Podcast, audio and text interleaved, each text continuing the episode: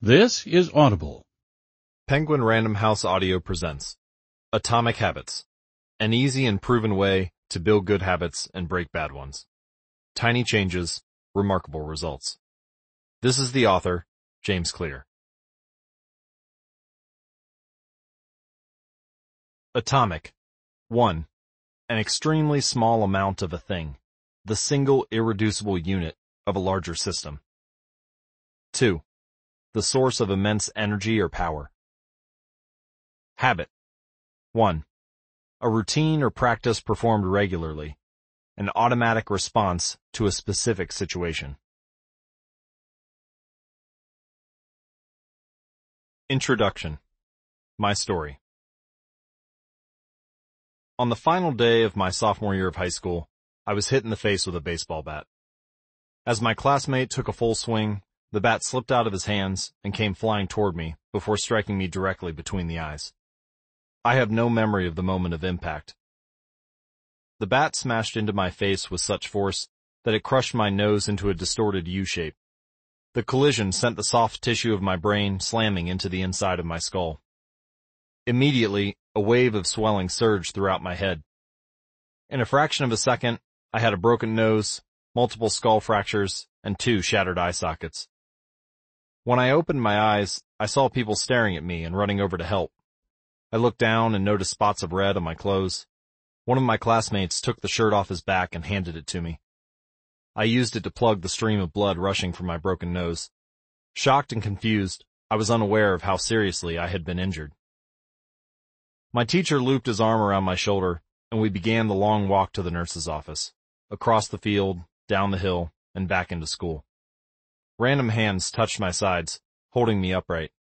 We took our time and walked slowly. Nobody realized that every minute mattered. When we arrived at the nurse's office, she asked me a series of questions. What year is it? 1998, I answered. It was actually 2002. Who is the President of the United States? Bill Clinton, I said. The correct answer was George W. Bush. What is your mom's name? Uh, um, I stalled. Ten seconds passed. Patty, I said casually, ignoring the fact that it had taken me ten seconds to remember my own mother's name. That is the last question I remember. My body was unable to handle the rapid swelling in my brain, and I lost consciousness before the ambulance arrived. Minutes later, I was carried out of school and taken to the local hospital. Shortly after arriving, my body began shutting down. I struggled with basic functions like swallowing and breathing. I had my first seizure of the day. Then, I stopped breathing entirely. As the doctors hurried to supply me with oxygen, they also decided the local hospital was unequipped to handle the situation and ordered a helicopter to fly me to a larger hospital in Cincinnati. I was rolled out of the emergency room doors and toward the helipad across the street. The stretcher rattled on a bumpy sidewalk as one nurse pushed me along while another pumped each breath into me by hand. My mother, who had arrived at the hospital a few moments before, climbed into the helicopter beside me. I remained unconscious and unable to breathe on my own as she held my hand during the flight. While my mother rode with me in the helicopter, my father went home to check on my brother and sister and break the news to them. He choked back tears as he explained to my sister that he would miss her eighth grade graduation ceremony that night. After passing my siblings off to family and friends, he drove to Cincinnati to meet my mother. When my mom and I landed on the roof of the hospital, a team of nearly 20 doctors and nurses sprinted onto the helipad and wheeled me into the trauma unit. By this time, the swelling in my brain had become so severe that I was having repeated post-traumatic seizures. My broken bones needed to be fixed, but I was in no condition to undergo surgery. After yet another seizure, my third of the day, I was put into a medically induced coma and placed on a ventilator. My parents were no strangers to this hospital. Ten years earlier, they had entered the same building on the ground floor after my sister was diagnosed with leukemia at age three. I was five at the time. My brother was just six months old.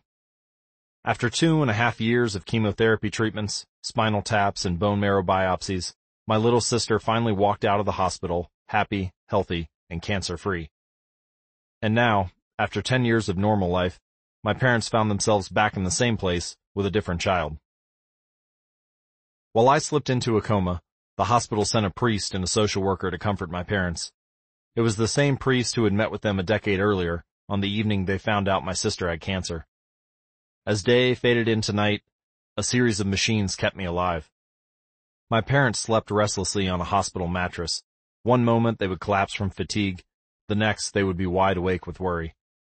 My mother would tell me later, it was one of the worst nights I've ever had. My recovery. Mercifully, by the next morning my breathing had rebounded to the point where the doctors felt comfortable releasing me from the coma. When I finally regained consciousness, I discovered that I had lost my ability to smell. As a test, a nurse asked me to blow my nose and sniff an apple juice box. My sense of smell returned, but, to everyone's surprise, the act of blowing my nose forced air through the fractures in my eye socket and pushed my left eye outward. My eyeball bulged out of the socket, held precariously in place by my eyelid and the optic nerve attaching my eye to my brain. The ophthalmologist said my eye would gradually slide back into place as the air seeped out, but it was hard to tell how long this would take. I was scheduled for surgery one week later, which would allow me some additional time to heal. I looked like I had been on the wrong end of a boxing match, but I was cleared to leave the hospital. I returned home with a broken nose, half a dozen facial fractures, and a bulging left eye. The following months were hard. It felt like everything in my life was on pause. I had double vision for weeks. I literally couldn't see straight. It took more than a month, but my eyeball did eventually return to its normal location. Between the seizures and my vision problems, it was eight months before I could drive a car again. At physical therapy, I practiced basic motor patterns like walking in a straight line. I was determined not to let my injury get me down, but there were more than a few moments when I felt depressed and overwhelmed. I became painfully aware of how far I had to go when I returned to the baseball field one year later. Baseball had always been a major part of my life. My dad had played minor league baseball for the St. Louis Cardinals, and I had a dream of playing professionally too. After months of rehabilitation, what I wanted more than anything was to get back on the field. But my return to baseball was not smooth. When the season rolled around, I was the only junior to be cut from the varsity baseball team. I was sent down to play with the sophomores on junior varsity. I had been playing since age four, and for someone who had spent so much time and effort on the sport, getting cut was humiliating. I vividly remember the day it happened. I sat in my car and cried as I flipped through the radio, desperately searching for a song that would make me feel better. After a year of self-doubt, I managed to make the varsity team as a senior, but I rarely made it on the field. In total, I played 11 innings of high school varsity baseball, barely more than a single game. Despite my lackluster high school career, I still believed I could become a great player, and I knew that if things were going to improve, I was the one responsible for making it happen. The turning point came two years after my injury, when I began college at Denison University. It was a new beginning, and it was the place where I would discover the surprising power of small habits for the first time. How I learned about habits. Attending Denison was one of the best decisions of my life. I earned a spot on the baseball team, and although I was at the bottom of the roster as a freshman, I was thrilled. Despite the chaos of my high school years, I had managed to become a college athlete. I wasn't going to be starting on the baseball team anytime soon, so I focused on getting my life in order. While my peers stayed up late and played video games, I built good sleep habits and went to bed early each night. In the messy world of a college dorm, I made a point to keep my room neat and tidy. These improvements were minor, but they gave me a sense of control over my life. I started to feel confident again, and this growing belief in myself rippled into the classroom as I improved my study habits and managed to earn straight A's during my first year. A habit is a routine or behavior that is performed regularly, and in many cases, automatically. As each semester passed, I accumulated small but consistent habits that ultimately led to results that were unimaginable to me when I started. For example, for the first time in my life, I made it a habit to lift weights multiple times per week. And in the years that followed, my six foot four inch frame bulked up from a featherweight 170 to a lean 200 pounds. When my sophomore season arrived, I earned a starting role on the pitching staff. By my junior year, I was voted team captain, and at the end of the season, I was selected for the all-conference team. But it was not until my senior season that my sleep habits, study habits, and strength training habits really began to pay off. Six years after I had been hit in the face with a baseball bat, flown to the hospital, and placed into a coma, I was selected as the top male athlete at Denison University and named to the ESPN Academic All-America team, an honor given to just 33 players across the country. By the time I graduated, I was listed in the school record books in eight different categories. That same year, I was awarded the university's highest academic honor, the President's Medal. I hope you'll forgive me if this sounds boastful. To be honest, there was nothing legendary or historic about my athletic career. I never ended up playing professionally. However, looking back on those years, I believe I accomplished something just as rare. I fulfilled my potential. And I believe the concepts in this book can help you fulfill your potential as well. We all face challenges in life. This injury was one of mine, and the experience taught me a critical lesson. Changes that seem small and unimportant at first will compound into remarkable results if you're willing to stick with them for years. We all deal with setbacks, but in the long run, the quality of our lives often depends on the quality of our habits. With the same habits, you'll end up with the same results. But with better habits, anything is possible. Maybe there are people who can achieve incredible success overnight. I don't know any of them and I'm certainly not one of them. There wasn't one defining moment in my journey from medically induced coma to academic All-American. There were many. It was a gradual evolution, a long series of small wins and tiny breakthroughs. The only way I made progress, the only choice I had to be honest, was to start small. And I employed this same strategy a few years later when I started my own business and began working on this book. How and why I wrote this book. In November 2012, I began publishing articles at jamesclear.com. For years, I had been keeping notes about my personal experiments with habits, and I was finally ready to share some of them publicly. I began by publishing a new article every Monday and Thursday. Within a few months, this simple writing habit led to my first 1,000 email subscribers, and by the end of 2013, that number had grown to more than 30,000 people. In 2014, my email list expanded to over 100,000 subscribers, which made it one of the fastest growing newsletters on the internet. I had felt like an imposter when I began writing two years earlier, but now I was becoming known as an expert on habits, a new label that excited me, but that also felt uncomfortable.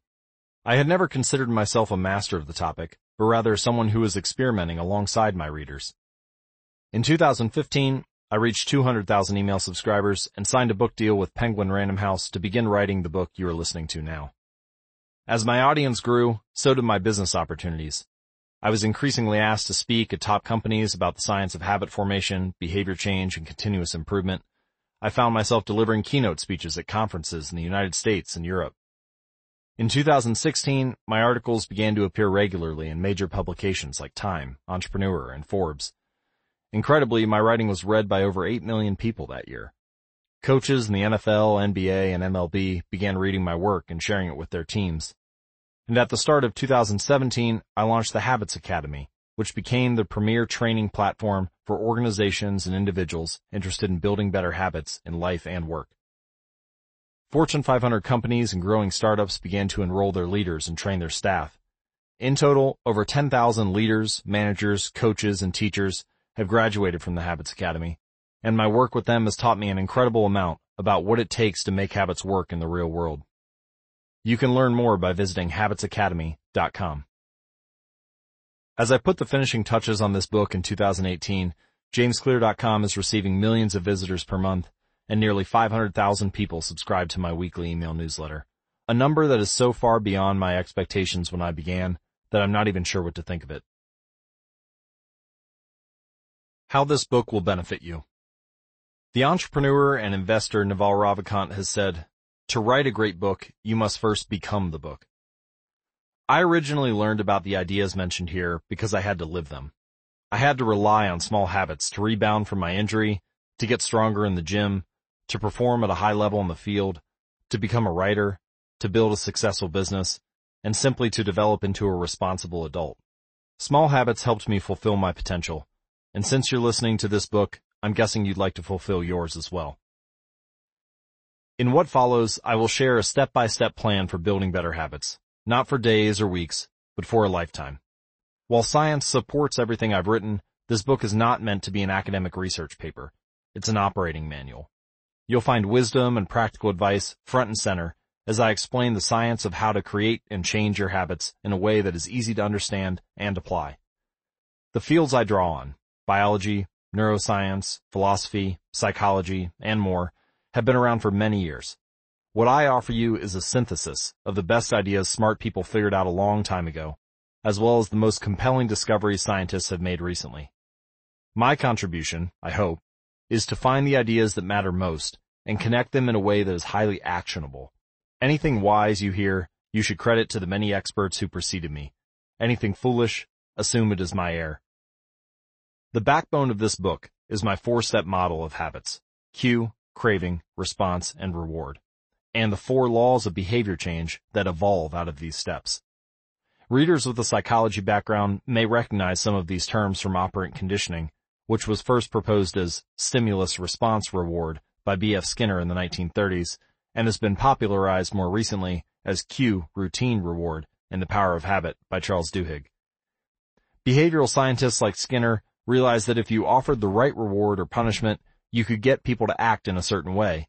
But while Skinner's model did an excellent job of explaining how external stimuli influenced our habits, it lacked a good explanation for how our thoughts, feelings, and beliefs impact our behavior. Internal states, our moods and emotions, matter too. In recent decades, scientists have begun to determine the connection between our thoughts, feelings, and behavior. This research, too, will be covered here. In total, the framework I offer is an integrated model of the cognitive and behavioral sciences. I believe it is one of the first models of human behavior to accurately account for both the influence of external stimuli and internal emotions on our habits. While some of the language may be familiar, I'm confident that the details and the applications of the four laws of behavior change will offer a new way to think about your habits. Human behavior is always changing, situation to situation, moment to moment, second to second. But this book is about what doesn't change. It's about the fundamentals of human behavior. The lasting principles you can rely on year after year. The ideas you can build a business around, build a family around, build a life around. There is no one right way to create better habits. But this book describes the best way I know. An approach that will be effective regardless of where you start or what you're trying to change. The strategies I cover will be relevant to anyone looking for a step-by-step system for improvement. Whether your goals center on health, money, productivity, relationships, or all of the above. As long as human behavior is involved, this book will be your guide. The Fundamentals. Why Tiny Changes Make a Big Difference. Chapter 1. The Surprising Power of Atomic Habits. The fate of British cycling changed one day in 2003. The organization, which was the governing body for professional cycling in Great Britain, had recently hired Dave Brailsford as its performance director. At the time, professional cyclists in Great Britain had endured nearly 100 years of mediocrity. Since 1908, British riders had won just a single gold medal at the Olympic Games. And they had fared even worse in cycling's biggest race, the Tour de France. In 110 years, no British cyclist had ever won the event. In fact, the performance of British riders had been so underwhelming that one of the top bike manufacturers in Europe refused to sell bikes to the team because they were afraid that it would hurt sales if other professionals saw the Brits using their gear. Brailsford had been hired to put British cycling on a new trajectory. What made him different from previous coaches was his relentless commitment to a strategy that he referred to as the aggregation of marginal gains which was the philosophy of searching for a tiny margin of improvement in everything you do. Brailsford said, the whole principle came from the idea that if you broke down everything you could think of that goes into riding a bike and then improve it by 1%, you will get a significant increase when you put them all together.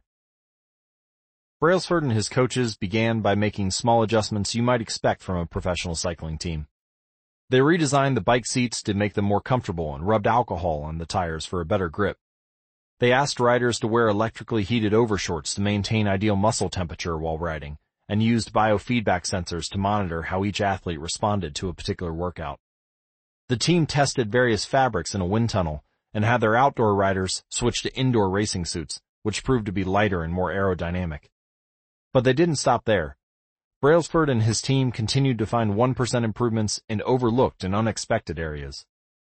They tested different types of massage gels to see which one led to the fastest muscle recovery. They hired a surgeon to teach each rider the best way to wash their hands to reduce the chances of catching a cold. They determined the type of pillow and mattress that led to the best night's sleep for each rider. They even painted the inside of the team truck white, which helped them spot little bits of dust that would normally slip by unnoticed, but could degrade the performance of the finely tuned bikes. As these and hundreds of other small improvements accumulated, the results came faster than anyone could have imagined.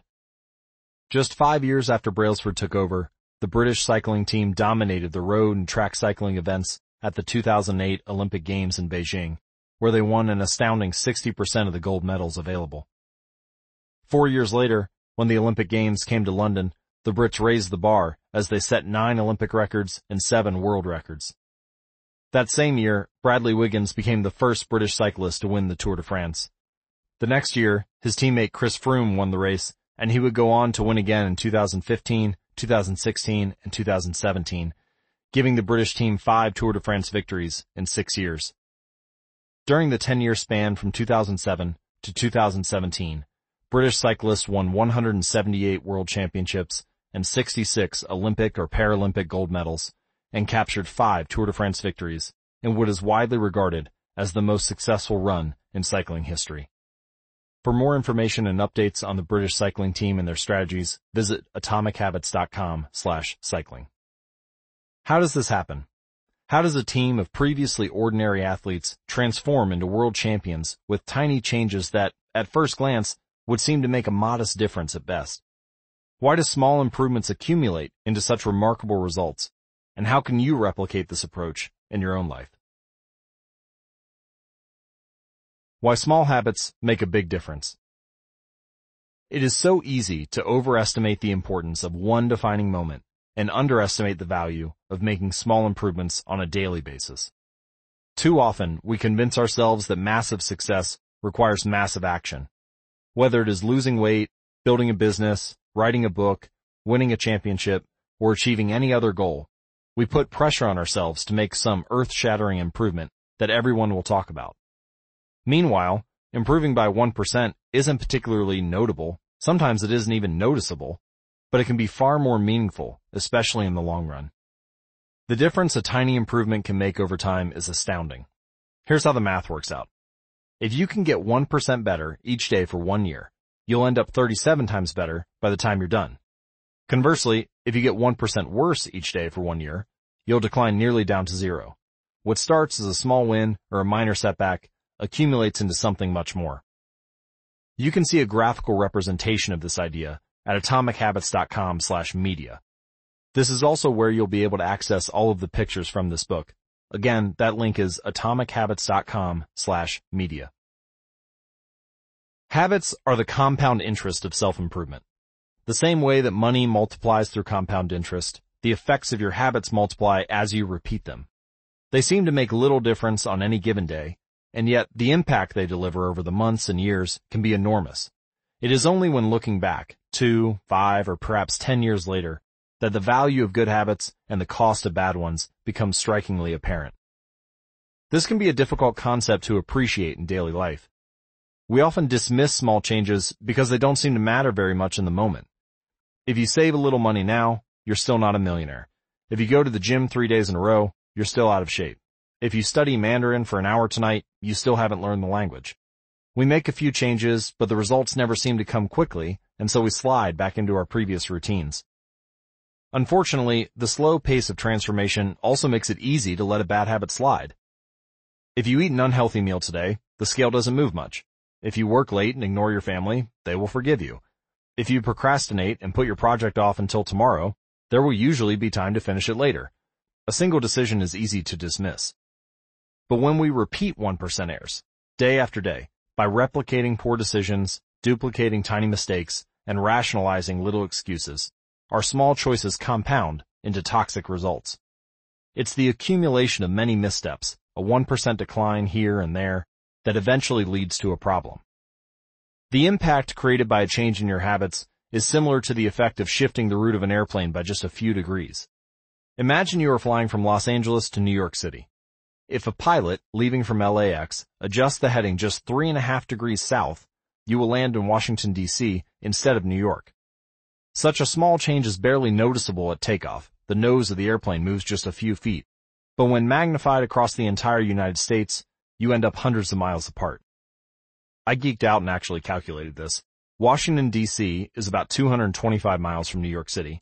Assuming you're flying on a 747 or an Airbus A380, changing the heading by three and a half degrees as you leave Los Angeles likely causes the nose of the airplane to shift between 7.2 and 7.6 feet, or about 86 to 92 inches. So a very small shift in direction can lead to a very meaningful change in destination. Similarly, a slight change in your daily habits can guide your life to a very different destination. Making a choice that is 1% better or 1% worse seems insignificant in the moment. But over the span of moments that make up a lifetime, these choices determine the difference between who you are and who you could be. Success is the product of daily habits, not once in a lifetime transformations. That said, it doesn't matter how successful or unsuccessful you are right now. What matters is whether your habits are putting you on the path toward success. You should be far more concerned with your current trajectory than with your current results. If you're a millionaire, but you spend more than you earn each month, then you're on a bad trajectory. If your spending habits don't change, it's not going to end well. Conversely, if you're broke, but you save a little bit every month, then you're on the path toward financial freedom, even if you're moving slower than you'd like. Your outcomes are a lagging measure of your habits. Your net worth is a lagging measure of your financial habits. Your weight is a lagging measure of your eating habits. Your knowledge is a lagging measure of your learning habits. Your clutter is a lagging measure of your cleaning habits. You get what you repeat. If you want to predict where you'll end up in life, all you have to do is follow the curve of tiny gains or tiny losses and see how your daily choices will compound 10 or 20 years down the line. Are you spending less than you earn each month? Are you making it into the gym each week? Are you reading books and learning something new each day? Tiny battles like these are the ones that will define your future self. Time magnifies the margin between success and failure. It will multiply whatever you feed it. Good habits make time your ally. Bad habits make time your enemy. Your habits can compound for you or against you. Here are some examples of positive compounding. Productivity compounds. Accomplishing one extra task is a small feat on any given day, but accounts for a lot over an entire career. The effect of automating an old task or mastering a new skill can be even greater. The more tasks you can handle without thinking, the more your brain is free to focus on other areas. Knowledge compounds. Learning one new idea won't make you a genius, but a commitment to lifelong learning can be transformative. Furthermore, each book you read not only teaches you something new, but also opens up different ways of thinking about old ideas. As Warren Buffett says, that's how knowledge works. It builds up like compound interest. Relationships compound. People reflect your behavior back to you. The more you help others, the more others want to help you. Being a little bit nicer in each interaction can result in a network of broad and strong connections over time. And here are some examples of negative compounding. Stress compounds the frustration of a traffic jam, the weight of parenting responsibilities, the worry of making ends meet, the strain of slightly high blood pressure. By themselves, these common causes of stress are manageable, but when they persist for years, little stresses compound into serious health issues. Negative thoughts compound. The more you think of yourself as worthless or stupid or ugly, the more you condition yourself to interpret life that way. You get trapped in a thought loop. The same is true for how you think about others.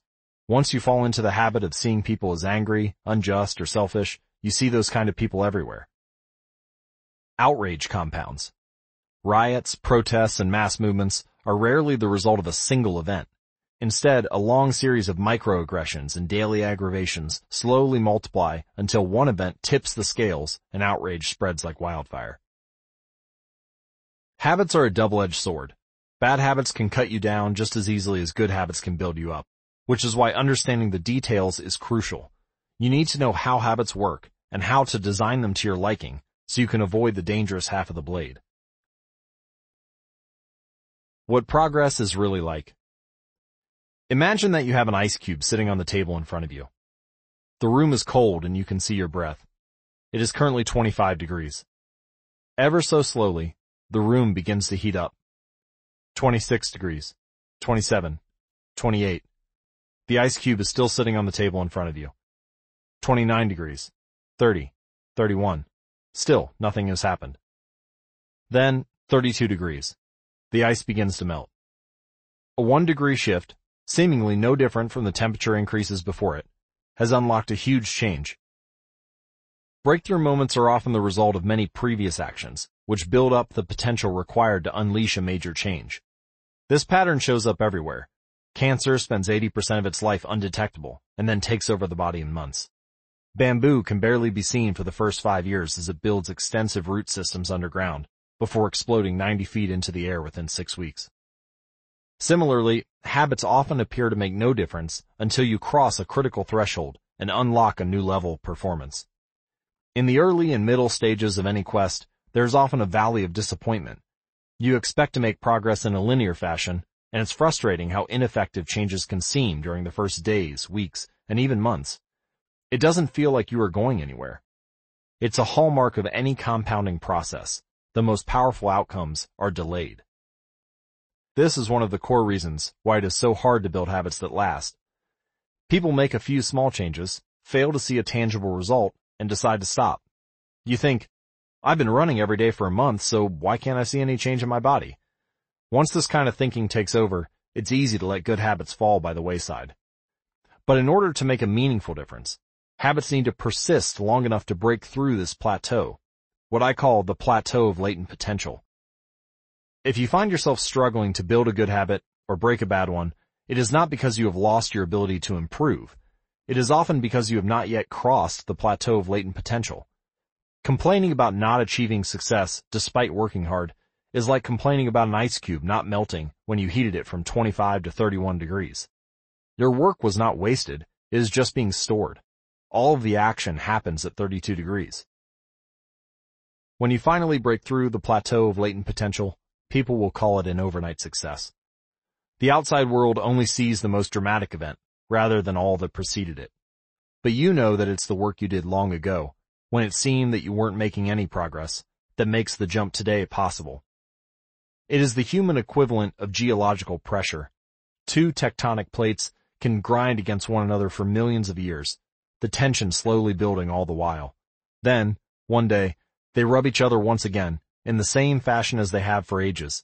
But this time the tension is too great. An earthquake erupts. Change can take years, before it happens all at once. For this reason, mastery requires patience. The San Antonio Spurs, one of the most successful teams in NBA history, have a quote from social reformer Jacob Riis hanging in their locker room. When nothing seems to help, I go and look at the stonecutter, hammering away at his rock, perhaps a hundred times without as much as a crack showing in it. Yet, at the hundred and first blow, it will split in two, and I know it was not the last blow that did it, but all that had gone before. All big things come from small beginnings. The seed of every habit is a single, tiny decision. But as that decision is repeated, a habit sprouts and grows stronger. Roots entrench themselves and branches grow. The task of breaking a bad habit is like uprooting a powerful oak within us. And the task of building a good habit is like cultivating a delicate flower, one day at a time. But what determines whether we stick with a habit long enough to survive the plateau of latent potential and break through to the other side? What is it that causes some people to slide into unwanted habits and enables others to enjoy the compounding effects of good ones? Forget about goals. Focus on systems instead. Prevailing wisdom claims that the best way to achieve what we want in life, getting into shape, building a successful business, relaxing more and worrying less, spending more time with friends and family, is to set specific, actionable goals. For many years, this was how I approached my habits too. Each one was a goal to be reached. I set goals for the grades I wanted to get in school, for the weights I wanted to lift in the gym, for the profits I wanted to earn in business, I succeeded at a few, but I failed at a lot of them. And eventually, I began to realize that my results had very little to do with the goals I set, and nearly everything to do with the systems I followed. What's the difference between systems and goals? It's a distinction I first learned from Scott Adams, the cartoonist behind the Dilbert comic. Goals are about the results you want to achieve. Systems are about the processes that lead to those results. If you're a coach, your goal might be to win a championship. But your system is the way you recruit players, manage your assistant coaches, and conduct practice. If you're an entrepreneur, your goal might be to build a million dollar business. Your system is how you test product ideas, hire employees, and run marketing campaigns. If you're a musician, your goal might be to play a new piece. Your system is how often you practice, how you break down and tackle difficult measures, and your method for receiving feedback from your instructor. Now for the interesting question. If you completely ignored your goals and focused only on your system, would you still succeed? For example, if you were a basketball coach and you ignored your goal to win a championship and focused only on what your team does at practice each day, would you still get results? I think you would. The goal in any sport is to finish with the best score, but it would be ridiculous to spend the whole game staring at the scoreboard. The only way to actually win is to get better each day. In the words of three-time Super Bowl winner Bill Walsh, the score takes care of itself. The same is true for other areas of life. If you want better results, then forget about setting goals. Focus on your system instead. What do I mean by this? Are goals completely useless? Of course not. Goals are good for setting a direction, but systems are best for making progress. A handful of problems arise when you spend too much time thinking about your goals and not enough time designing your systems. Let me go over a few of them. Problem number one. Winners and losers have the same goals. Goal setting suffers from a serious case of survivorship bias. We concentrate on the people who end up winning, the survivors, and mistakenly assume that ambitious goals led to their success while overlooking all of the people who had the same objective but didn't succeed. Every Olympian wants to win a gold medal. Every candidate wants to get the job. And if successful and unsuccessful people share the same goals, then the goal cannot be what differentiates the winners from the losers. It wasn't the goal of winning the Tour de France that propelled the British cyclists to the top of the sport. Presumably they had wanted to win the race every year before, just like every other professional team. The goal had always been there. It was only when they implemented a system of continuous small improvements that they achieved a different outcome. Problem number two. Achieving a goal is only a momentary change. Imagine you have a messy room and you set a goal to clean it. If you summon the energy to tidy up, then you will have a clean room, for now. But if you maintain the same sloppy, pack rat habits that led to a messy room in the first place, soon you'll be looking at a new pile of clutter and hoping for another burst of motivation. You're left chasing the same outcome because you never changed the system behind it. You treated a symptom without addressing the cause. Achieving a goal only changes your life for the moment. That's the counterintuitive thing about improvement. We think we need to change our results, but the results are not the problem. What we really need to change are the systems that cause those results. When you solve problems at the results level, you only solve them temporarily. In order to improve for good, you need to solve problems at the systems level. Fix the inputs, and the outputs will fix themselves. Problem number three. Goals restrict your happiness. The implicit assumption behind any goal is this. Once I reach my goal, then I'll be happy. The problem with a goals first mentality is that you're continually putting happiness off until the next milestone. I've slipped into this trap so many times I've lost count. For years, happiness was always something for my future self to enjoy. I promised myself that once I gained 20 pounds of muscle or after my business was featured in the New York Times, then I could finally relax. Furthermore, goals create an either or conflict. Either you achieve your goal and are successful, or you fail and you are a disappointment you mentally box yourself into a narrow version of happiness. This is misguided. It is unlikely that your actual path through life will match the exact journey you had in mind when you set out. It makes no sense to restrict your satisfaction to one scenario when there are many paths to success. A systems first mentality provides the antidote. When you fall in love with the process rather than the product, you don't have to wait to give yourself permission to be happy. You can be satisfied anytime your system is running. And a system can be successful in many different forms, not just the first one you envision. Problem number four. Goals are at odds with long-term progress. Finally, a goal-oriented mindset can create a yo-yo effect. Many runners work hard for months, but as soon as they cross the finish line, they stop training. The race is no longer there to motivate them. When all of your hard work is focused on a particular goal, what is left to push you forward after you achieve it? This is why many people find themselves reverting to their old habits after accomplishing a goal. The purpose of setting goals is to win the game. The purpose of building systems is to continue playing the game. True long-term thinking is goalless thinking. It's not about any single accomplishment. It's about the cycle of endless refinement and continuous improvement. Ultimately, it is your commitment to the process that will determine your progress. A system of atomic habits. If you're having trouble changing your habits, the problem isn't you. The problem is your system. Bad habits repeat themselves again and again, not because you don't want to change, but because you have the wrong system for change. You do not rise to the level of your goals. You fall to the level of your systems. Focusing on the overall system, rather than a single goal, is one of the core themes of this book. It is also one of the deeper meanings behind the word atomic. By now, you have probably realized that an atomic habit refers to a tiny change, a marginal gain, a 1% improvement. But atomic habits are not just any old habits, however small. They are little habits that are part of a larger system. Just as atoms are the building blocks of molecules, atomic habits are the building blocks of remarkable results. Habits are like the atoms of our lives. Each one is a fundamental unit that contributes to your overall improvement. At first, these tiny routines seem insignificant, but soon they build on each other and fuel bigger wins that multiply to a degree that far outweighs the cost of their initial investment. They are both small and mighty. This is the meaning of the phrase atomic habits, a regular practice or routine that is not only small and easy to do, but also the source of incredible power, a component of the system of compound growth. Chapter Summary Habits are the compound interest of self-improvement. Getting 1% better every day counts for a lot in the long run. Habits are a double-edged sword. They can work for you or against you, which is why understanding the details is essential.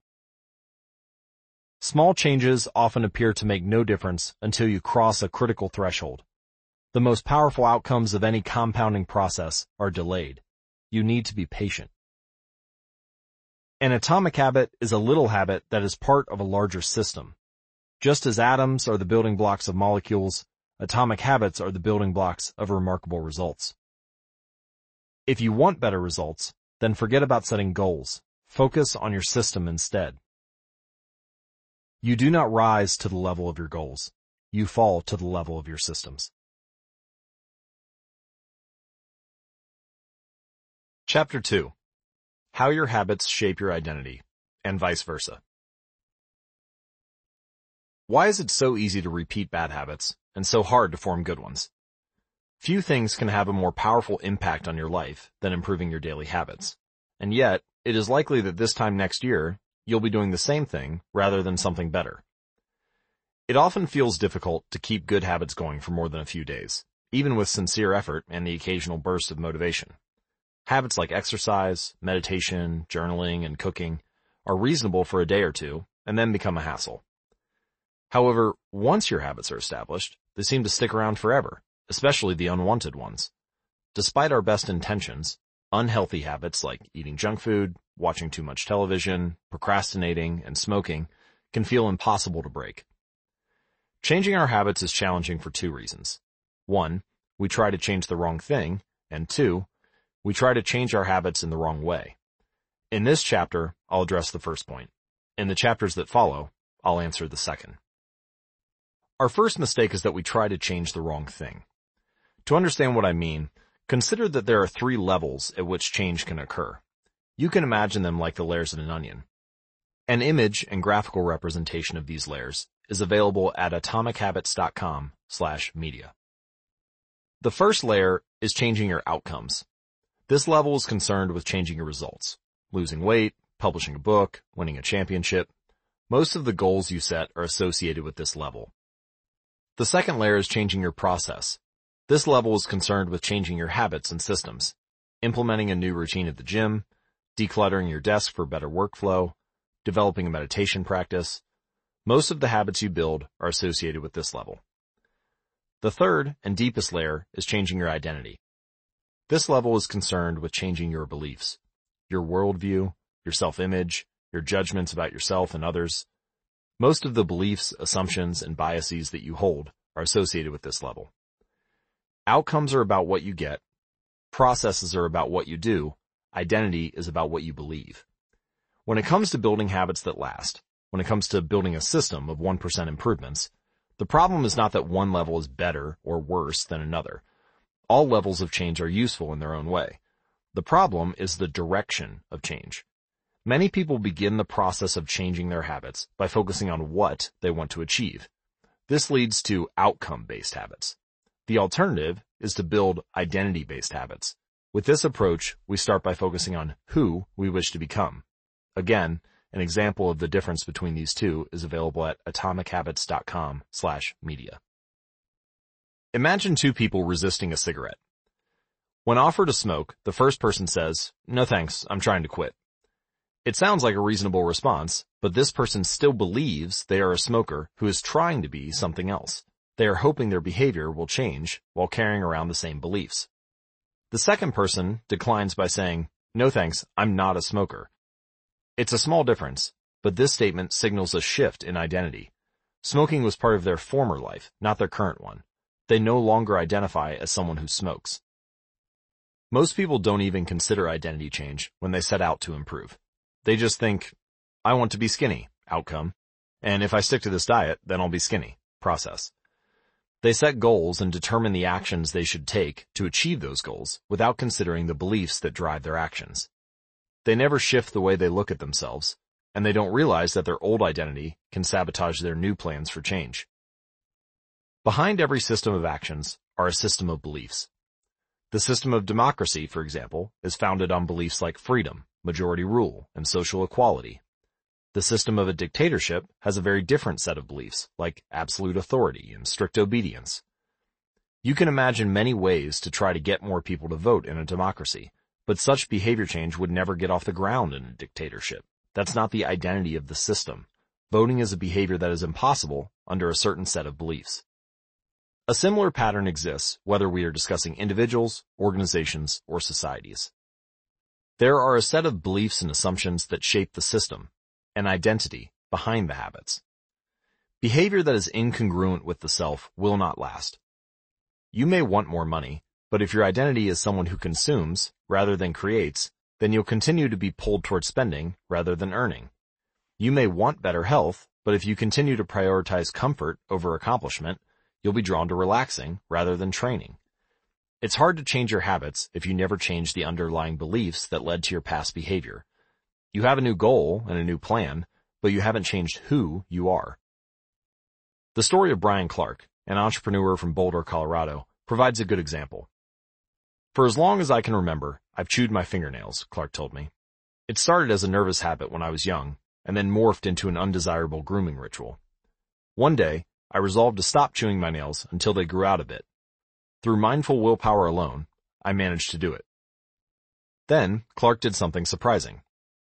I asked my wife to schedule my first ever manicure, he said. My thought was that if I started paying to maintain my nails, I wouldn't chew them. And it worked, but not for the monetary reason. What happened was the manicure made my fingers look really nice for the first time. The manicurist even said that, other than the chewing, I had really healthy, attractive nails. Suddenly, I was proud of my fingernails. And even though that's something I had never aspired to, it made all the difference. I've never chewed my nails since, not even a single close call and it's because I now take pride in properly caring for them. The ultimate form of intrinsic motivation is when a habit becomes part of your identity. It's one thing to say, I'm the type of person who wants this. It's something very different to say, I'm the type of person who is this. The more pride you have in a particular aspect of your identity, the more motivated you will be to maintain the habits associated with it. If you're proud of how your hair looks, you'll develop all sorts of habits to care for and maintain it. If you're proud of the size of your biceps, you'll make sure you never skip an upper body workout.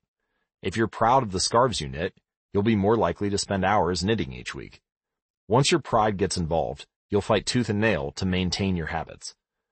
True behavior change is identity change. You might start a habit because of motivation, but the only reason you'll stick with one is that it becomes part of your identity. Anyone can convince themselves to visit the gym or eat healthy once or twice. But if you don't shift the belief behind the behavior, then it is hard to stick with the long-term changes. Improvements are only temporary until they become part of who you are.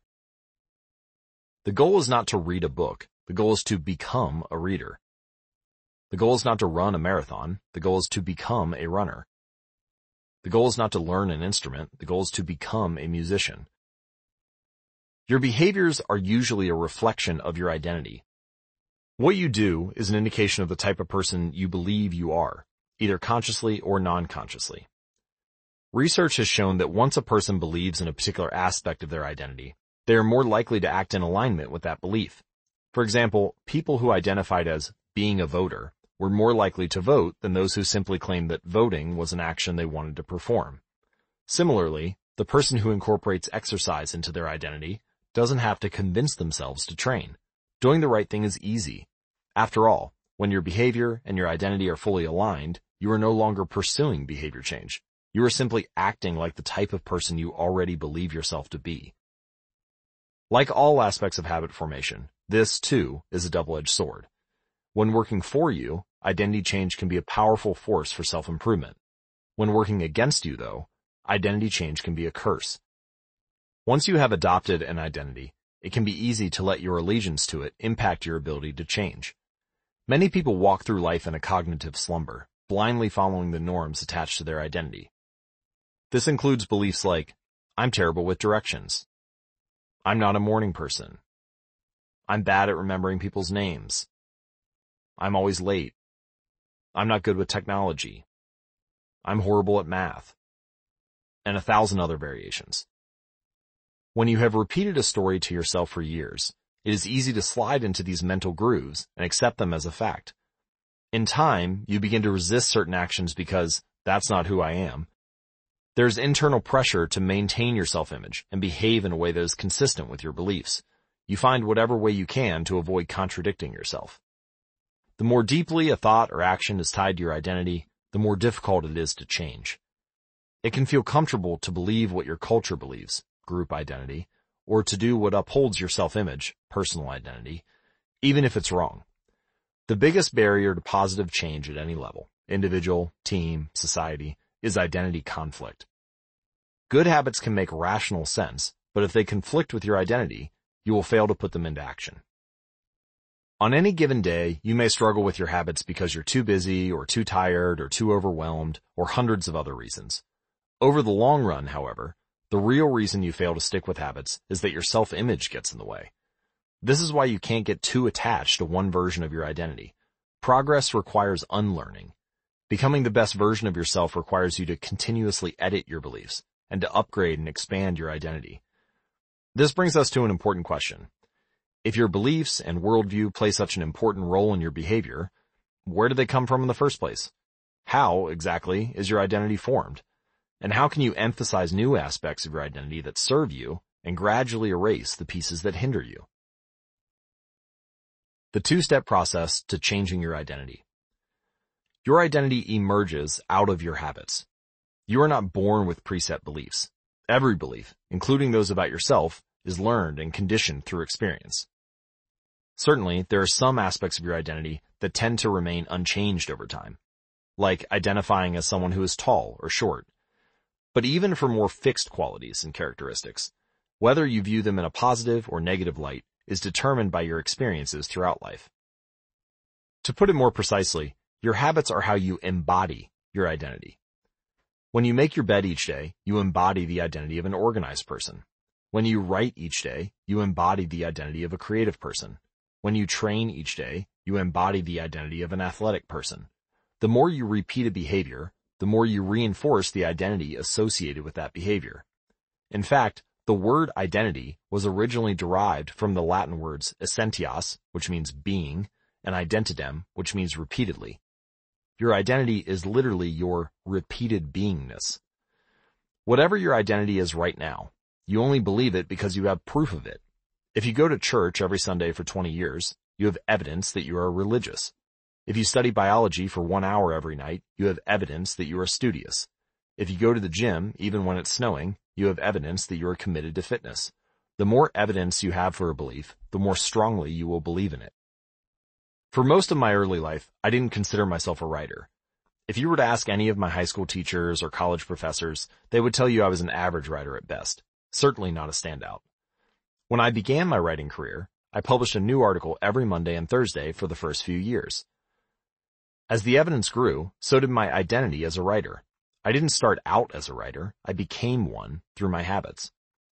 Of course, your habits are not the only actions that influence your identity, but by virtue of their frequency, they're usually the most important ones.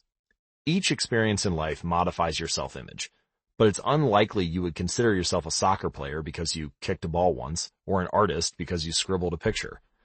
As you repeat these actions, however, the evidence accumulates and your self-image begins to change. The effect of one-off experiences tends to fade away, while the effect of habits gets reinforced with time, which means your habits contribute most of the evidence that shapes your identity. In this way, the process of building habits is actually the process of becoming yourself. This is a gradual evolution. We do not change by snapping our fingers and deciding to become someone entirely new. We change bit by bit, day by day, habit by habit.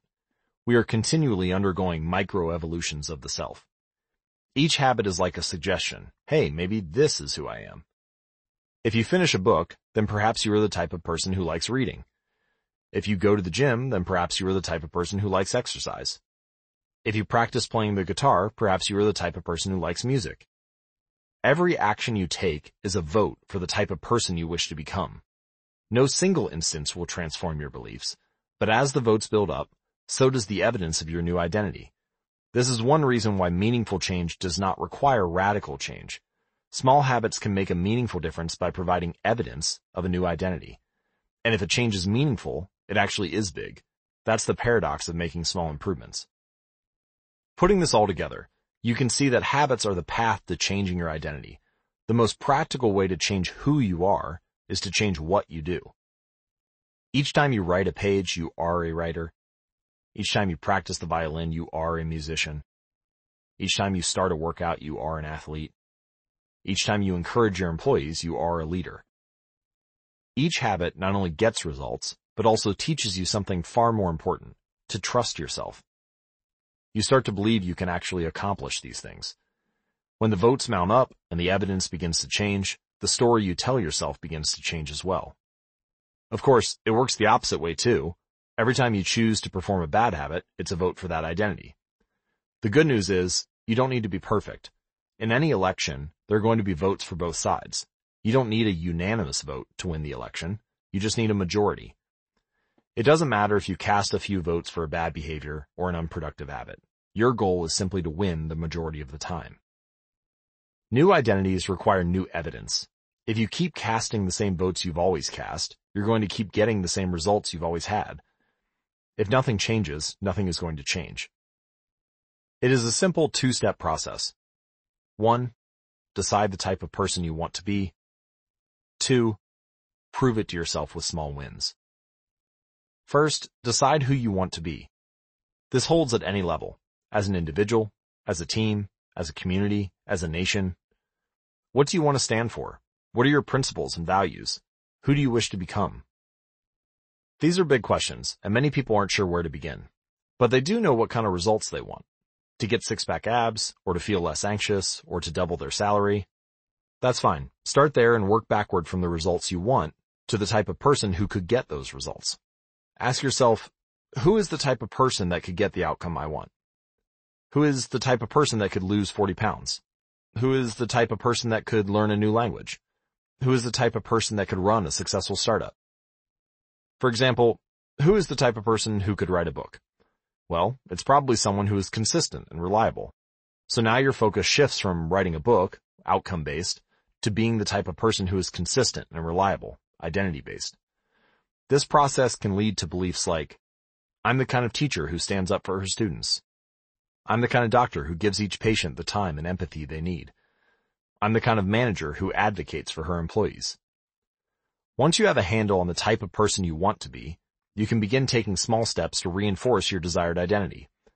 I have a friend who lost over 100 pounds by asking herself, what would a healthy person do? All day long, she would use this question as a guide. Would a healthy person walk or take a cab? Would a healthy person order a burrito or a salad? She figured if she acted like a healthy person long enough, eventually she would become that person. She was right. The concept of identity-based habits is our first introduction to another key theme in this book, feedback loops. Your habits shape your identity, and then your identity shapes your habits. It's a two-way street. The formation of all habits is a feedback loop, a concept we will explore in depth in the next chapter. But it is important to let your values, principles, and identity drive the loop, rather than your results. The focus should always be on becoming that type of person, not getting a particular outcome. The real reason habits matter. Identity change is the north star of habit change. The remainder of this book will provide you with step-by-step instructions on how to build better habits in yourself, your family, your team, your company, and anywhere else you wish. But the true question is, are you becoming the type of person you want to become? The first step is not what or how, but who. You need to know who you want to be. Otherwise, your quest for change is like a boat without a rudder. And that's why we're starting here. You have the power to change your beliefs about yourself. Your identity is not set in stone. You have a choice in every moment. You can choose the identity you want to reinforce today with the habits you choose today. And this brings us to the deeper purpose of this book and the real reason habits matter. Building better habits isn't about littering your day with life hacks. It's not about flossing one tooth each night or taking a cold shower each morning or wearing the same outfit each day. It's not about achieving external measures of success like earning more money, losing weight, or reducing stress. Certainly, habits can help you achieve all of these things. But fundamentally, they're not about having something. They're about becoming someone. Ultimately, your habits matter because they help you become the type of person you wish to be. They are the channel through which you develop your deepest beliefs about yourself. Quite literally, you become your habits. Chapter Summary There are three levels of change. Outcome change, process change, and identity change. The most effective way to change your habits is to focus not on what you want to achieve, but on who you wish to become. Your identity emerges out of your habits. Every action is a vote for the type of person you wish to become. Becoming the best version of yourself requires you to continuously edit your beliefs and to upgrade and expand your identity. The real reason habits matter is not because they can get you better results, although they can do that, but because they can change your beliefs about yourself. Chapter 3 How to Build Better Habits in Four Simple Steps In 1898, a psychologist named Edward Thorndike conducted an experiment that would lay the foundation for our understanding of how habits form and the rules that guide our behavior. Thorndike was interested in studying the behavior of animals, and he started by working with cats. He would place each cat inside a device known as a puzzle box. The box was designed so that the cat could escape through a door by some simple act such as pulling a loop of cord, pressing a lever, or stepping on a platform. For example, one box contained a lever that, when pressed, would open a door on the side of the box. Once the door had been opened, the cat could dart out and run over to a bowl of food. Most cats wanted to escape as soon as they were placed inside the box. They would poke their nose into the corners, stick their paws through openings, and claw at loose objects. After a few minutes of exploration, the cats would happen to press the magical lever, the door would open, and they would escape. Thorndike tracked the behavior of each cat across many trials. In the beginning, the animals moved around the box at random. But as soon as the lever had been pressed and the door opened, the process of learning began. Gradually, each cat learned to associate the action of pressing the lever with the reward of escaping the box and getting to the food. After 20 to 30 trials, this behavior became so automatic and habitual that the cat could escape within a few seconds. For example, Thorndike noted, Cat 12 took the following times to perform the act. 160 seconds, 30 seconds, 90 seconds, 60, 15, 28, 20, 30, 22, 11, 15, 20, 12, 10, 14, 10, 8, 8, 5, 10, 8, 6, 6, 7. During the first three trials, the cat escaped at an average of one and a half minutes. During the last three trials, it escaped in an average of 6.3 seconds. With practice, each cat made fewer errors and their actions became quicker and more automatic. Rather than repeat the same mistakes, the cat began to cut straight to the solution. From his studies, Thorndike described the learning process by stating, Behaviors followed by satisfying consequences tend to be repeated, and those that produce unpleasant consequences are less likely to be repeated. His work provides the perfect starting point for discussing how habits form in our own lives. It also provides answers to some fundamental questions like, what are habits, and why does the brain bother building them at all? Why your brain builds habits. A habit is a behavior that has been repeated enough times to become automatic. The process of habit formation begins with trial and error. Whenever you encounter a new situation in life, your brain has to make a decision. How do I respond to this? The first time you come across a problem, you're not sure how to solve it. Like Thorndike's cat, you are just trying things out to see what works. Neurological activity in the brain is high during this period. You are carefully analyzing the situation and making conscious decisions about how to act. You are taking in tons of new information and trying to make sense of it all. The brain is busy learning the most effective course of action. Occasionally, like a cat pressing on a lever, you stumble across a solution. You're feeling anxious and you discover that going for a run calms you down. Or you're mentally exhausted from a long day of work and you learn that playing video games relaxes you. You're exploring, exploring, exploring, and then bam, a reward. After you stumble upon an unexpected reward, you alter your strategy for next time. Your brain immediately begins to catalog the events that preceded the reward. Wait a minute, that felt good. What did I do right before that? This is the feedback loop behind all human behavior. Try, fail, learn, try differently. With practice, the useless movements fade away and the useful actions get reinforced. That's a habit forming. Whenever you face a problem repeatedly, your brain begins to automate the process of solving it. Your habits are just a series of automatic solutions that solve the problems and stresses you face regularly. As behavioral scientist Jason Hreha puts it, habits are, simply, reliable solutions to recurring problems in our environment. As habits are created, the level of activity in the brain decreases. You learn to lock in on the cues that predict success and tune out everything else. When a similar situation arises in the future, you know exactly what to look for. There is no longer a need to analyze every angle of the situation. Your brain skips the process of trial and error and creates a mental rule. If this, then that. These cognitive scripts can be followed automatically whenever the situation is appropriate. Now, whenever you feel stressed, you get the itch to run. Or, as soon as you walk in the door from work, you grab the video game controller without thinking. A choice that once required effort is now automatic. A habit has been created. Habits are mental shortcuts learned from experience.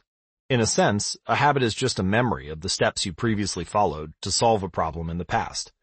Whenever the conditions are right, you can draw on this memory and automatically apply the same solution.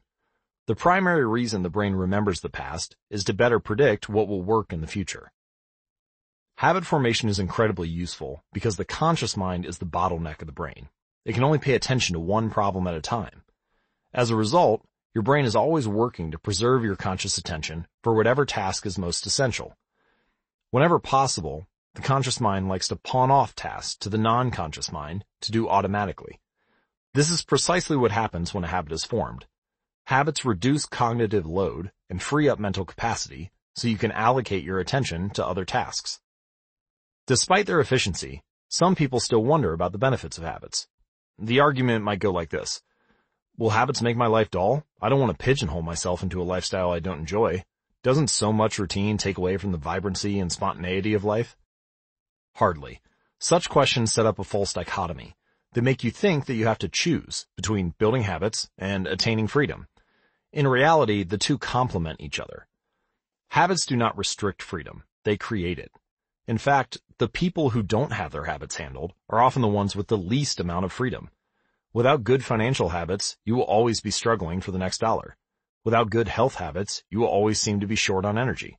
Without good learning habits, you will always feel like you're behind the curve.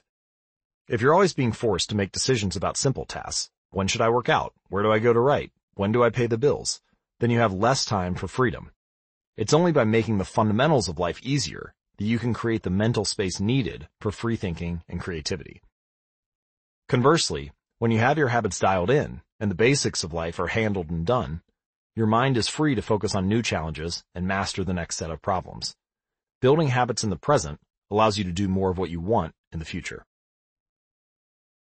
The science of how habits work. The process of building a habit can be divided into four simple steps. Cue, craving, response, and reward. Readers of The Power of Habit by Charles Duhigg will recognize these terms. Duhigg wrote a great book, and my intention is to pick up where he left off by integrating these stages into four simple laws you can apply to build better habits in life and work. Breaking the process down into these fundamental parts can help us understand what a habit is, how it works, and how to improve it. This four-step pattern is the backbone of every habit, and your brain runs through these steps in the same order each time. First, there's the cue. The cue triggers your brain to initiate a behavior. It is a bit of information that predicts a reward, something that catches your attention. Our prehistoric ancestors were paying attention to cues that signaled the location of primary rewards like food, water, and sex. Today, we spend most of our time learning cues that predict secondary rewards like money and fame, power and status, praise and approval, love and friendship, or a sense of personal satisfaction. Of course, these pursuits also indirectly improve our odds of survival and reproduction, which is the deeper motive behind everything we do. Your mind is continuously analyzing your internal and external environment for hints of where rewards are located. Because the cue is the first indication that we are close to a reward, it naturally leads to a craving. Cravings are the second step, and they are the motivational force behind every habit. Without some level of motivation or desire, without craving a change, we have no reason to act. What you crave is not the habit itself, but the change in state it delivers. You do not crave smoking a cigarette, you crave the feeling of relief it provides. You are not motivated by brushing your teeth, but rather by the feeling of a clean mouth. You do not want to turn on the television, you want to be entertained. Every craving is linked to a desire to change your internal state. This is an important point that we will discuss in detail later. Cravings differ from person to person. In theory, any piece of information could trigger a craving, but in practice, people are not motivated by the same cues. For a gambler, the sound of slot machines can be a potent trigger that sparks an intense wave of desire. For someone who rarely gambles, the jingles and chimes of the casino are just background noise. Cues are meaningless until they are interpreted. The thoughts, feelings, and emotions of the observer are what transform a cue into a craving. The third step is the response. The response is the actual habit you perform, which can take the form of a thought or an action. Whether a response occurs depends on how motivated you are and how much friction is associated with the behavior. If a particular action requires more physical or mental effort than you are willing to expend, then you won't do it. Your response also depends on your ability. It sounds simple, but a habit can only occur if you are capable of doing it. If you want to dunk a basketball, but can't jump high enough to reach the hoop, well, you're out of luck. Finally, the response delivers a reward. Rewards are the end goal of every habit. The cue is about noticing the reward, the craving is about wanting the reward, the response is about obtaining the reward. We chase rewards because they serve two purposes. One, they satisfy us, and two, they teach us. The first purpose of rewards is to satisfy your craving. Yes, rewards provide benefits on their own. Food and water deliver energy you need to survive. Getting a promotion brings more money and respect. Getting in shape improves your health and your dating prospects. But the more immediate benefit is that rewards satisfy your craving to eat or to gain status or to win approval. At least for a moment, rewards deliver contentment and relief from craving. Second, Rewards teach us which actions are worth remembering in the future. Your brain is a reward detector. As you go about your life, your sensory nervous system is continuously monitoring which actions satisfy your desires and deliver pleasure. Feelings of pleasure and disappointment are part of the feedback mechanism that helps your brain distinguish useful actions from useless ones. Rewards close the feedback loop and complete the habit cycle. If a behavior is insufficient in any of these four stages, it will not become a habit. Eliminate the cue and your habit will never start. Reduce the craving and you won't experience enough motivation to act. Make the behavior difficult and you won't be able to do it. And if the reward fails to satisfy your desire, then you'll have no reason to do it again in the future. Without the first three steps, a behavior will not occur. Without all four, a behavior will not be repeated. We can refer to this cycle as the habit loop, and you can see a graphic image of it as well as a caption describing it in detail at atomichabits.com slash media. In summary, the cue triggers a craving, which motivates a response, which provides a reward, which satisfies that craving, and, ultimately, becomes associated with the cue. Together, these four steps form a neurological feedback loop. Cue, craving, response, reward. Cue, craving, response, reward. That ultimately allows you to create automatic habits. This cycle is known as the habit loop. This four-step process is not something that happens occasionally, but rather is an endless feedback loop that is running and active during every moment you are alive, even now. The brain is continually scanning the environment, predicting what will happen next, trying out different responses, and learning from the results. The entire process is completed in a split second, and we use it again and again without realizing everything that has been packed into the previous moment. We can split these four steps into two phases, the problem phase and the solution phase. The problem phase includes the cue and the craving, and it is when you realize that something needs to change. The solution phase includes the response and the reward, and it is when you take action and achieve the change you desire. All behavior is driven by the desire to solve a problem. Sometimes the problem is that you notice something good and you want to obtain it. Sometimes the problem is that you are experiencing pain and you want to relieve it. Either way, the purpose of every habit is to solve the problems you face. Imagine walking into a dark room and flipping on the light switch. You have performed this simple habit so many times that it occurs without thinking. You proceed through all four stages in the fraction of a second. The urge to act strikes you without thinking. Here are some examples. Cue. Your phone buzzes with a new text message. Craving. You want to learn the contents of the message. Response. You grab your phone and read the text. Reward. You satisfy your craving to read the message, and grabbing your phone becomes associated with your phone buzzing. Cue. You are answering emails. Craving. You begin to feel stressed and overwhelmed by work. You want to feel in control. Response. You bite your nails. Reward. You satisfy your craving to reduce stress. Biting your nails becomes associated with answering email. Cue. You wake up. Craving. You want to feel alert. Response, you drink a cup of coffee. Reward, you satisfy your craving to feel alert. Drinking coffee becomes associated with waking up. And finally, cue, you smell a donut shop as you walk down the street near your office. Craving, you begin to crave a donut. Response, you buy a donut and eat it. Reward, you satisfy your craving to eat a donut. Buying a donut becomes associated with walking down the street near your office. By the time we become adults, we rarely notice the habits that are running our lives. Most of us never give a second thought to the fact that we tie the same shoe first each morning, or unplug the toaster after each use, or always change into comfortable clothes after getting home from work. After decades of mental programming, we automatically slip into these patterns of thinking and acting. The four laws of behavior change. In the following chapters, we will see time and again how the four stages of cue, craving, response, and reward influence nearly everything we do each day. But before we do that, we need to transform these four steps into a practical framework that we can use to design good habits and eliminate bad ones. I refer to this framework as the four laws of behavior change, and it provides a simple set of rules for creating good habits and breaking bad ones. You can think of each law as a lever that influences human behavior. When the levers are in the right positions, creating good habits is effortless. When they are in the wrong positions, it is nearly impossible. Here's how you can use the four laws to create a good habit. Cue, the first law. Make it obvious. Craving, the second law. Make it attractive.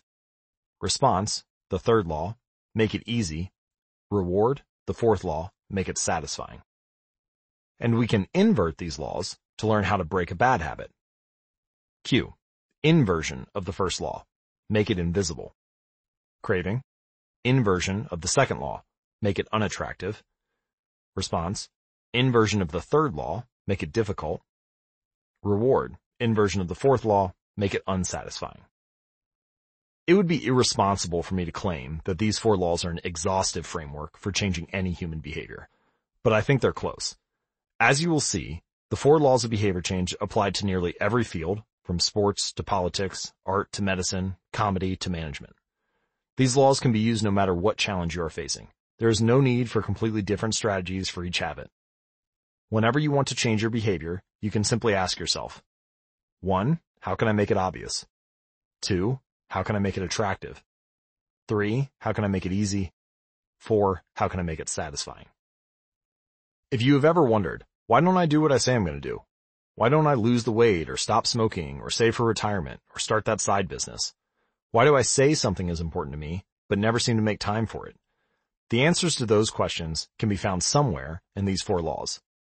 The key to creating good habits and breaking bad ones is to understand these four fundamental laws and how to alter them to your specifications. Every goal is doomed to fail if it goes against the grain of human nature. Your habits are shaped by the systems in your life. In the chapters that follow, we will discuss these laws one by one and show how you can use them to create a system in which good habits emerge naturally and bad habits wither away. Chapter Summary A habit is a behavior that has been repeated enough times to be automatic. The ultimate purpose of habits is to solve the problems of life with as little energy and effort as possible. Any habit can be broken down into a feedback loop that involves four steps, cue, craving, response, and reward. The four laws of behavior change are a simple set of rules we can use to build better habits. They are 1. Make it obvious. 2. Make it attractive. 3. Make it easy. And 4. Make it satisfying. The first law. Make it obvious. Chapter 4. The Man Who Didn't Look Right. The psychologist Gary Klein once told me a story about a woman who attended a family gathering. She had spent years working as a paramedic, and, upon arriving at the event, took one look at her father-in-law and got very concerned. I don't like the way you look, she said. Her father-in-law, who was feeling perfectly fine, jokingly replied, well, I don't like your looks either. No, she insisted, you need to go to the hospital now. A few hours later, the man was undergoing life-saving surgery, after an examination had revealed that he had a blockage to a major artery and was at immediate risk of a heart attack. Without his daughter-in-law's intuition, he could have died. What did the paramedic see? How did she predict his impending heart attack? When major arteries are obstructed, the body focuses on sending blood to critical organs and away from peripheral locations near the surface of the skin. The result is a change in the pattern of distribution of blood in the face. After many years of working with people with heart failure, the woman had unknowingly developed the ability to recognize this pattern on sight. She couldn't explain what it was that she had noticed in her father-in-law's face, but she knew something was wrong. Similar stories exist in other fields. For example, military analysts can identify which blip on a radar screen is an enemy missile and which one is a plane from their own fleet, even though they are traveling at the same speed, flying at the same altitude, and look identical on radar in nearly every respect. During the Gulf War, Lieutenant Commander Michael Riley saved an entire battleship when he ordered a missile shot down, despite the fact that it looked exactly like the battleship's own planes on radar. He made the right call, but even his superior officers couldn't explain how he did it. Museum curators have been known to discern the difference between an authentic piece of art and an expertly produced counterfeit, even though they can't tell you precisely which details tip them off. Experienced radiologists can look at a brain scan and predict the area where a stroke will develop before any obvious signs are visible to the untrained eye. I've even heard of hairdressers noticing whether a client is pregnant based only on the feel of her hair. The human brain is a prediction machine. It is continuously taking in your surroundings and analyzing the information it comes across. Whenever you experience something repeatedly, like a paramedic seeing the face of a heart attack patient or a military analyst seeing a missile on a radar screen, your brain begins noticing what is important sorting through the details and highlighting the relevant cues, and cataloging that information for future use. With enough practice, you can pick up on the cues that predict certain outcomes without consciously thinking about it. Automatically, your brain encodes the lessons learned through experience. We can't always explain what it is we are learning, but learning is happening all along the way, and your ability to notice the relevant cues in a given situation is the foundation for every habit you have. We underestimate how much our brains and bodies can do without thinking. You do not tell your hair to grow, your heart to pump, your lungs to breathe, or your stomach to digest. And yet, your body handles all of this and more on autopilot. You are much more than your conscious self. Consider hunger. How do you know when you are hungry? You don't necessarily have to see a cookie on the counter to realize that it's time to eat. Appetite and hunger are governed non-consciously. Your body has a variety of feedback loops that gradually alert you when it is time to eat again, and that track what is going on around you and within you. Cravings can arise thanks to hormones and chemicals circulating through your body. Suddenly, you're hungry even though you're not quite sure what tipped you off. This is one of the most surprising insights about our habits. You don't need to be aware of the cue for a habit to begin. You can notice an opportunity and take action without dedicating conscious attention to it. This is what makes a habit useful, but it's also what makes them dangerous. As habits form, your actions come under the direction of your automatic and non-conscious mind. You fall into old patterns before you realize what's happening. Unless someone points it out, you may not notice that you cover your mouth with your hand whenever you laugh, or that you apologize before asking a question, or that you have a habit of finishing other people's sentences. And the more you repeat these patterns, the less likely you become to question what you're doing and why you're doing it. I once heard of a retail clerk who was instructed to cut up empty gift cards after customers had used up the balance on the card. One day, the clerk cashed out a few customers in a row who purchased with gift cards. When the next person walked up, the clerk swiped the customer's actual credit card, picked up the scissors, and then cut it in half, entirely on autopilot, before looking up at the stunned customer and realizing what had just happened. Another woman I came across in my research was a former preschool teacher who had switched to a corporate job. Even though she was now working with adults, her old habits would kick in, and she kept asking coworkers if they had washed their hands after going to the bathroom. I also found the story of a man who had spent years working as a lifeguard and would occasionally yell, walk, whenever he saw a child running.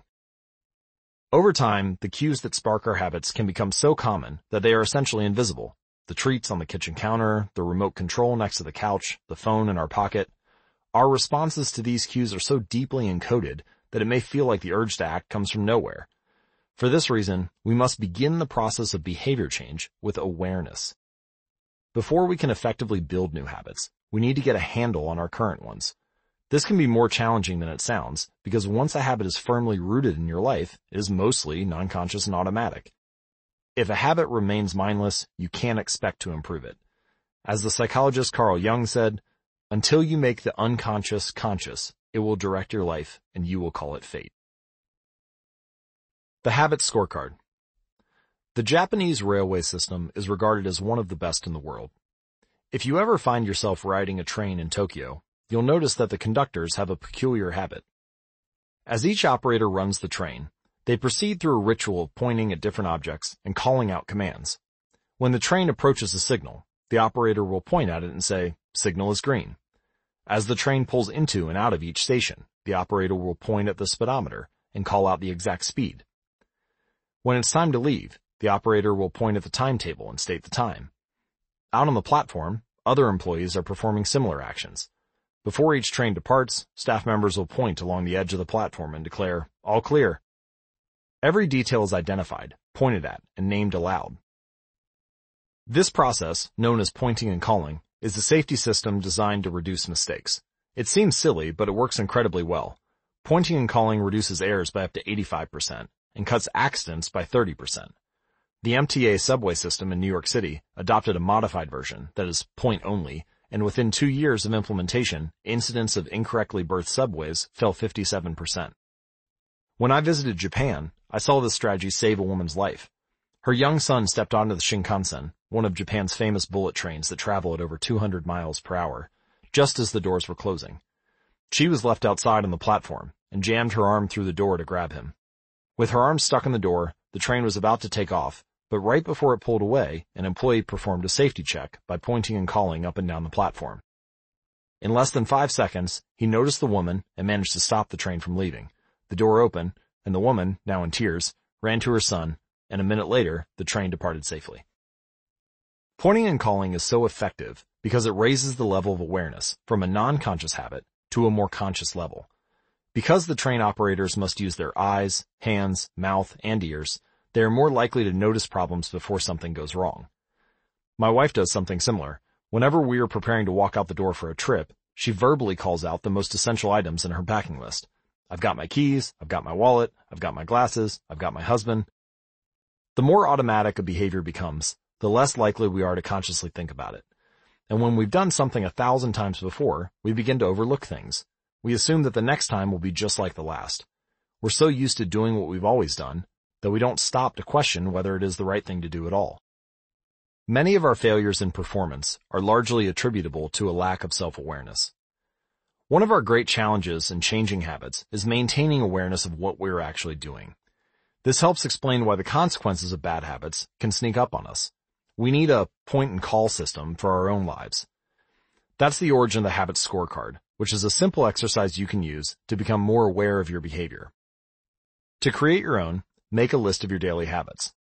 Here's a sample of where you might start. Wake up, turn off the alarm, check my phone, go to the bathroom, weigh myself, take a shower, and so on.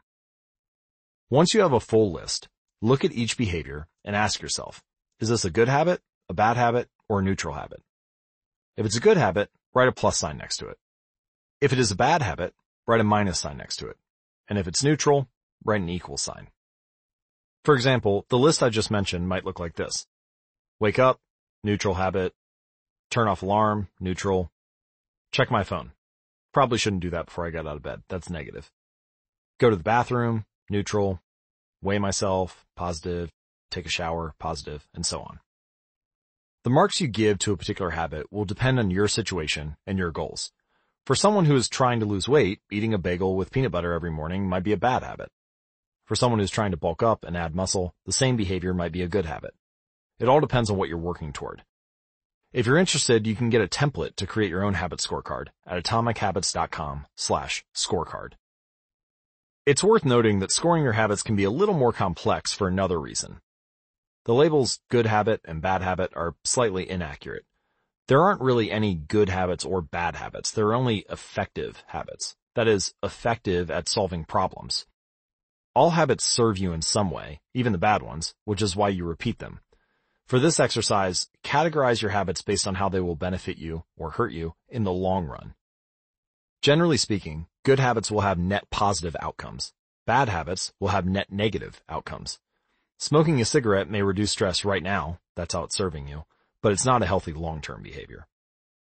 If you're still having trouble determining how to rate a particular habit on your habit scorecard, here's a question I like to use. Does this behavior help me become the type of person I wish to be? Does this habit cast a vote for or against my desired identity? Habits that reinforce your desired identity are usually good. Habits that conflict with your desired identity are usually bad. As you create your habit scorecard, there is no need to change anything at first. The goal is simply to notice what is actually going on. Observe your thoughts and actions without judgment or internal criticism. Don't blame yourself for your faults. Don't praise yourself for your successes. If you eat a chocolate bar every morning, acknowledge it almost as if you were watching someone else. Oh, how interesting that they would do such a thing. If you binge eat, simply notice that you are eating more calories than you should. If you waste your time online, notice that you are spending your life in a way that you do not want to. The first step to changing bad habits is to be on the lookout for them. If you feel like you need extra help, then you can try pointing and calling in your own life. Say out loud the action that you are thinking of taking and what the outcome will be. If you want to cut back on your junk food habit, but you notice yourself grabbing another cookie, say out loud, I'm about to eat this cookie, but I don't need it. Eating it will cause me to gain weight and hurt my health. Hearing your bad habits spoken aloud makes the consequences seem more real. It adds weight to the action rather than letting yourself mindlessly slip into an old routine. This approach is useful even if you're simply trying to remember a task on your to-do list. Just saying out loud, tomorrow I need to go to the post office after lunch, increases the odds that you'll actually do it. You're getting yourself to acknowledge the need for action, and that can make all the difference. The process of behavior change always starts with awareness. Strategies like pointing and calling and the habit scorecard are focused on getting you to recognize your habits and acknowledge the cues that trigger them, which makes it possible to respond in a way that benefits you. Chapter Summary With enough practice, your brain will pick up on the cues that predict certain outcomes without consciously thinking about it. Once our habits become automatic, we stop paying attention to what we are doing. The process of behavior change always starts with awareness. You need to be aware of your habits before you can change them. Pointing and calling raises your level of awareness from a non-conscious habit to a more conscious level by verbalizing your actions. The habit scorecard is a simple exercise you can use to become more aware of your behavior. Chapter 5. The best way to start a new habit. In 2001, researchers in Great Britain began working with 248 people to build better exercise habits over the course of two weeks. The subjects were divided into three groups. The first group was the control group. They were simply asked to track how often they exercised. The second group was the motivation group. They were asked not only to track their workouts, but also to read some material on the benefits of exercise. The researchers also explained to the group how exercise could reduce the risk of coronary heart disease and improve heart health. Finally, there was the third group.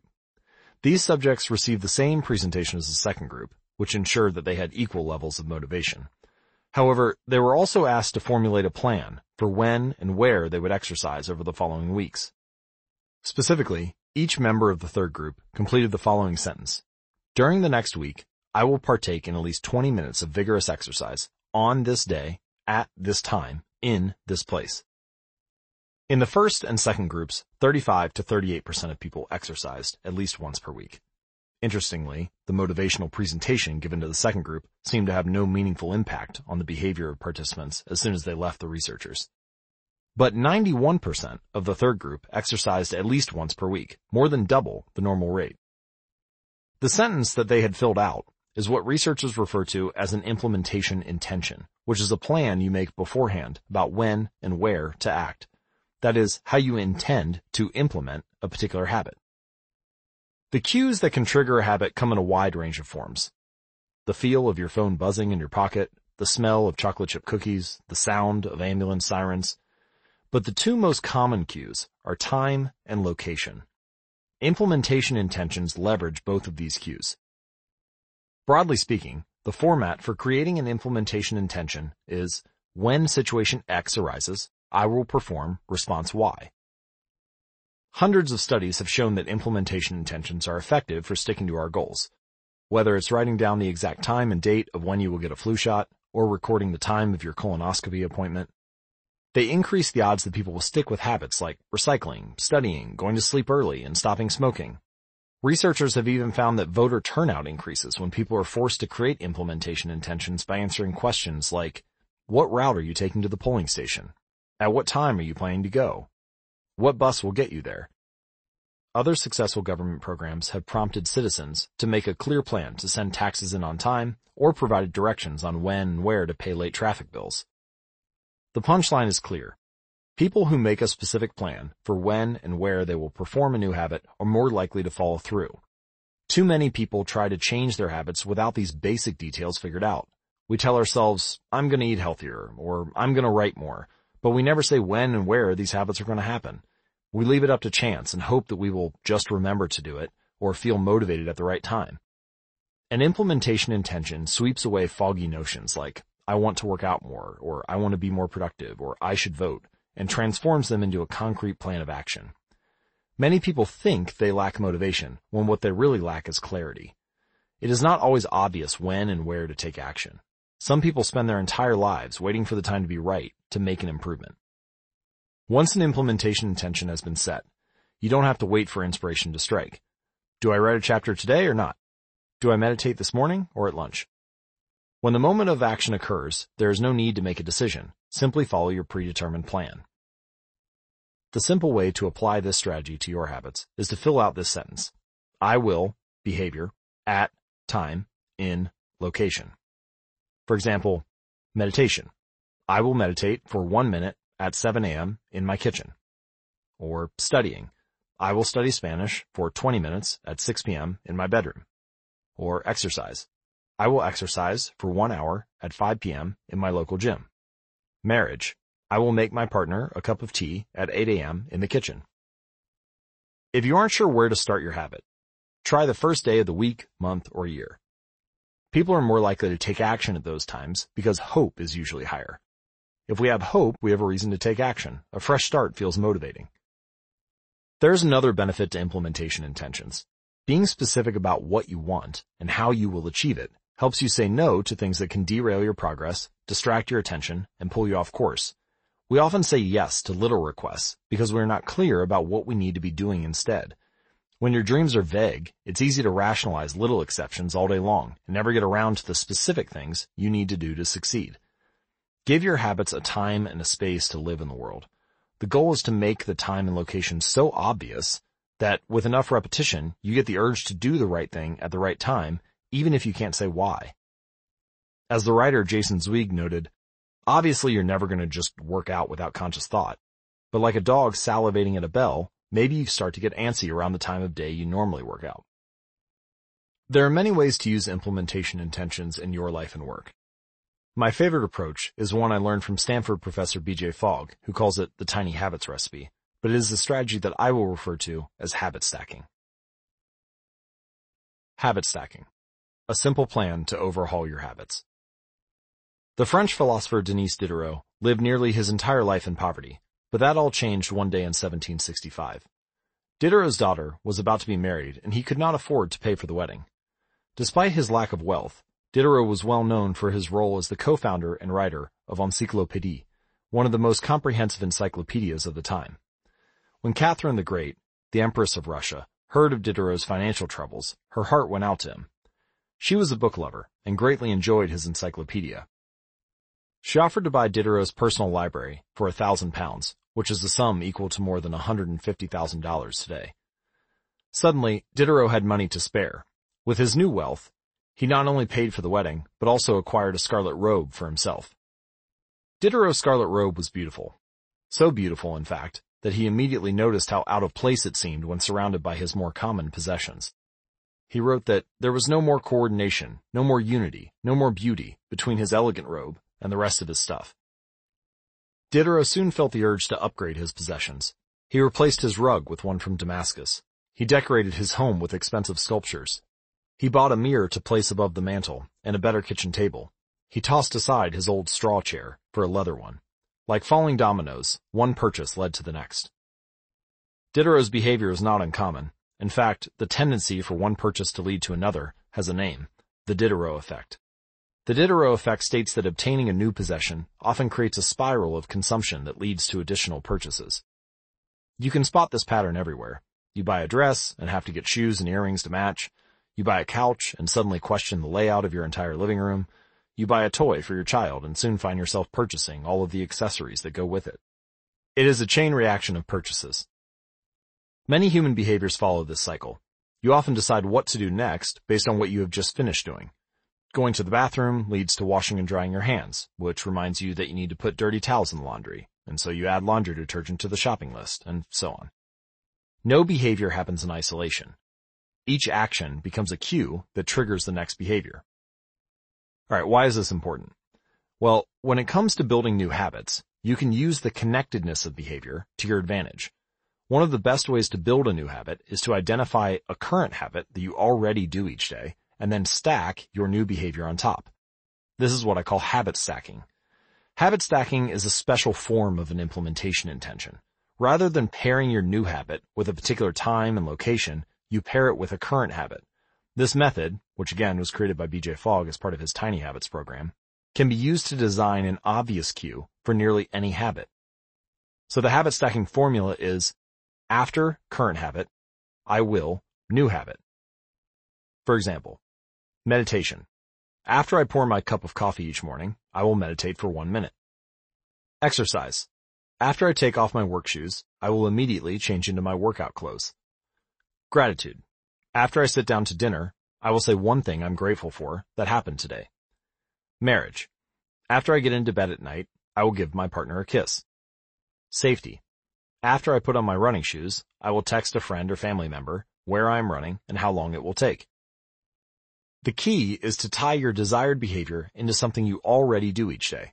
Once you have mastered this basic structure, you can begin to create larger stacks by chaining small habits together. This allows you to take advantage of the natural momentum that comes from one behavior leading into the next, like a positive version of the Diderot effect. So, for example, your morning routine habit stack might look like this. 1. After I pour in my morning cup of coffee, I will meditate for 60 seconds. 2. After I meditate for 60 seconds, I will write my to-do list for the day. 3. After I write my to-do list for the day, I will immediately begin my first task. Or you could consider a habit stack like this in the evening. 1. After I finish eating dinner, I will put my plate directly into the dishwasher. 2. After I put my dishes away, I will immediately wipe down the counter. 3.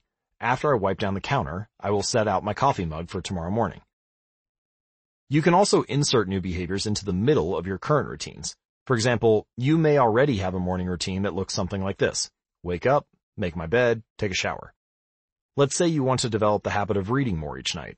Well, you can expand your habit stack and try something like this. Wake up, make my bed, place a book on my pillow, take a shower. Now, when you climb into bed each night, a book will be sitting there waiting for you to enjoy. Overall, habit stacking allows you to create a simple set of rules that guide your future behavior. It's like you always have a game plan for which action should come next. And once you get comfortable with this approach, you can develop general habit stacks to guide you whenever the situation is appropriate. So for example, exercise. When I see a set of stairs, I will take them instead of using the elevator. Or social skills. When I walk into a party, I will introduce myself to someone I don't know yet. Finances.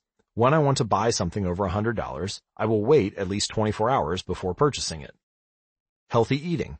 When I serve myself a meal, I will always put veggies on my plate first. Minimalism. When I buy one new item, I will give something away. One in, one out. Mood. When the phone rings, I will take one deep breath and smile before answering it. Forgetfulness. When I leave a public place, I will check the table and chairs to make sure I don't leave anything behind. No matter how you use this strategy, the secret to creating a successful habit stack is selecting the right cue to kick things off. Unlike an implementation intention, which specifically states the time and location for a given behavior, habit stacking implicitly has a time and location built into it. When and where you choose to insert a habit into your daily routine can make a big difference. If you're trying to add meditation into your morning routine, but mornings are chaotic and your kids keep running into the room, then that may be the wrong place and time to build that habit. Consider when you are most likely to be successful. Don't ask yourself to do a habit or try to build a habit stack when you are likely to be occupied with something else. Your cue should also have the same frequency as your desired habit. If you want to do a habit every day, but you stack it on top of a habit that only happens on Mondays, well then that's not a good choice. One way to find the right trigger for your habit stack is by brainstorming a list of your current habits. You can use your habit scorecard, which we created in the last chapter, as a starting point. Alternatively, you can create a list with two columns.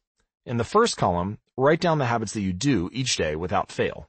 For example, get out of bed, take a shower, brush your teeth, get dressed, brew a cup of coffee, eat breakfast, take the kids to school, and so on. Your list can be much longer, but you get the idea. In the second column, write down all of the things that happen to you each day without fail. For example, the sun rises, or you get a text message, the song you're listening to ends, or the sun sets. Once you're armed with these two lists, you can begin searching for the best place to layer a new habit into your lifestyle. If you're looking for more examples and guidance on this, you can download a habit stacking template at atomichabits.com slash habit stacking. Alright, so habit stacking works best when the cue is highly specific and immediately actionable. Many people select cues that are too vague. I made this mistake myself. When I wanted to start a push-up habit, my habit stack was when I take a break for lunch, I will do 10 push-ups. At first glance, this sounds reasonable, but soon I realized that the trigger was unclear. Would I do my push-ups before I ate lunch? After I ate lunch? Where would I do them? After a few inconsistent days, I changed my habit stack to, when I close my laptop for lunch, I will do 10 push-ups next to my desk. Ambiguity gone. Habits like read more or eat better are worthy causes, but these goals do not provide instruction on how and when to act. You need to be specific and clear. After I close the door, after I brush my teeth, after I sit down at the table. The specificity is important. The more tightly bound your new habit is to a specific cue, the better the odds are that you will notice when the time comes to act. Remember, the first law of behavior change is to make it obvious. Strategies like implementation intentions and habit stacking are among the most practical ways to create obvious cues for your habits and design a clear plan for when and where to take action. Chapter Summary The first law of behavior change is make it obvious. The two most common cues are time and location. Creating an implementation intention is a strategy you can use to pair a new habit with a specific time and location. The implementation intention formula is I will behavior at time in location. Habit stacking is a strategy you can use to pair a new habit with a current habit. The habit stacking formula is After current habit, I will new habit. Chapter 6. Motivation is overrated. Environment often matters more. Anne Thorndike, a primary care physician at Massachusetts General Hospital in Boston, had a crazy idea. She believed she could improve the eating habits of thousands of hospital staff and visitors without changing their willpower or motivation in the slightest way. In fact, she didn't plan on talking to them at all. Thorndike and her colleagues designed a six-month study to alter the choice architecture of the hospital cafeteria. Originally, the refrigerators located next to the cash registers in the cafeteria were filled with only soda. The researchers added water as an option to each one. Additionally, they placed baskets of bottled water next to the food stations throughout the room. Soda was still in the primary refrigerators, but now water was an option available at all drink locations. Over the next three months, the number of soda sales at the hospital dropped by 11.4%. Meanwhile, sales of bottled water increased by 25.8%. They made similar adjustments and saw similar results with the food in the cafeteria. Nobody had said a word to anyone eating there. To see a graphical representation of the layouts in the cafeteria before and after the changes, visit atomichabits.com slash media. People often choose products not because of what they are, but because of where they are. If I walk into the kitchen and see a plate of cookies on the counter, I'll pick up half a dozen and start eating, even if I hadn't been thinking about them beforehand and didn't necessarily feel hungry. If the communal table at the office is always filled with donuts and bagels, it's going to be hard not to grab one every now and then. Your habits change depending on the room you are in and the cues in front of you. Environment is the invisible hand that shapes human behavior. Despite our unique personalities, certain behaviors tend to arise again and again under certain environmental conditions. In church, people tend to talk in whispers. On a dark street, people act wary and guarded. In this way, the most common form of change is not internal, but external. We are changed by the world around us. Every habit is context dependent. In 1936, psychologist Kurt Lewin wrote a simple equation that makes a powerful statement. Behavior is a function of the person in their environment, or B equals FPE. It didn't take long for Lewin's equation to be tested in business. In 1952, the economist Hawkins Stern described a phenomenon he called suggestion impulse buying, which is triggered when a shopper sees a product for the first time and visualizes a need for it. In other words, customers will occasionally buy products not because they want them, but because of how they are presented to them. For example, items at eye level tend to be purchased more than those down near the floor. For this reason, you'll find expensive brand names featured in easy-to-reach locations on store shelves because they drive the most profit, while cheaper alternatives are tucked away in harder-to-reach spots. The same goes for end caps, which are the units at the end of aisles. End caps are money-making machines for retailers because they are obvious locations that encounter a lot of foot traffic, for example, 45% of Coca-Cola sales come specifically from end of the aisle racks. The more obviously available a product or service is, the more likely you are to try it. People drink Bud Light because it is in every bar and visit Starbucks because it is on every corner. We like to think that we are in control. If we choose water over soda, we assume it is because we wanted to do so. The truth, however, is that many of the actions we take each day are shaped not by purposeful drive and choice, but by the most obvious option. Every living being has its own methods for sensing and understanding the world. Eagles have remarkable long-distance vision. Snakes can smell by tasting the air with their highly sensitive tongues. Sharks can detect small amounts of electricity and vibrations in the water caused by nearby fish. Even bacteria have chemoreceptors, tiny sensory cells that allow them to detect toxic chemicals in their environment. In humans, perception is directed by the sensory nervous system. We perceive the world through sight, sound, smell, touch, and taste. But we also have other ways of sensing stimuli. Some are conscious, but many are non-conscious. For example, you can notice when the temperature drops before a storm, or when the pain in your gut rises during a stomach ache, or when you fall off balance while walking on rocky ground. Receptors in your body pick up on a wide range of internal stimuli, such as the amount of salt in your blood or the need to drink when thirsty. The most powerful of all human sensory abilities, however, is vision. The human body has about 11 million sensory receptors.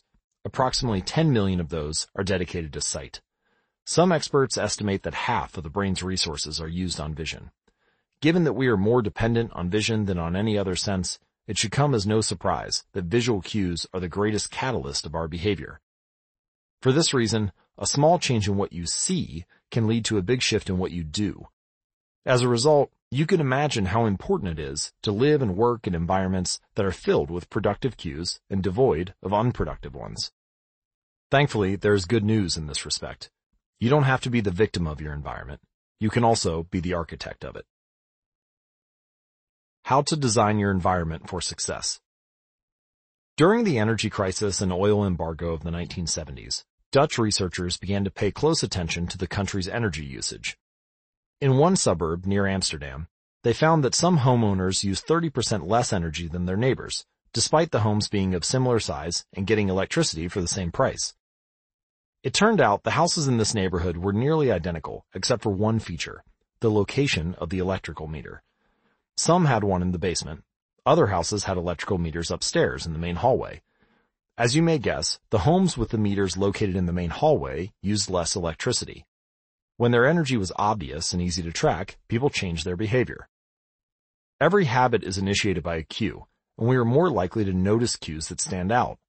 Unfortunately, the environments where we live and work often make it easy to not notice or not do certain actions because there is no obvious cue to trigger the behavior. It's easy to not practice the guitar when it's tucked away in the closet. It's easy to not read a book when the bookshelf is in the corner of the guest room.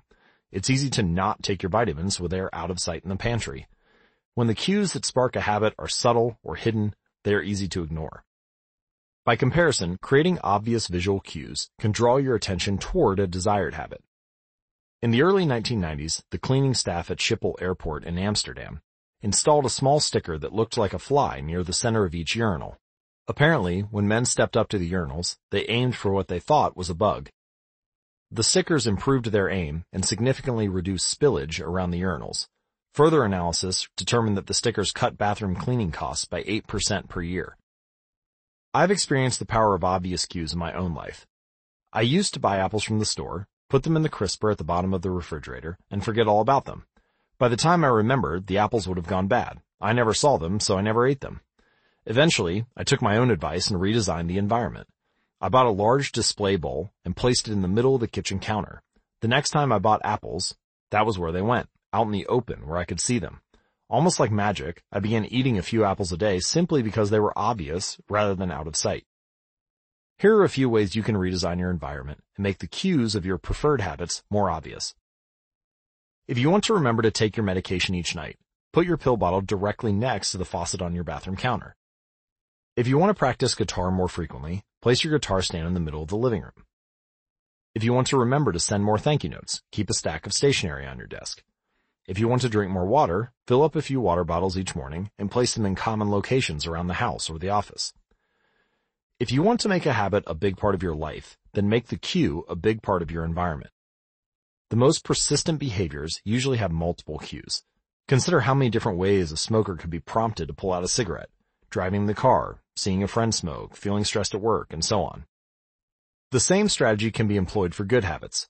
By sprinkling triggers throughout your surroundings, you increase the odds that you'll think about your habit throughout the day. Make sure the best choice is the most obvious one. Making a better decision is easy and natural when the cues for good habits are right in front of you. Environment design is powerful not only because it influences how we engage with the world, but also because we rarely do it. Most people live in a world others have created for them. But you can alter the spaces where you live and work to increase your exposure to positive cues and reduce your exposure to negative ones. Environment design allows you to take back control and become the architect of your life. Be the designer of your world and not merely the consumer of it. The context is the cue. The cues that trigger a habit can start out very specific. But over time, your habits become associated not with a single trigger, but with the entire context surrounding the behavior. For example, many people drink more in social situations than they would ever drink alone. The trigger is rarely a single cue, but rather the whole situation. Watching your friends order drinks, hearing the music at the bar, seeing the beers on tap. We mentally assign our habits to the locations in which they occur. The home, the office, the gym. Each location develops a connection to certain habits and routines. You establish a particular relationship with the objects on your desk or the items on your kitchen counter or the things in your bedroom. Our behavior is not defined by the objects in our environment, but by our relationship to them. In fact, this is a useful way to think about the influence of environment on your behavior. Stop thinking about your environment as filled with objects. Start thinking about it as filled with relationships. Think in terms of how you interact with the spaces around you. For one person, her couch is the place where she reads for an hour each night. For someone else, the couch is where he watches television and eats a bowl of ice cream after work. Different people can have different memories and thus different habits associated with the same place. The good news is you can train yourself to link a particular habit with a particular context. In one study, scientists instructed insomniacs to get into bed only when they felt tired. If they couldn't fall asleep, they were told to sit in a different room until they became sleepy. Over time, the subjects began to associate the context of their bed with the action of sleeping, and it became easier to quickly fall asleep when they climbed in bed. Their brains learned that sleeping, not browsing their phones or watching television or staring at the clock, was the only action that happened in the room. The power of context also reveals an important strategy. Habits can be easier to change in a new environment. It helps to escape the subtle triggers and cues that nudge you toward your current habits. Go to a new place, a different coffee shop, a bench in the park, a corner of the room that you seldom use, and create a new routine there.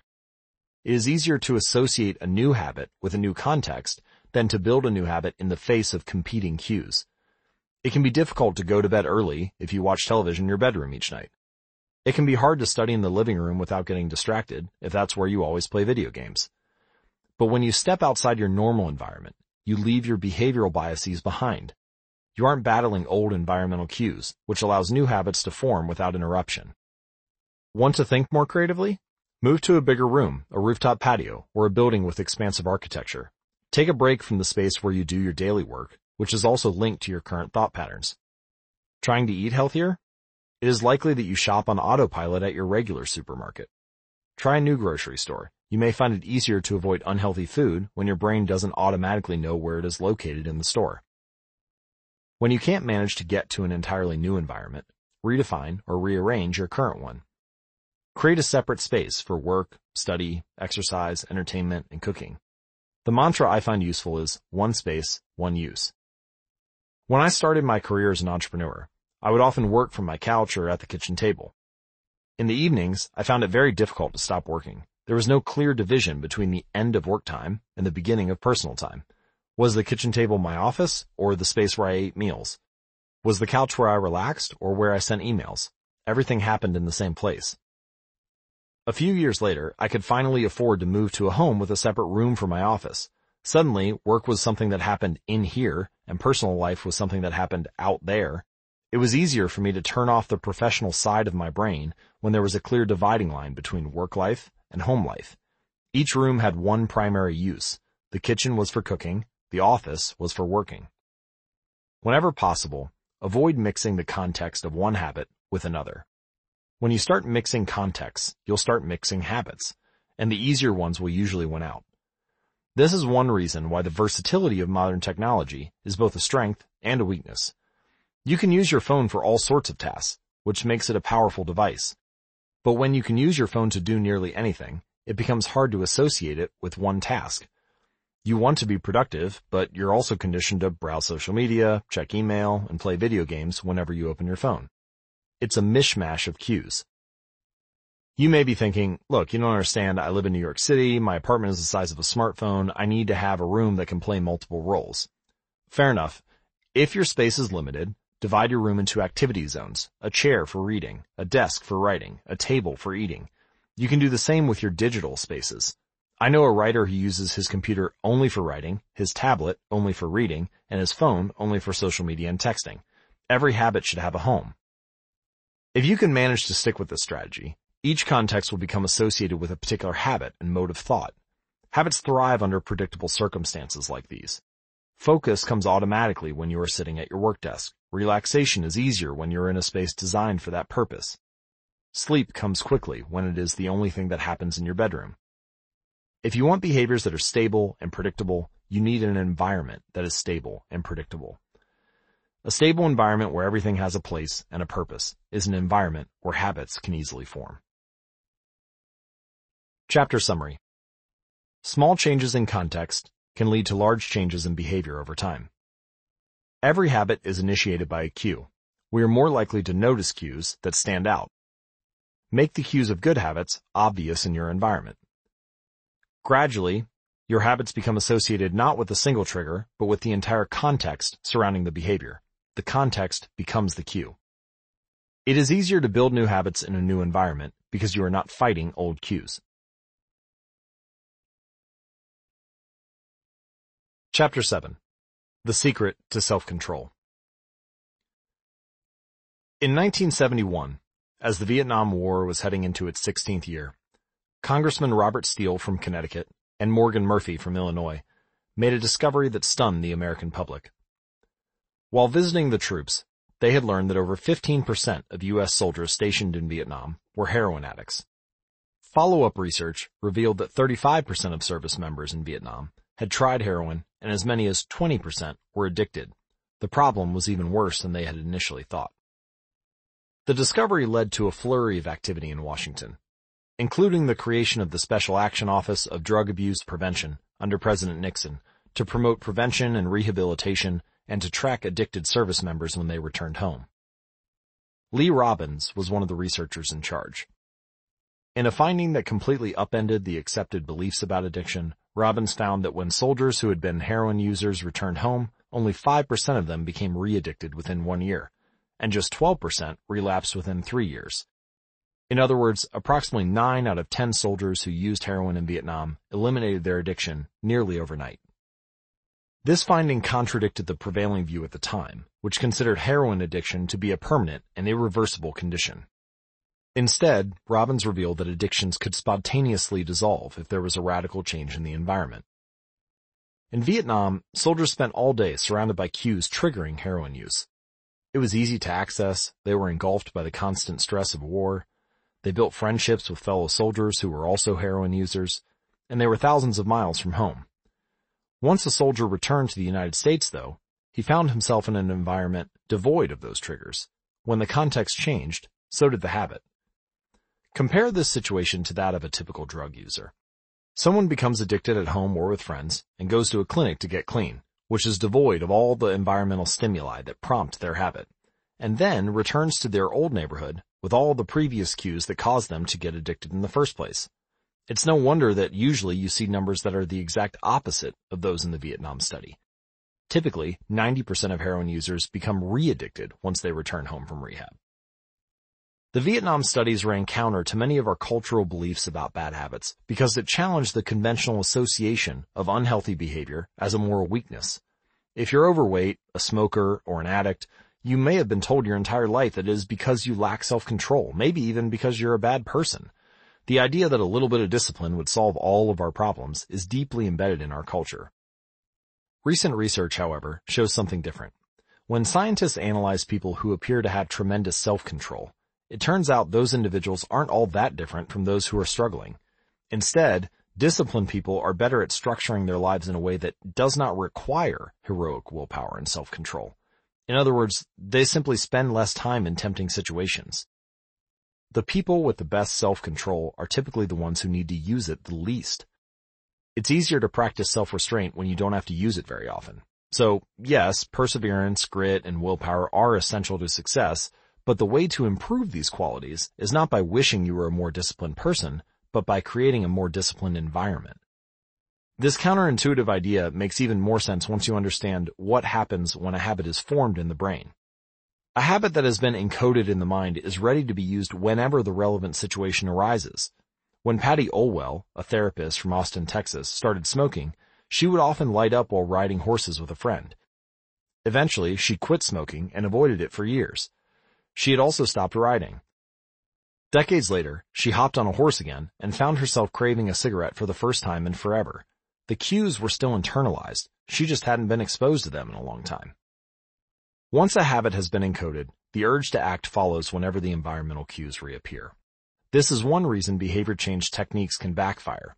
Shaming obese people with weight loss presentations can make them feel stressed, and as a result, many people return to their favorite coping strategy, which is overeating. Showing pictures of blackened lungs to smokers leads to higher levels of anxiety, which drives many people to reach for a cigarette. If you're not careful about cues, you can cause the very behavior you want to stop. In this sense, bad habits are autocatalytic. The process feeds itself. They foster the feelings they are trying to numb. You feel bad, so you eat junk food. Because you eat junk food, you feel bad. Watching television makes you feel sluggish, so you watch more television because you don't have the energy to do anything else. Worrying about your health makes you feel anxious, which causes you to smoke to ease your anxiety, which makes your health even worse, and so now you're feeling even more anxious. It's a downward spiral, a runaway train of bad habits. Researchers sometimes refer to this phenomenon as cue-induced wanting. An external trigger causes a compulsive craving to repeat a bad habit. Once you notice something, you begin to want it. This process is happening all the time, often without us realizing it. Scientists have found that showing addicts a picture of cocaine for just 33 milliseconds stimulates the reward pathway in the brain and sparks desire. This speed is too fast for the brain to consciously register. The addicts couldn't even tell you what they had seen, but they craved the drug all the same. Alright, here's the punchline. You can break a bad habit, but you're unlikely to forget it. Once the mental grooves of a habit have been carved into your brain, they are nearly impossible to remove entirely, even if they go unused for a while. And that means that simply resisting temptation is an ineffective strategy. It's hard to maintain a zen attitude in a life filled with interruptions. It takes too much energy. In the short run, you can choose to overpower temptation. In the long run, we become a product of the environment that we live in. To put it bluntly, I have never seen someone consistently stick to positive habits in a negative environment. A more reliable approach is to cut bad habits off at the source. One of the most practical ways to eliminate a bad habit is to reduce exposure to the cue that causes it. If you can't seem to get any work done, leave your phone in another room for a few hours. If you're continually feeling like you're not enough, stop following social media accounts that trigger jealousy and envy. If you're wasting too much time watching television, move the TV out of the bedroom. If you're spending too much money on electronics, stop reading reviews of the latest tech gear. If you're playing too many video games, unplug the console and put it in a closet after each use.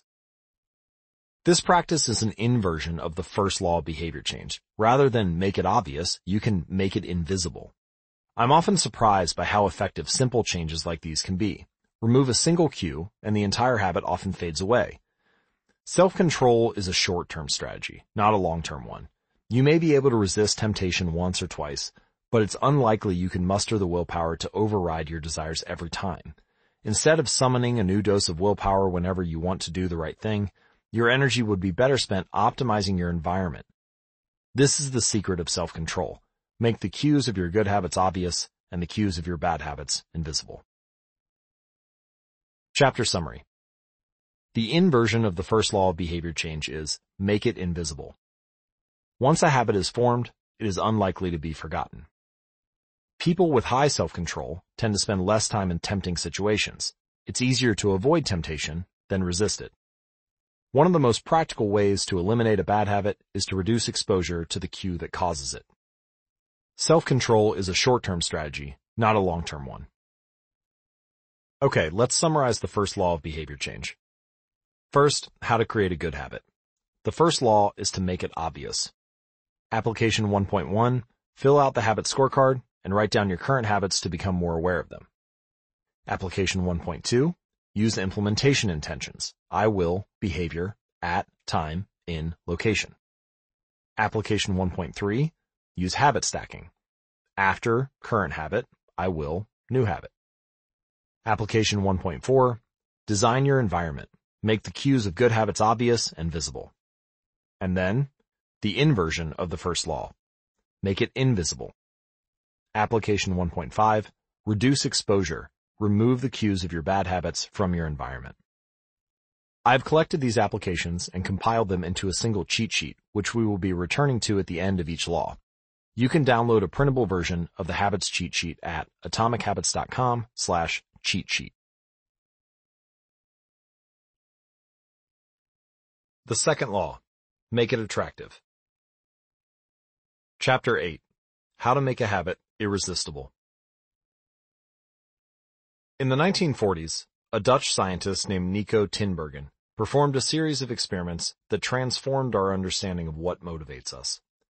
Tinbergen, who eventually won a Nobel Prize for his work, was investigating herring gulls, the gray and white birds often seen flying along the seashores of North America. Adult herring gulls have a small red dot on their beak, and Tinbergen noticed that newly hatched chicks would peck at this spot whenever they wanted food. To begin one experiment, he created a collection of fake cardboard beaks, just a head without a body. When the parents had flown away, he went over to the nest and offered these dummy beaks to the chicks. The beaks were obvious fakes, and he assumed the baby birds would reject them altogether. However, when the tiny gulls saw the red spot on the cardboard beaks, they pecked away just as if it were attached to their own mother. They had a clear preference for those red spots, as if they had been genetically programmed at birth. Soon, Tinbergen discovered that the bigger the red spot, the faster the chicks pecked. Eventually, he created a beak with three large red dots on it. When he placed it over the nest, the baby birds went crazy with delight. They pecked at the little red patches as if it was the greatest beak they had ever seen. Tinbergen and his colleagues discovered similar behavior in other animals. For example, the gray lag goose is a ground nesting bird. Occasionally, as the mother moves around on the nest, one of the eggs will roll out and settle on the grass nearby. Whenever this happens, the goose will waddle over to the egg and use its beak and neck to pull it back into the nest. Tinbergen discovered that the goose will pull any nearby round object, such as a billiard ball or a light bulb, back into the nest. The bigger the object, the greater their response. One goose even made a tremendous effort to roll a volleyball back and sit on top. Like the baby gulls automatically pecking at red dots, the gray-lag goose was following an instinctive rule. When I see a round object nearby, I must roll it back into the nest. The bigger the round object, the harder I should try to get it. It's like the brain of each animal is preloaded with certain rules for behavior, and when it comes across an exaggerated version of that rule, it lights up like a Christmas tree. Scientists refer to these exaggerated cues as supernormal stimuli. A supernormal stimulus is a heightened version of reality, like a beak with three red dots, or an egg the size of a volleyball, and it elicits a stronger response than usual. Humans are also prone to fall for exaggerated versions of reality. Junk food, for example, drives our reward systems into a frenzy. After spending hundreds of thousands of years hunting and foraging for food in the wild, the human brain has evolved to place a high value on salt, sugar, and fat. Such foods are often calorie dense, and they were quite rare when our ancient ancestors were roaming the savannah. When you don't know where your next meal is coming from, eating as much as possible is an excellent strategy for survival. Today, however, we live in a calorie-rich environment.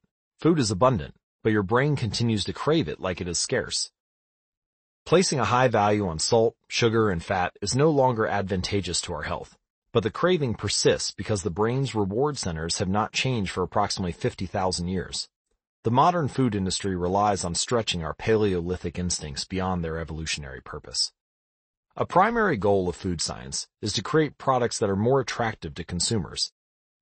Nearly every food in a bag, box, or jar has been enhanced in some way, if only with additional flavoring. Companies spend millions of dollars to discover the most satisfying level of crunch in a potato chip, or the perfect amount of fizz in a soda.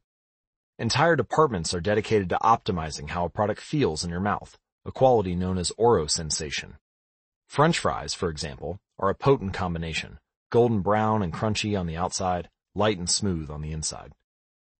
Other processed foods enhance dynamic contrast, which refers to items with a combination of sensations, like crunchy and creamy. Imagine the gooiness of melted cheese on top of a crispy pizza crust, or the crunch of an Oreo cookie combined with its smooth center. With natural, unprocessed foods, you tend to experience the same sensations over and over. How's that 17th bite of kale taste? After a few minutes, your brain loses interest and you begin to feel full. But foods that are high in dynamic contrast keep the experience novel and interesting, encouraging you to eat more. Ultimately, such strategies enable food scientists to find the bliss point for each product, which is the precise combination of salt, sugar, and fat that excites your brain and keeps you coming back for more. The result, of course, is that you overeat because hyperpalatable foods are more attractive to the human brain. As Stephan Guyenet, a neuroscientist who specializes in eating behavior and obesity says, we've gotten too good at pushing our own buttons. The modern food industry and the overeating habits it has spawned is just one example of the second law of behavior change. Make it attractive. The more attractive an opportunity is, the more likely it is to become habit forming. Look around. Society is filled with highly engineered versions of reality that are more attractive than the world our ancestors evolved in. Stores feature mannequins with exaggerated hips and breasts to sell clothes. Social media delivers more likes and praise in a few minutes than we could ever get in the office or at home. Online porn splices together stimulating scenes at a rate that would be impossible to replicate in real life. Advertisements are created with a combination of ideal lighting, professional makeup, and photoshopped edits even the model doesn't look like the person in the final image. These are the supernormal stimuli of our modern world. They exaggerate features that are naturally attractive to us and our instincts go wild as a result, driving us into excessive shopping habits, social media habits, porn habits, eating habits, and many others. If history serves as a guide, the opportunities of the future will be more attractive than those of today. The trend is for rewards to become more concentrated and stimuli to become more enticing. Junk food is a more concentrated form of calories than natural food. Hard liquor is a more concentrated form of alcohol than beer. Video games are a more concentrated form of play than board games. Compared to nature, these pleasure-packed experiences are hard to resist. We have the brains of our ancestors, but temptations they never had to face. If you want to increase the odds that a behavior will occur, then you need to make it attractive. Throughout our discussion of the second law, our goal is to learn how to make our habits irresistible. And while it is not possible to transform every habit into a supernormal stimulus, we can make any habit more enticing. To do this, we must start by understanding what a craving is and how it works. We begin by examining the biological signature that all habits share, the dopamine spike. The dopamine-driven feedback loop. Scientists can track the precise moment a craving occurs by measuring a neurotransmitter called dopamine. Now, dopamine is not the only chemical that influences your habits. Every behavior involves multiple brain regions and neurochemicals, and anyone who claims that habits are all about dopamine is skipping over major portions of the process. It's just one of the important role players in habit formation. However, I will single out dopamine in this chapter because it provides a window into the biological underpinnings of desire, craving, and motivation, that are behind every habit. The importance of dopamine became apparent in 1954 when the neuroscientists James Olds and Peter Milner ran an experiment that revealed the neurological processes behind craving and desire. By implanting electrodes in the brains of rats, the researchers blocked the release of dopamine. To the surprise of the scientists, the rats lost all will to live. They wouldn't eat, they wouldn't have sex, they didn't crave anything. Within a few days, the animals died of thirst. In follow-up studies, other scientists also inhibited the dopamine-releasing parts of the brain, but this time, they squirted little droplets of sugar into the mouths of the dopamine-depleted rats. Their little rat faces lit up with pleasurable grins from the tasty substance. Even though dopamine was blocked, the rats still liked sugar just as much as before. They just didn't want it anymore. The ability to experience pleasure remained, but without dopamine, desire died and without desire, action stopped. When other researchers reversed this process and flooded the reward system of the brain with dopamine, animals performed habits at breakneck speed. In one study, mice received a powerful hit of dopamine each time they poked their nose inside a box. Within minutes, the mice developed a craving so strong, they began poking their nose into the box 800 times per hour. Humans are not so different. The average slot machine player will spin the wheel 600 times per hour. Habits are a dopamine-driven feedback loop. Every behavior that is highly habit-forming, taking drugs, eating junk food, playing video games, browsing social media, is associated with higher levels of dopamine.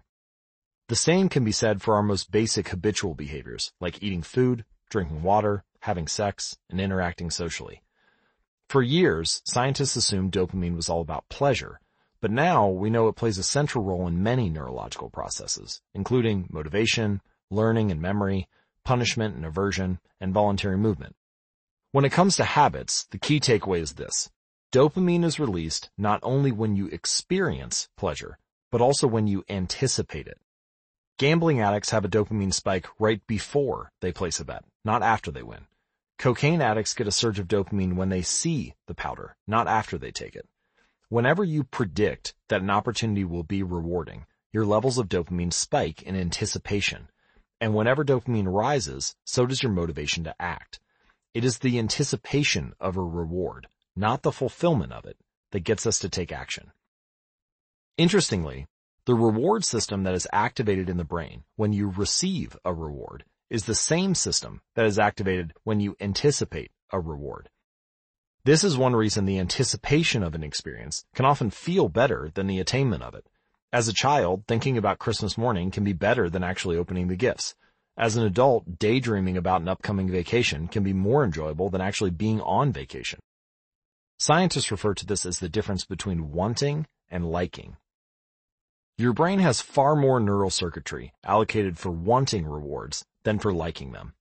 The wanting centers in the brain are large. The brain stem, the nucleus accumbens, the ventral tegmental area, the dorsal striatum, the amygdala, and portions of the prefrontal cortex.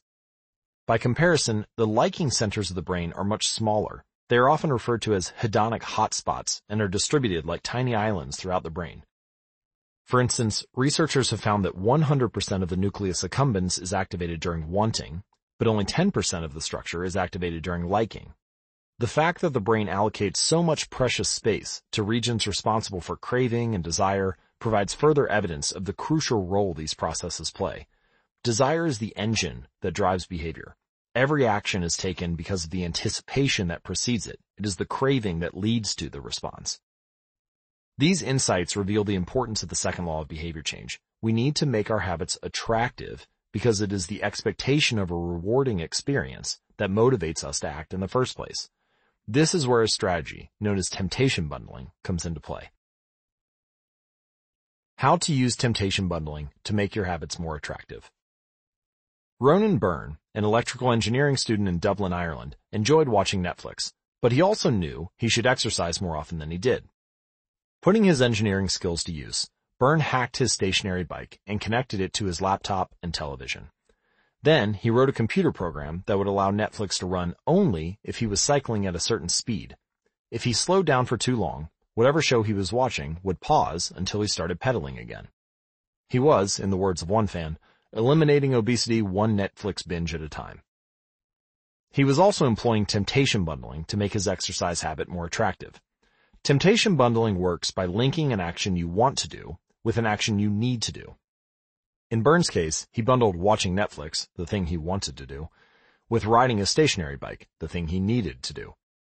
Businesses are masters at temptation bundling. For instance, when the American Broadcasting Company, more commonly known as ABC, launched its Thursday night television lineup for the 2014-2015 season, they promoted temptation bundling on a massive scale, even though they wouldn't have used that term to describe it. Every Thursday, the company would air three shows created by screenwriter Shonda Rhimes, Grey's Anatomy, Scandal, and How to Get Away with Murder. They branded it as TGIT on ABC, which stands for Thank God It's Thursday. In addition to promoting the shows, ABC encouraged viewers to make popcorn, drink red wine, and enjoy the evening. Andrew Kubitz, head of scheduling for ABC, described the idea behind the campaign. We see Thursday night as a viewership opportunity with either couples or women by themselves who want to sit down and escape and have fun and drink their red wine and have some popcorn. The brilliance of this strategy is that ABC was associating the thing they needed viewers to do, watch their shows, with activities their viewers already wanted to do, relax, drink wine, and eat popcorn. Over time, people began to connect watching ABC with feeling relaxed and entertained. If you drink red wine and eat popcorn at 8 p.m. every Thursday, then eventually 8 p.m. on Thursday means relaxation and entertainment. The reward gets associated with the cue, and the habit of turning on the television becomes more attractive. You're more likely to find a behavior attractive if you get to do one of your favorite things at the same time. Perhaps you want to hear about the latest celebrity gossip, but you need to get in shape. Using temptation bundling, you could only read tabloids and watch reality shows when you're at the gym. Or maybe you want to get a pedicure, but you need to clean out your email inbox. Solution, only get a pedicure while processing overdue work emails. Temptation bundling is one way to apply a psychology theory known as Premack's principle. Named after the work of Professor David Premack, the principle states that more probable behaviors will reinforce less probable behaviors. In other words, Even if you don't really want to process overdue work emails, you'll become conditioned to do it if it means you get to do something you really want to do along the way. You can even combine temptation bundling with the habit stacking strategy we discussed in chapter 5 to create a set of rules that guide your behavior. For example, the habit stacking plus temptation bundling formula is something like this. 1. After current habit, I will, habit I need. 2. After habit I need, I will, habit I want. So, if you want to read the news, but you need to express more gratitude, then 1. After my morning coffee, I will say one thing I'm grateful for that happened yesterday. That's the need. 2. After I say one thing I'm grateful for, I will read the news. That's the want. Or, if you want to watch sports, but you need to make sales calls, 1. After I get back from my lunch break, I will call three potential clients. 2. After I call three potential clients, I will check ESPN. And finally, if you want to check Facebook, but you need to exercise more, 1. After I pull out my phone, I will do 10 burpees. 2. After I do 10 burpees, I will check Facebook. The hope is that eventually you'll look forward to calling three clients or doing 10 burpees because it means you get to read the latest sports news or check Facebook. Doing the thing you need to do means you get to do the thing you want to do. We began this chapter by discussing supernormal stimuli which are heightened versions of reality that increase our desire to take action.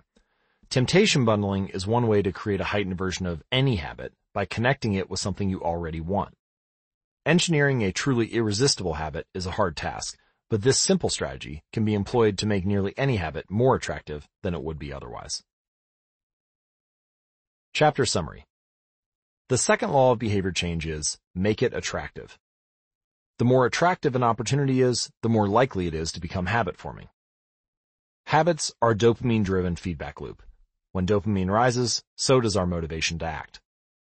It is the anticipation of a reward, not the fulfillment of it, that gets us to take action. The greater the anticipation, the greater the dopamine spike. Temptation bundling is one way to make your habits more attractive. The strategy is to pair an action you want to do with an action you need to do. Chapter 9. The Role of Family and Friends in Shaping Your Habits. In 1965, a Hungarian man named Laszlo Polgar wrote a series of strange letters to a woman named Clara. Laszlo was a firm believer in hard work. In fact, it was all he believed in. He completely rejected the idea of innate talent. He claimed that with deliberate practice and the development of good habits, a child could become a genius in any field. His mantra was, a genius is not born, but is educated and trained. Laszlo believed in this idea so strongly that he wanted to test it out with his own children, and he was writing to Clara because he needed a wife willing to jump on board. Clara was a teacher, and although she may not have been as adamant as Laszlo, she also believed that with proper instruction, anyone could advance their skills. Laszlo decided chess would be a suitable field for the experiment, and he laid out a plan to raise his children to become chess prodigies.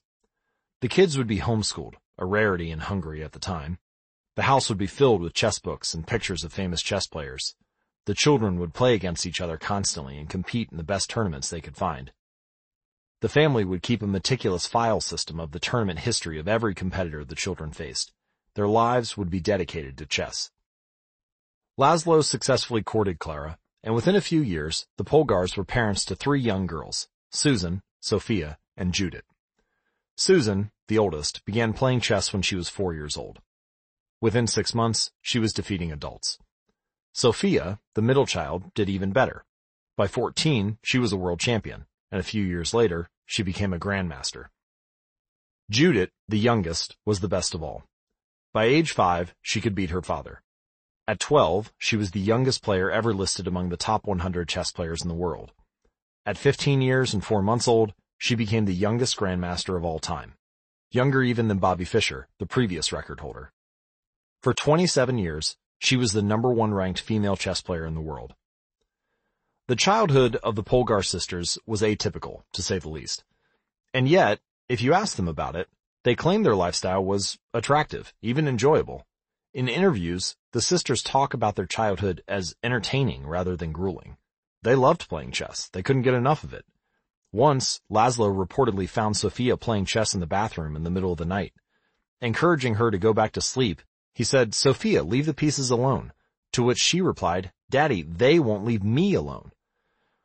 The Polgar sisters grew up in a culture that prioritized chess above all else, praised them for it, rewarded them for it. In their world, an obsession with chess was normal. And as we are about to see, whatever habits are normal in your culture are among the most attractive behaviors you will find. The seductive pull of social norms. Humans are herd animals. We want to fit in, to bond with others, and to earn the respect and approval of our peers. Such inclinations are essential to our survival. For most of our evolutionary history, our ancestors lived in tribes. Becoming separated from the tribe, or worse, being cast out, was a death sentence. The lone wolf dies, but the pack survives. Meanwhile, those who collaborated and bonded with others enjoyed increased safety, mating opportunities, and access to resources. As Charles Darwin noted, in the long history of humankind, those who learn to collaborate and improvise most effectively have prevailed. As a result, one of the deepest human desires is to belong. And this ancient preference exerts a powerful influence on our modern behavior. We don't choose our earliest habits. We imitate them. We follow the script handed down from our friends and family, our church or school, our local community, and society at large. Each of these cultures and groups comes with its own set of expectations and standards. When and whether to get married, how many children to have, which holidays to celebrate, how much money to spend on your child's birthday party. In many ways, these social norms are the invisible rules that guide your behavior each day. You are always keeping them in mind, even if they are not top of your mind. Often, you follow the habits of your culture without thinking, without questioning, and sometimes without remembering. As the French philosopher Michel de Montaigne wrote, the customs and practices of life and society sweep us along. Most of the time, going along with the group does not feel like a burden. Everyone wants to belong. If you grow up in a family that rewards you for your chess skills, then playing chess will seem like a very attractive thing to do. If you work in a job where everyone wears expensive suits, then you'll be inclined to splurge on one as well. If all of your friends are sharing an inside joke or using a new phrase, you'll want to do it too so that they know that you get it. Behaviors are attractive when they help us fit in. In particular, we imitate the habits of three groups.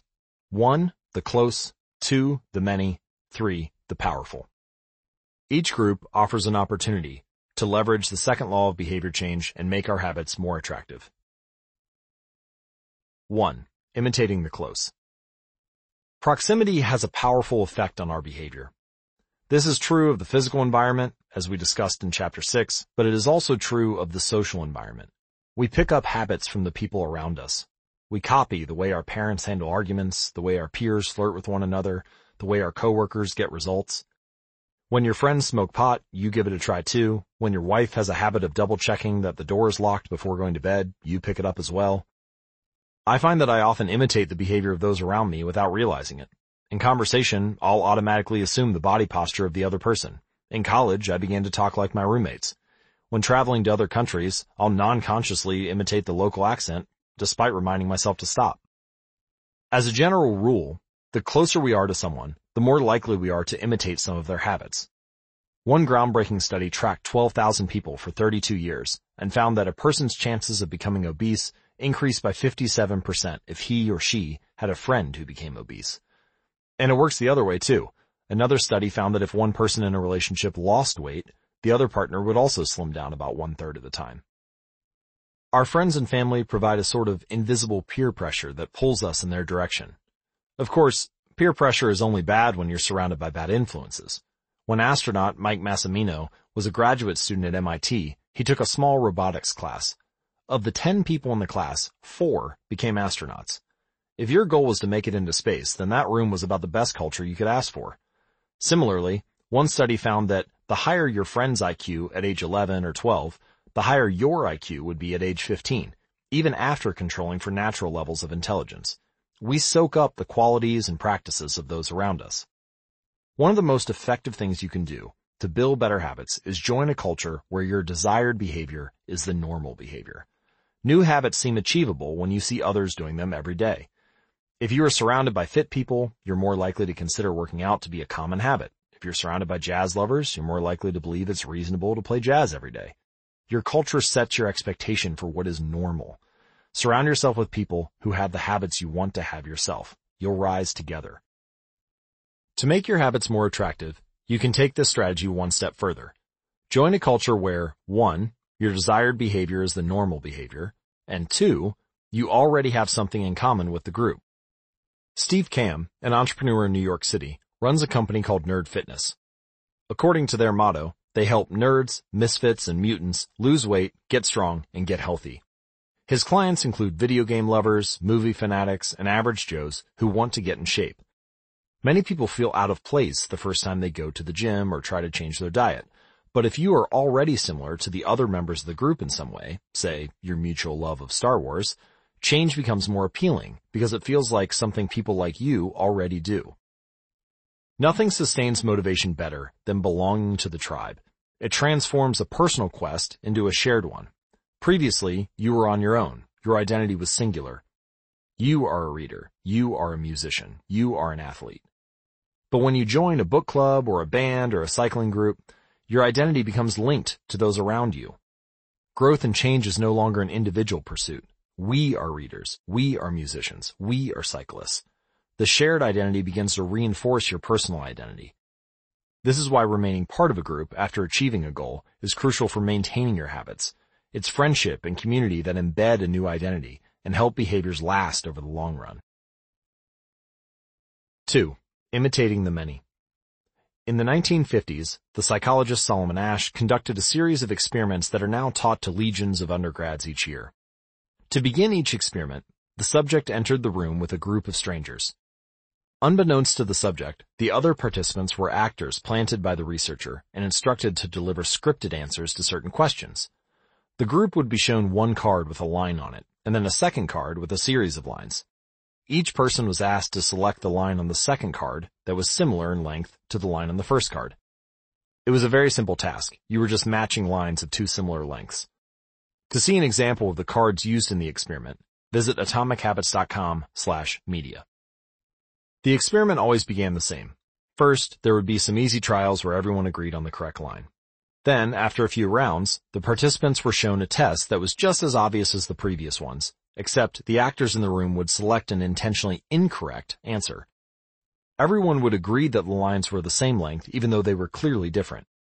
The subject, who was unaware of this ruse, would immediately become bewildered. Their eyes would open wide, they would laugh nervously to themselves, they would double check the reactions of other participants. Their agitation would grow as one person after another delivered the same incorrect response. Soon, the subject began to doubt their own eyes. Eventually, they delivered the answer they knew in their heart to be incorrect. Asch ran this experiment many times and in many different ways. And what he discovered was that as the number of actors increased, so did the conformity of the subject. If it was just the subject and one other actor, then there was no effect on the person's choice. They just assumed they were in the room with a dummy. When there were two actors in the room with the subject, there was still little impact. But as the number of people increased to three, four, and all the way to eight people, the subject became more likely to second guess themselves. By the end of the experiment, nearly 75% of the subjects had agreed with the group answer, even though it was obviously incorrect.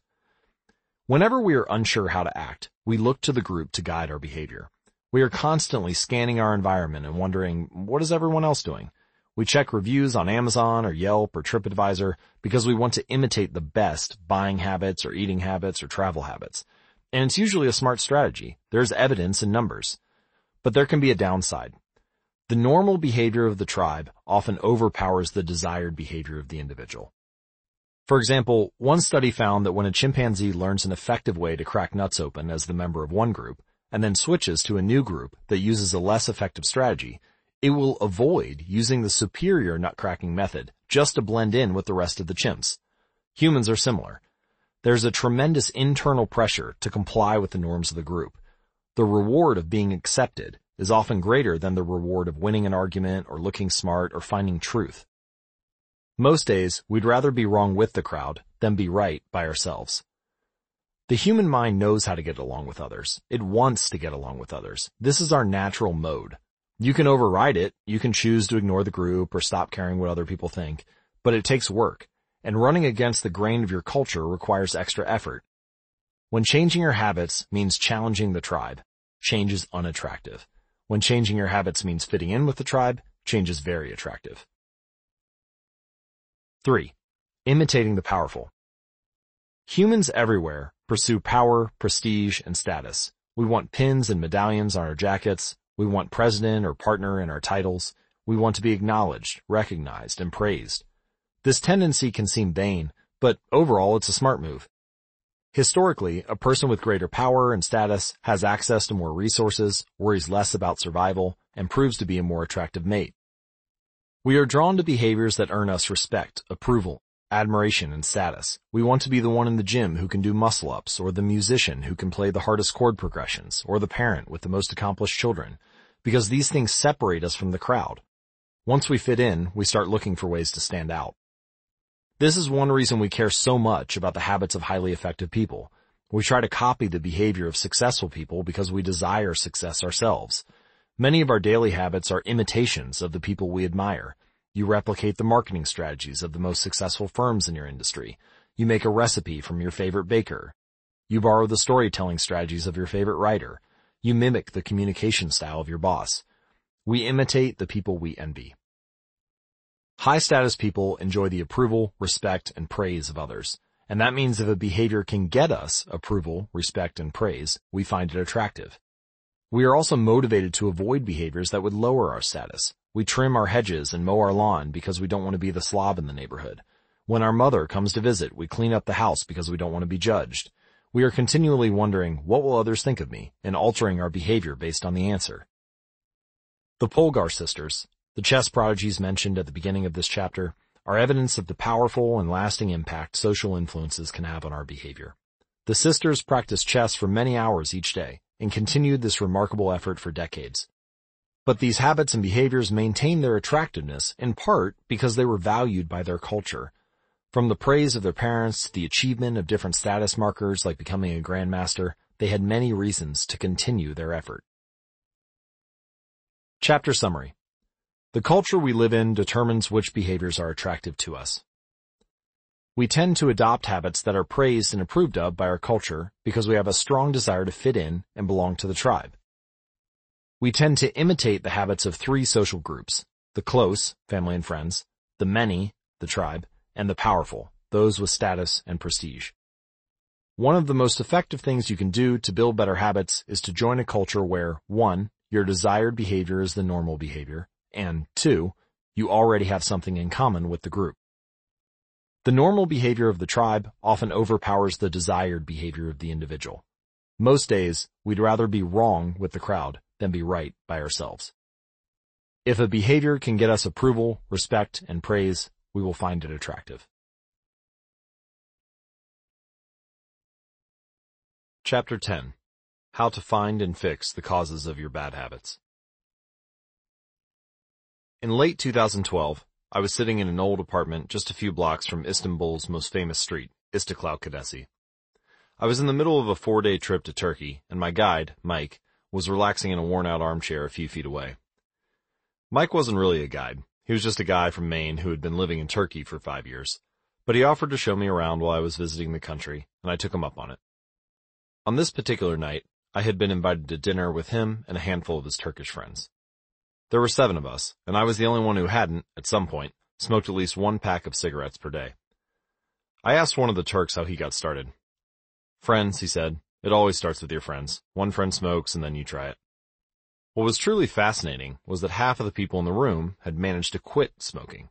Mike had been smoke free for a few years at that point, and he swore up and down that he broke the habit because of a book called Allen Carr's Easy Way to Stop Smoking. It frees you from the mental burden of smoking, he said. It tells you, stop lying to yourself. You know you don't actually want to smoke. You know you don't really enjoy this. It helps you feel like you're not the victim anymore. You start to realize that you don't need to smoke. Now, I had never tried a cigarette, but I took a look at the book afterward out of curiosity. The author employs an interesting strategy to help smokers eliminate their cravings. He systematically reframes each cue associated with smoking and gives it a new meaning. He says things like, you think you're quitting smoking, but you're not quitting anything because cigarettes do nothing for you. Or, you think smoking is something you need to do to be social, but it's not. You can be social without smoking at all. You think smoking is about relieving stress, but it's not. Smoking does not relieve your nerves, it destroys them. Over and over, he repeats these phrases and others like them. Get it clearly into your mind, he says. You are losing nothing and you are making marvelous positive gains not only in health, energy, and money, but also in confidence, self-respect, freedom, and most important of all, in the length and quality of your future life. By the time you get to the end of the book, smoking seems like the most ridiculous thing in the world to do. And if you no longer expect smoking to bring you any benefits, you have no reason to smoke. It is an inversion of the second law of behavior change. Make it unattractive.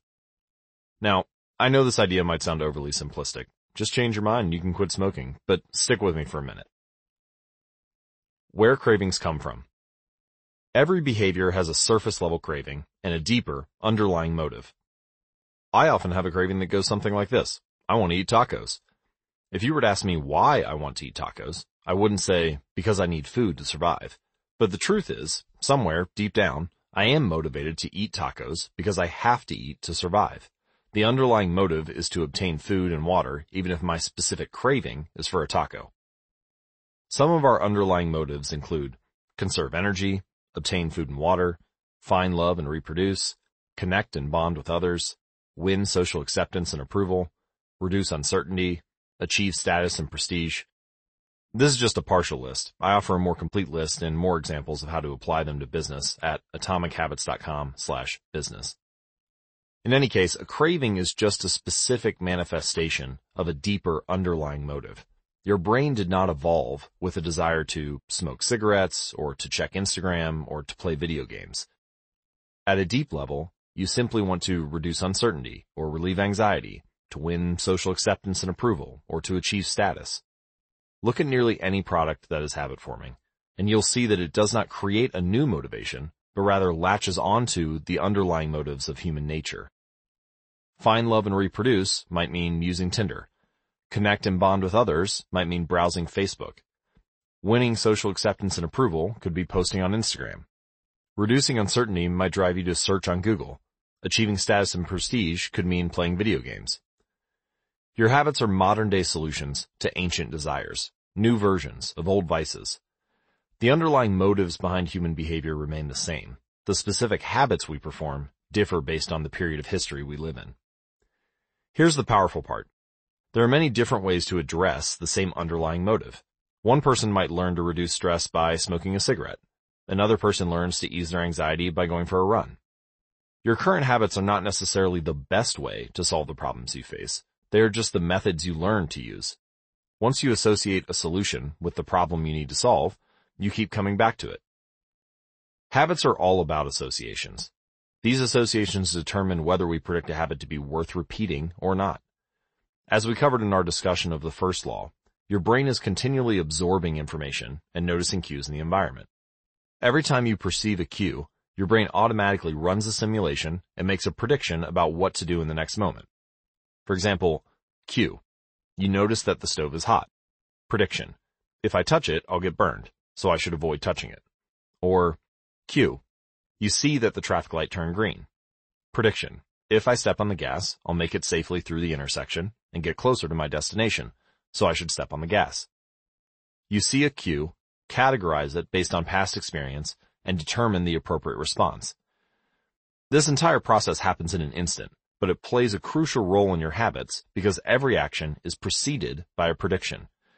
Life feels reactive, but it's actually predictive. All day long, you're making your best guess of how to act given what you've just seen and what has worked for you in the past. You are endlessly predicting what will happen in the next moment. Our behavior is heavily dependent on these predictions. Put another way, our behavior is heavily dependent on how we interpret the events that happen to us, not necessarily the objective reality of the events themselves. Two people can look at the same cigarette, and one feels the urge to smoke while the other is repulsed by the smell. The same cue can spark a good habit or a bad habit depending on your prediction. The cause of your habits is actually the prediction that precedes them. These predictions lead to feelings, which is how we typically describe a craving. A feeling, a desire, an urge, Feelings and emotions transform the cues we perceive and the predictions we make into a signal that we can apply. They help explain what we are currently sensing. For instance, whether or not you realize it, you are noticing how warm or cold you feel right now. If the temperature drops by one degree, you probably won't do anything. If the temperature drops by 10 degrees, however, you'll feel cold and put on another layer of clothing. Feeling cold was the signal that prompted you to act. You have been sensing the cues the entire time, but it is only when you predict that you would be better off in a different state that you take action. A craving is the sense that something is missing. It is the desire to change your internal state. When the temperature falls, there's a gap between what your body is currently sensing and what it wants to be sensing. And this gap between your current state and your desired state provides a reason to act. So desire is the difference between where you are now and where you want to be in the future. Even the tiniest action is tinged with the motivation to feel differently than you do in the moment. When you binge eat or light up or browse social media, what you really want is not a potato chip or a cigarette or a bunch of likes. What you really want is to feel different. Our feelings and emotions tell us whether to hold steady in our current state or to make a change. They help us decide the best course of action. Neurologists have discovered that when emotions and feelings are impaired, we actually lose the ability to make decisions. We have no signal of what to pursue and what to avoid. As the neuroscientist Antonio Damasio explains, it is emotion that allows you to mark things as good, bad, or indifferent. To summarize, the specific cravings you feel and the habits you perform are really an attempt to address your fundamental underlying motives. Whenever a habit successfully addresses a motive, you develop a craving to do it again. In time, you learn to predict that, for example, checking social media will help you feel loved or that watching YouTube will allow you to forget your fears. Habits are attractive when we associate them with positive feelings, and we can use this insight to our advantage rather than to our detriment. How to reprogram your brain to enjoy hard habits. You can make hard habits more attractive if you can learn to associate them with a positive experience. Sometimes all you need is a slight mindset shift. For example, we often talk about everything we have to do on a given day. You have to wake up early for work. You have to make another sales call. You have to cook dinner for your family. Now, imagine changing just one word. You don't have to, you get to. You get to wake up early for work. You get to make another sales call for your business. You get to cook dinner for your family. By simply changing one word, you shift the way you view each event. You transition from seeing these behaviors as burdens and turn them into opportunities. The key point is that both versions of reality are true. You do have to do those things, and you also get to do them. We can find evidence for whatever mindset we choose. I once heard a story about a man who uses a wheelchair. When asked if it was a difficult thing being confined, he responded, I'm not confined to my wheelchair. I'm liberated by it. If it wasn't for my wheelchair, I would be bedbound and never able to leave the house. This shift in perspective completely transformed how he lived each day. Similarly, reframing your habits to highlight their benefits rather than their drawbacks is a fast and lightweight way to reprogram your mind and make a habit seem more attractive. Here are some examples. Exercise. Many people associate exercise with being a challenging task that drains energy and wears you down. But you can just as easily view it as a way to develop skills and build you up. Instead of telling yourself, I need to go for a run this morning, you can say, it's time to build endurance and get fast. Or finance. Saving money is often associated with sacrifice. However, you can associate it with freedom rather than limitation if you realize one simple truth. Living below your current means increases your future means. The money you save this month increases your purchasing power next month. Meditation.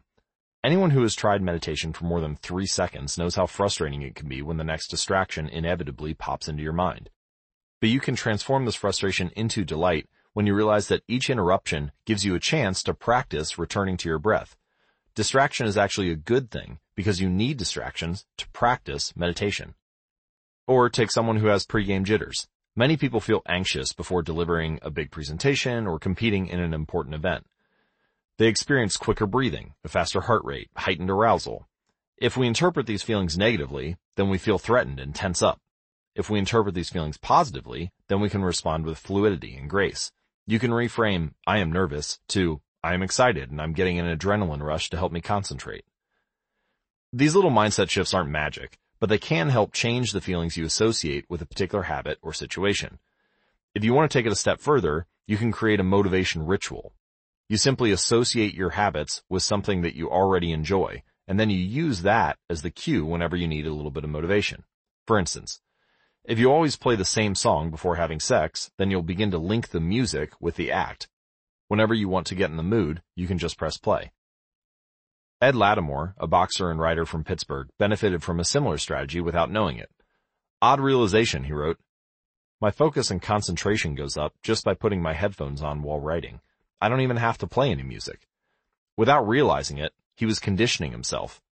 In the beginning, he put his headphones on, played some music he enjoyed, and did focused work.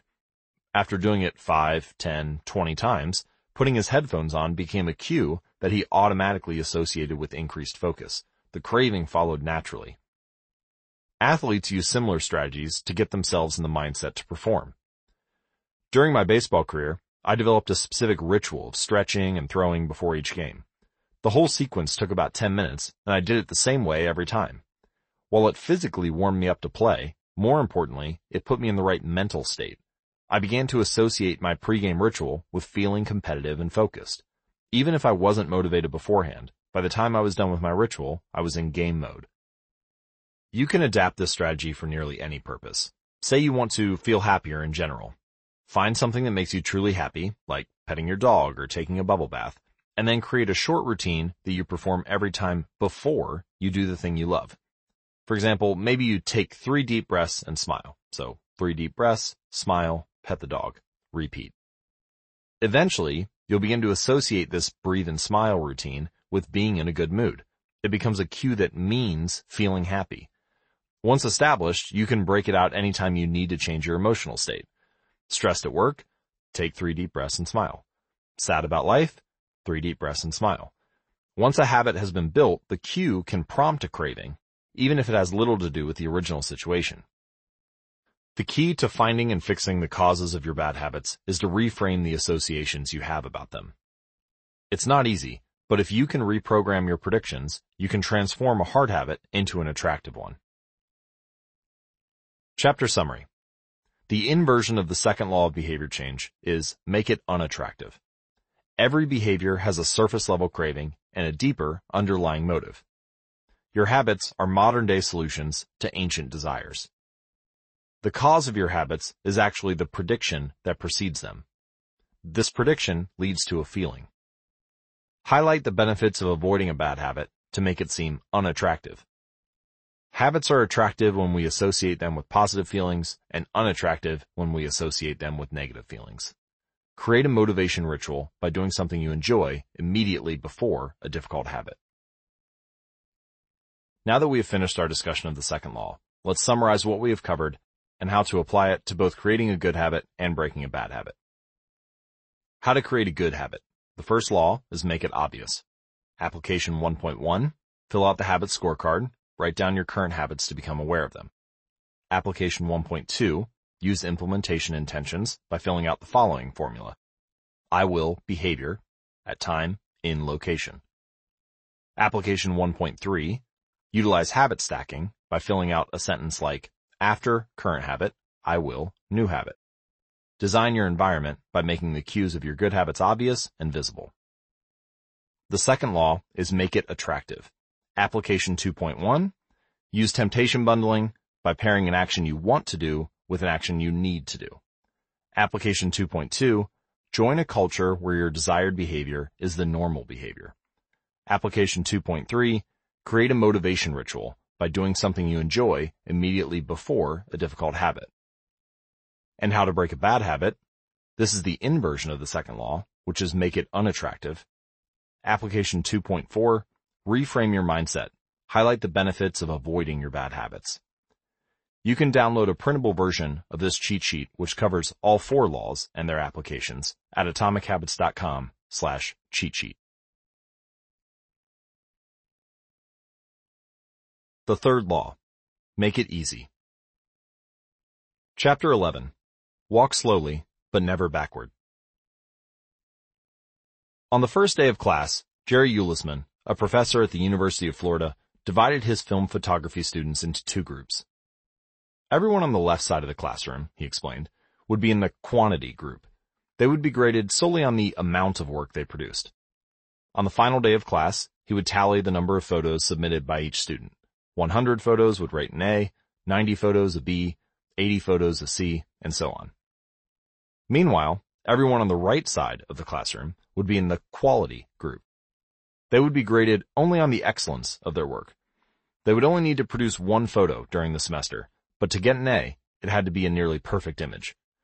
At the end of the term, he was surprised to find that all of the best photos were produced by the quantity group. During the semester, these students were busy taking photos, experimenting with composition and lighting, testing out various methods in the darkroom, and learning from their mistakes. In the process of creating hundreds of photos, they honed their skills. Meanwhile, the quality group sat around speculating about perfection. In the end, they had little to show for their efforts, other than unverified theories and one mediocre photo.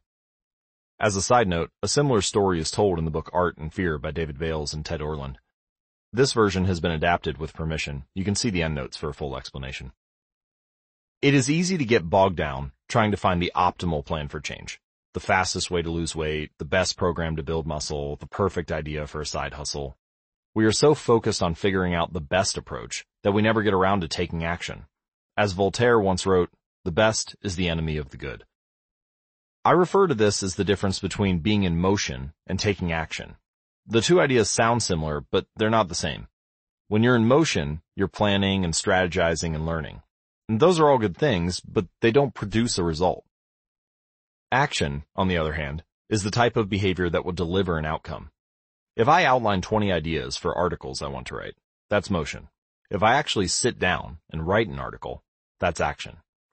If I search for a better diet plan and read a few books on the topic, that's motion. If I actually eat a healthy meal, that's action. Sometimes motion is useful, but it will never produce an outcome by itself. It doesn't matter how many times you go to talk to the personal trainer at the gym. That motion will never get you in shape.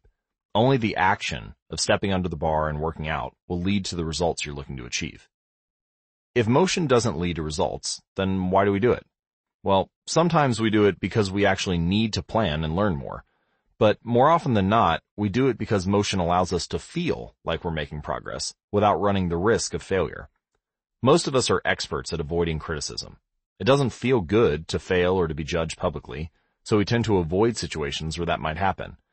And that's the biggest reason why you may slip into motion rather than take action. You want to delay failure. It's easy to be in motion and convince yourself that you're still making progress. You think, I've got conversations going with four potential clients right now. This is good. We're moving in the right direction. Or I brainstormed some ideas for that book I want to write. This is coming together. Motion makes you feel like you're getting things done, but really you're just preparing to get something done. And when preparation becomes a form of procrastination, you need to change something. You don't want to be merely planning. You want to be practicing. If you want to master a habit, the key is to start with repetition, not perfection. You don't need to map out every feature of a new habit. You just need to practice it. This is the first takeaway of the third law of behavior change. You just need to get your reps in. How long does it actually take to form a new habit? Habit formation is the process by which a behavior becomes progressively more automatic through repetition. The more you repeat an activity, the more the structure of your brain changes to become efficient at that activity. Neuroscientists call this long-term potentiation which refers to the strengthening of connections between neurons in the brain based on recent patterns of activity. With each repetition, cell-to-cell signaling improves and the neural connections tighten.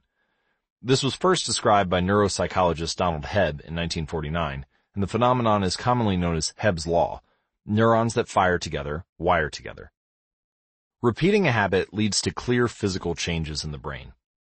In musicians, the cerebellum, a brain region critical for physical movements like plucking a guitar string or pulling a violin bow, is larger than in non-musicians. Mathematicians, meanwhile, have increased gray matter in the inferior parietal lobule, which plays a key role in computation and calculation. Its size is directly correlated with the amount of time spent in the field. The older and more experienced the mathematician, the greater the increase in gray matter. When scientists analyzed the brains of taxi drivers in London, they found that the hippocampus, a region of the brain involved in spatial memory, was significantly larger in their subjects than in non-taxi drivers. Even more fascinating, the hippocampus decreased in size when a driver retired. Like the muscles of the body responding to regular weight training, particular regions of the brain adapt as they are used and atrophy as they are abandoned. Of course, the importance of repetition in establishing habits was recognized long before neuroscientists began poking around. In 1860, the English philosopher George H. Lewes noted, in learning to speak a new language, to play on a musical instrument, or to perform unaccustomed movements, great difficulty is felt, because the channels through which each sensation has to pass have not become established. But no sooner has frequent repetition cut a pathway than this difficulty vanishes. The actions become so automatic that they can be performed while the mind is otherwise engaged. So, both common sense and scientific evidence agree, repetition is actually a form of change. Every time you repeat an action, you are activating a particular neural circuit associated with that habit. And this means simply putting in your reps is one of the most critical steps you can take to encoding a new habit. It is why the students who took tons of photos improved their skills, while those who merely theorized about perfect photos did not. One group engaged in active practice, the other in passive learning. One in action, the other in motion. All habits follow a similar trajectory, from effortful practice to automatic behavior, a process known as automaticity. Automaticity is the ability to perform a behavior without thinking about each step, which occurs when the non-conscious mind takes over. You can see a few graphical representations of what this looks like at atomichabits.com slash media. As a habit is repeated, it gradually becomes more and more automatic, and the shape of these charts, the shape of this curve, is what scientists call learning curves. These learning curves reveal an important truth about behavior change. Habits form based on frequency, not time. One of the most common questions I hear is, how long does it take to build a new habit? But what people really should be asking is, how many does it take to form a new habit? That is, how many repetitions are required to make a habit automatic? There's nothing magical about time passing with regard to habit formation. It doesn't matter if it's been 21 days or 30 days or 300 days. What matters is the rate at which you perform the behavior. You could do something twice in 30 days or 200 times, and it's the frequency that makes the difference. Your current habits have been internalized over the course of hundreds, if not thousands of repetitions. New habits require the same level of frequency. You need to string together enough successful attempts until the behavior is firmly embedded in your mind. In practice, it doesn't really matter how long it takes for a habit to become automatic. What matters is that you take the actions you need to take to make progress. Whether an action is fully automatic is of less importance. The key point is that to build a habit, you need to practice it. And the most effective way to make practice happen is to adhere to the third law of behavior change. Make it easy. The chapters that follow will show you how to do exactly that. Chapter Summary the third law of behavior change is make it easy. The most effective form of learning is practice, not planning. Focus on taking action, not being in motion. Habit formation is the process by which a behavior becomes progressively more automatic through repetition. The amount of time you have spent performing a habit is not as important as the number of times you have performed it. Chapter 12 the Law of Least Effort. In his award-winning book, Guns, Germs, and Steel, anthropologist and biologist Jared Diamond points out a simple fact. Different continents have different shapes. At first glance, this statement seems rather obvious and unimportant, but it turns out to have a profound impact on human behavior. The primary axis of the Americas runs from north to south. That is, the landmass of North and South America tends to be tall and thin rather than wide and fat. The same is generally true for Africa. Meanwhile, the landmass that makes up Europe, Asia, and the Middle East is the opposite. This massive stretch of land tends to be more east-west in shape. According to Diamond, this difference in shape played a significant role in the spread of agriculture over the centuries. When agriculture began to spread around the globe, farmers had an easier time expanding along east-west routes than along north-south ones. This is because locations along the same latitude generally share similar climates, amounts of sunlight and rainfall, and changes in season. These factors allowed farmers in Europe and Asia to domesticate a few crops and grow them along the entire stretch of land from France to China. By comparison, the climate varies greatly when traveling from north to south. Just imagine how different the weather is in Florida compared to Canada. You can be the most talented farmer in the world, but it won't help you grow Florida oranges in the Canadian winter. Snow is a poor substitute for soil. In order to spread crops along north-south routes, farmers would need to find and domesticate new plants whenever the climate changed. As a result, agriculture spread two to three times faster across Asia and Europe than it did up and down the Americas. Over the span of centuries, this small difference had a very big impact. Increased food production allowed for more rapid population growth. With more people, these cultures were able to build stronger armies and were better equipped to develop new technologies. The changes started out small. A crop that spread slightly farther, a population that grew slightly faster, but compounded into substantial differences over time. The spread of agriculture provides an example of the third law of behavior change on a global scale. Conventional wisdom holds that motivation is the key to habit change. Maybe if you really wanted it, you'd actually do it. But the truth is, our real motivation is to be lazy and to do what is convenient. And despite whatever the latest productivity bestseller will tell you, this is a smart strategy, not a dumb one. Energy is precious, and the brain is wired to conserve it whenever possible. It is human nature to follow the law of least effort, which states that when deciding between two similar options, people will naturally gravitate toward the option that requires the least amount of work. This idea is actually a foundational principle in physics, where it is known as the principle of least action. It states that the path followed between any two points will always be the path requiring the least amount of energy. This simple principle underpins the laws of the universe, and from this one idea, you can describe the laws of motion and relativity. In any case, people are wired to do what is convenient. For example, expanding your farm to the east where you can grow the same crops rather than heading north where the climate is different. Out of all the possible actions we could take, the one that is realized is the one that delivers the most value for the least effort. We are motivated to do what is easy. Every action requires a certain amount of energy. The more energy required, the less likely it is to occur. If your goal is to do 100 push-ups per day, well, that's a lot of energy. In the beginning, when you're motivated and excited, you can muster the strength to get started.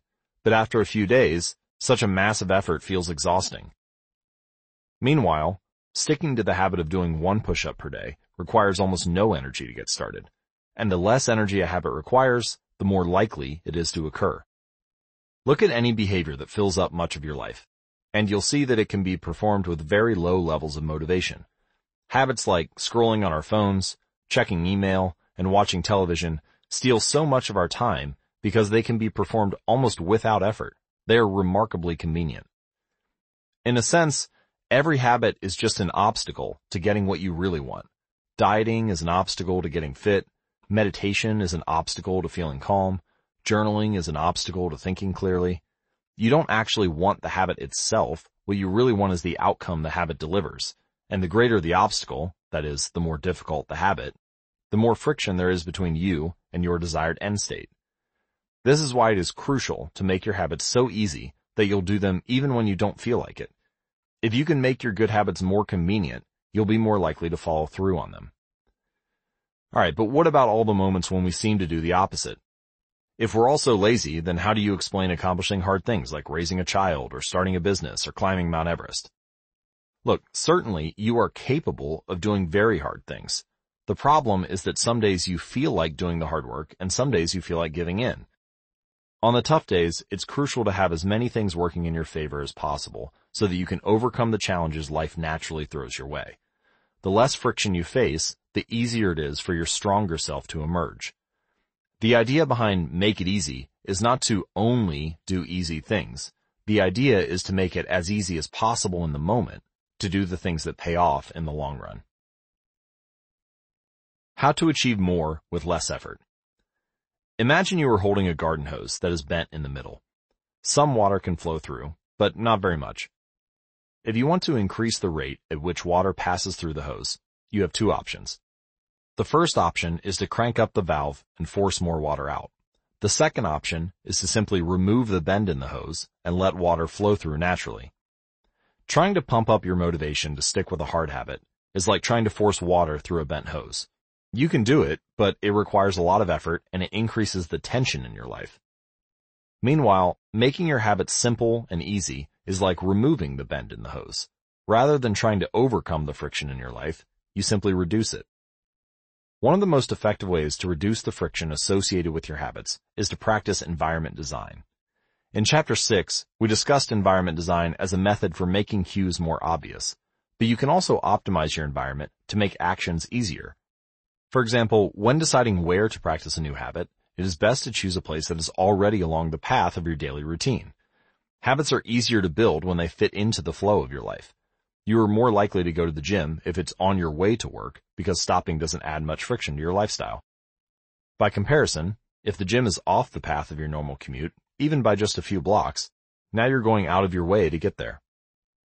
Perhaps even more effective is reducing the friction within your home or office. Too often, we try to start habits in high friction environments. We try to follow a strict diet while we are out to dinner with friends. Or we try to write a book in a chaotic household. We try to concentrate while using a smartphone filled with distractions. It doesn't have to be this way. We can remove the points of friction that hold us back. This is precisely what electronics manufacturers in Japan began to do in the 1970s. In an article published in the New Yorker titled Better All the Time, James Surowiecki writes, Japanese firms emphasized what came to be known as lean production, relentlessly looking to remove waste of all kinds from the production process down to redesigning workspaces so workers didn't have to waste time twisting and turning to reach their tools. The result was that Japanese factories were more efficient and Japanese products were more reliable than American ones. In 1974, service calls for American-made color televisions were five times as common as Japanese televisions. By 1979, it took American workers three times as long to assemble their sets. I like to refer to this strategy as addition by subtraction. The Japanese companies looked for every point of friction in the manufacturing process and eliminated it. As they subtracted wasted effort, they added customers and revenue. Similarly, when we remove the points of friction that sap our time and energy, we can achieve more with less effort. This is one reason tidying up can feel so good. We are simultaneously moving forward and lightening the cognitive load our environment places on us. If you look at the most habit-forming products, you'll notice that one of the things these goods and services do best is remove little points of friction from your life. Meal delivery services reduce the friction of shopping for groceries. Dating apps reduce the friction of making social introductions. Ride-sharing services reduce the friction of getting across town. Text messaging reduces the friction of sending a letter in the mail. Like a Japanese television manufacturer redesigning their workspace to reduce wasted motion, Successful companies design their products to automate, eliminate, or simplify as many steps as possible. They reduce the number of fields on each form. They pare down the number of clicks required to create an account. They deliver their products with easy to understand directions or ask their customers to make fewer choices. When the first voice activated speakers were released, products like Google Home, Amazon Echo, and Apple HomePod, I asked a friend what he liked about the product he had purchased. He said it was just easier to say, play some country music, than to pull out his phone, open the music app, and pick a playlist. Of course, just a few years earlier, having unlimited access to music in your pocket was a remarkably frictionless behavior compared to driving to the store and buying a CD. Business is a never-ending quest to deliver the same result in an easier fashion. Similar strategies have been used effectively by governments. When the British government wanted to increase tax collection rates, they switched from sending citizens to a web page where the tax form could be downloaded to linking directly to the form. Reducing that one step in the process increased the response rate from 19.2% to 23.4%. For a country like the United Kingdom, those percentage points represent millions in tax revenue. The central idea is to create an environment where doing the right thing is as easy as possible. Much of the battle of building better habits comes down to finding ways to reduce the friction associated with our good habits and increase the friction associated with our bad ones. Prime the environment for future use. Oswald Nuckols is an IT developer from Natchez, Mississippi. He is also someone who understands the power of priming his environment. Nuckols dialed in his cleaning habits by following a simple strategy he referred to as resetting the room. For instance, when he finishes watching television, he places the remote back on the TV stand, arranges the pillows on the couch, and folds the blanket. When he leaves his car, he throws any trash away. Whenever he takes a shower, he wipes down the toilet while the shower is warming up. As he notes, the perfect time to clean the toilet is right before you wash yourself in the shower anyway. The purpose of resetting each room is not simply to clean up after the last action, but to prepare for the next action. When I walk into a room, everything is in its right place, Nuckols wrote. Because I do this every day, in every room, stuff always stays in good shape. People think I work hard, but I'm actually really lazy. I'm just proactively lazy. It gives you so much time back. Whenever you organize a space for its intended purpose, you are priming it to make the next action easy. For instance, my wife keeps a box of greeting cards that are pre-sorted by occasion, birthday, sympathy, wedding, graduation, and more. Whenever necessary, she grabs the appropriate card and sends it off. She is incredibly good at remembering to send cards because she has reduced the friction of doing so. For years, I was the opposite. Someone would have a baby and I would think, I should send a card. But then weeks would pass and by the time I remembered to pick one up at the store, it was too late. The habit wasn't easy. There are many ways to prime your environment so it's ready for immediate use. If you want to cook a healthy breakfast, place the skillet on the stove, set out the cooking spray on the counter, and lay out any plates and utensils you need the night before. When you wake up, making breakfast will be easy. Want to draw more? Put your pencils, pens, notebooks, and drawing tools on top of your desk, within easy reach. Want to exercise? Set out your workout clothes, shoes, gym bag, and water bottle ahead of time. Want to improve your diet? Chop up a ton of fruits and vegetables on weekends and pack them in containers, so you have easy access to healthy, ready-to-eat options during the week. These are simple ways to make the good habit the path of least resistance, you can also invert this principle and prime the environment to make bad behaviors difficult. If you find yourself watching too much television, for example, then unplug it after each use. Only plug it back in if you can say out loud the name of the show you want to watch. This setup creates just enough friction to prevent mindless viewing. And if that doesn't do it, you can take it a step further. Unplug the television and take the batteries out of the remote after each use, so it takes an extra 10 seconds to turn it back on. And if you're really hardcore, you could move the television out of the living room and into a closet after each use. You can be sure you'll only take it out when you really want to watch something. The greater the friction, the less likely the habit. Whenever possible, I leave my phone in a different room until lunch. When it's right next to me, I'll check it all morning for no reason at all. But when it's in another room, I rarely think about it. And the friction is high enough that I won't go get it without a reason. As a result, I get three to four hours each morning when I can work without interruption. If sticking your phone in another room doesn't seem like enough, tell a friend or a family member to hide it from you for a few hours. Ask a coworker to keep it at their desk for the morning and give it back to you at lunch. It is remarkable how little friction is required to prevent unwanted behavior. When I hide beer in the back of the fridge where I can't see it, I drink less. When I delete social media apps from my phone, it can be weeks before I download them again and log in. These tricks are unlikely to curb a true addiction, but for many of us, a little bit of friction can be the difference between sticking with a good habit or sliding into a bad one.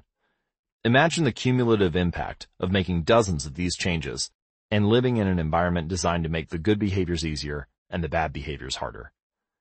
Whether we are approaching behavior change as an individual, a parent, a coach, or a leader, we should ask ourselves the same question. How can we design a world where it is easy to do what is right? Redesign your life so the actions that matter most are also the actions that are easiest to do. Chapter Summary Human behavior follows the law of least effort. We will naturally gravitate toward the option that requires the least amount of work. Create an environment where doing the right thing is as easy as possible.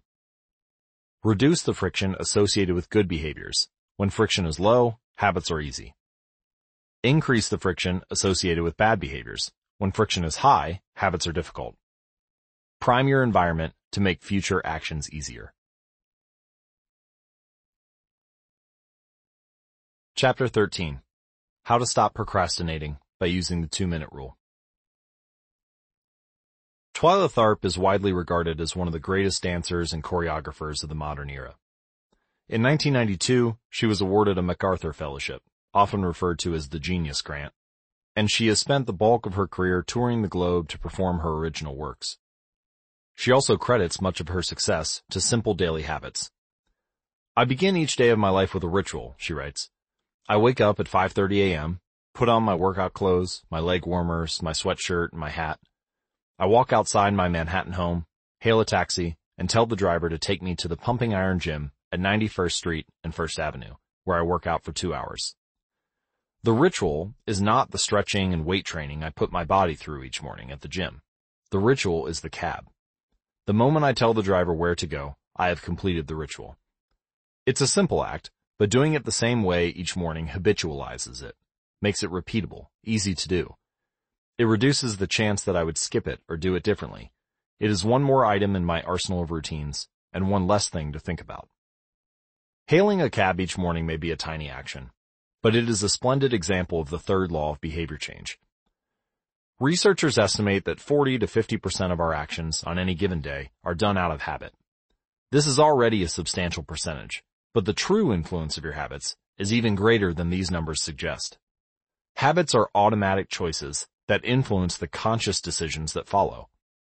Yes, a habit can be completed in just a few seconds, but it can also shape the actions you take for minutes or even hours afterward. Habits are like the entrance ramp to a highway. They lead you down a path, and before you know it, you're speeding toward the next behavior. It seems to be easier to continue what you are already doing than to start doing something different. You sit through a bad movie for two hours. You keep snacking even when you're already full. You check your phone for just a second, and soon you've spent 20 minutes staring at the screen. In this way, the habits you follow without thinking often determine the choices you make when you are thinking. Each evening, there is a tiny moment usually around 5.15 p.m., that shapes the rest of my night. My wife walks in the door from work, and either we change into our workout clothes and head to the gym, or we crash onto the couch, order Indian food, and watch The Office. Now, to be fair, this still sounds like an amazing night, but similar to Twyla Tharp hailing the cab, the ritual is changing into my workout clothes. If I change my clothes, I know the workout will happen. Everything that follows, driving to the gym, deciding which exercises to do, stepping under the bar, is easy once I've taken the first step. Every day there are a handful of moments that deliver an outsized impact. I refer to these little choices as decisive moments. The moment you decide between ordering takeout or cooking dinner. The moment you choose between driving your car or riding your bike.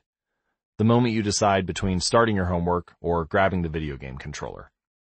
These choices are a fork in the road. The difference between a good day and a bad day is often a few productive and healthy choices made at decisive moments. Decisive moments set the options available to your future self. For instance, walking into a restaurant is a decisive moment because it determines what you'll be eating for lunch. Technically, you are in control of what you order, but in a larger sense, you can only order an item if it's on the menu. If you walk into a steakhouse, you can get a sirloin or a ribeye, but not sushi.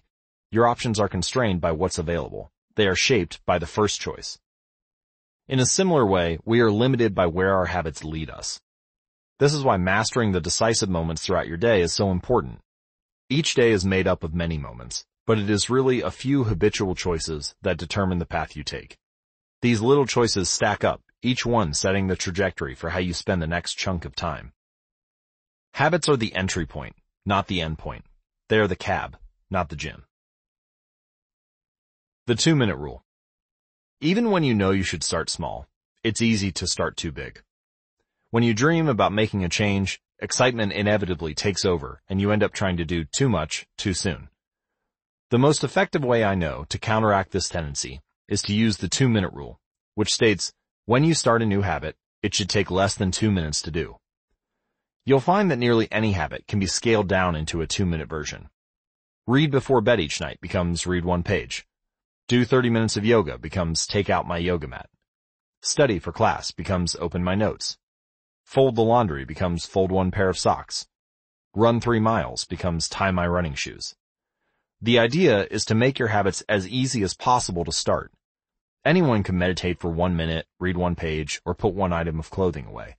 And as we have just discussed, this is a powerful strategy because once you have started doing the right thing, it is much easier to continue doing it. A new habit should not feel like a challenge. The actions that follow can be challenging, but the first two minutes should be easy.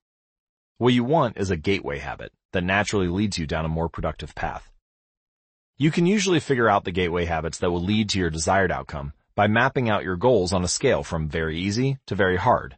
For instance, running a marathon is very hard. Running a 5K is hard. Walking 10,000 steps is moderately difficult. Walking 10 minutes is easy and putting on your running shoes is very easy. So your goal might be to run a marathon, but your gateway habit is to put on your running shoes. That's how you follow the two minute rule. People often think it's weird to get hyped about reading one page or meditating for one minute or making one sales call, but the point is not to do one thing. The point is to master the habit of showing up. The truth is, a habit must be established before it can be improved. If you can't learn the basic skill of showing up, then you have little hope of mastering the finer details. Instead of trying to engineer a perfect habit from the start, do the easy thing on a more consistent basis. You have to standardize before you can optimize.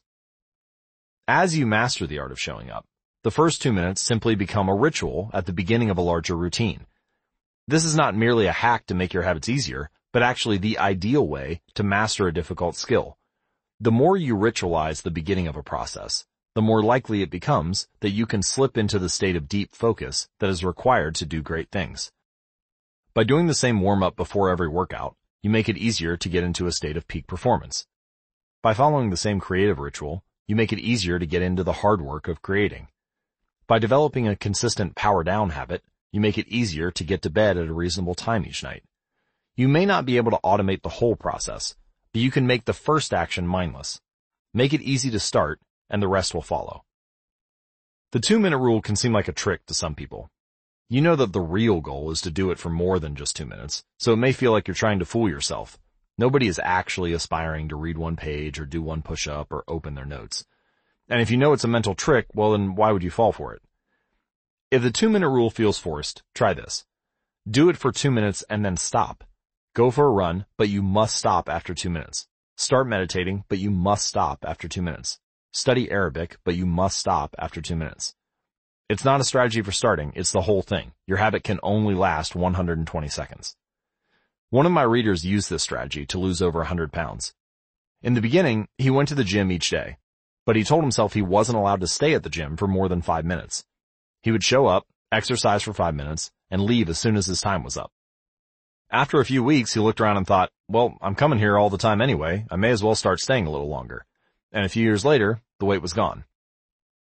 Journaling provides another example. Nearly everyone can benefit from getting their thoughts out of their head and onto paper, but most people give up after a few days, or avoid it entirely, because journaling feels like a chore. The secret is to always stay below the point where it feels like work.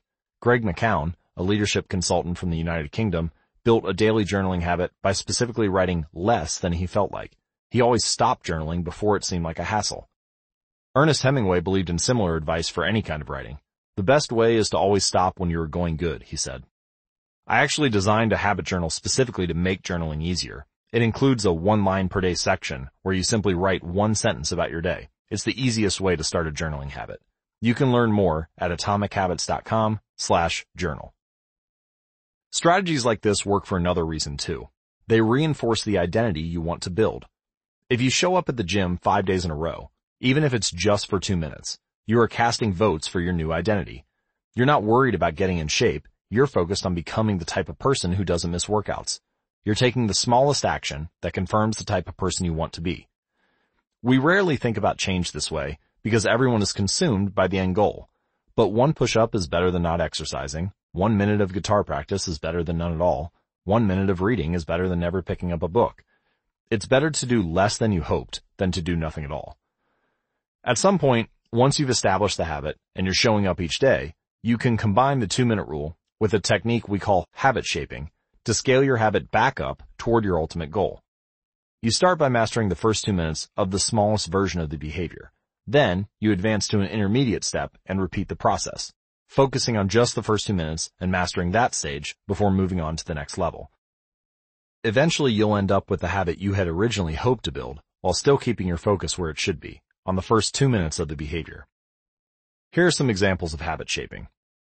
If you want to become an early riser, phase one might be be home at 10 p.m. every night. Phase two, have all devices, television, phone, and so on, turned off by 10 p.m. every night. Phase three, be in bed by 10 p.m. every night. Phase four, lights off by 10 p.m. every night. Phase five, wake up at 6 a.m. every day. At each of the five stages, you focus on mastering the first two minutes of the habit. Or imagine that you want to start an exercise habit. Phase one might be changing into your workout clothes. Phase two could be step out the door. Phase three could be driving to the gym and exercising for five minutes. Phase four, exercise for 15 minutes at least once a week. And finally, phase five, exercise three times a week. Nearly any larger life goal can be transformed into a two-minute behavior. For example, I want to live a healthy and long life becomes I need to stay in shape, which translates to I need to exercise, which breaks down to I need to change into my workout clothes.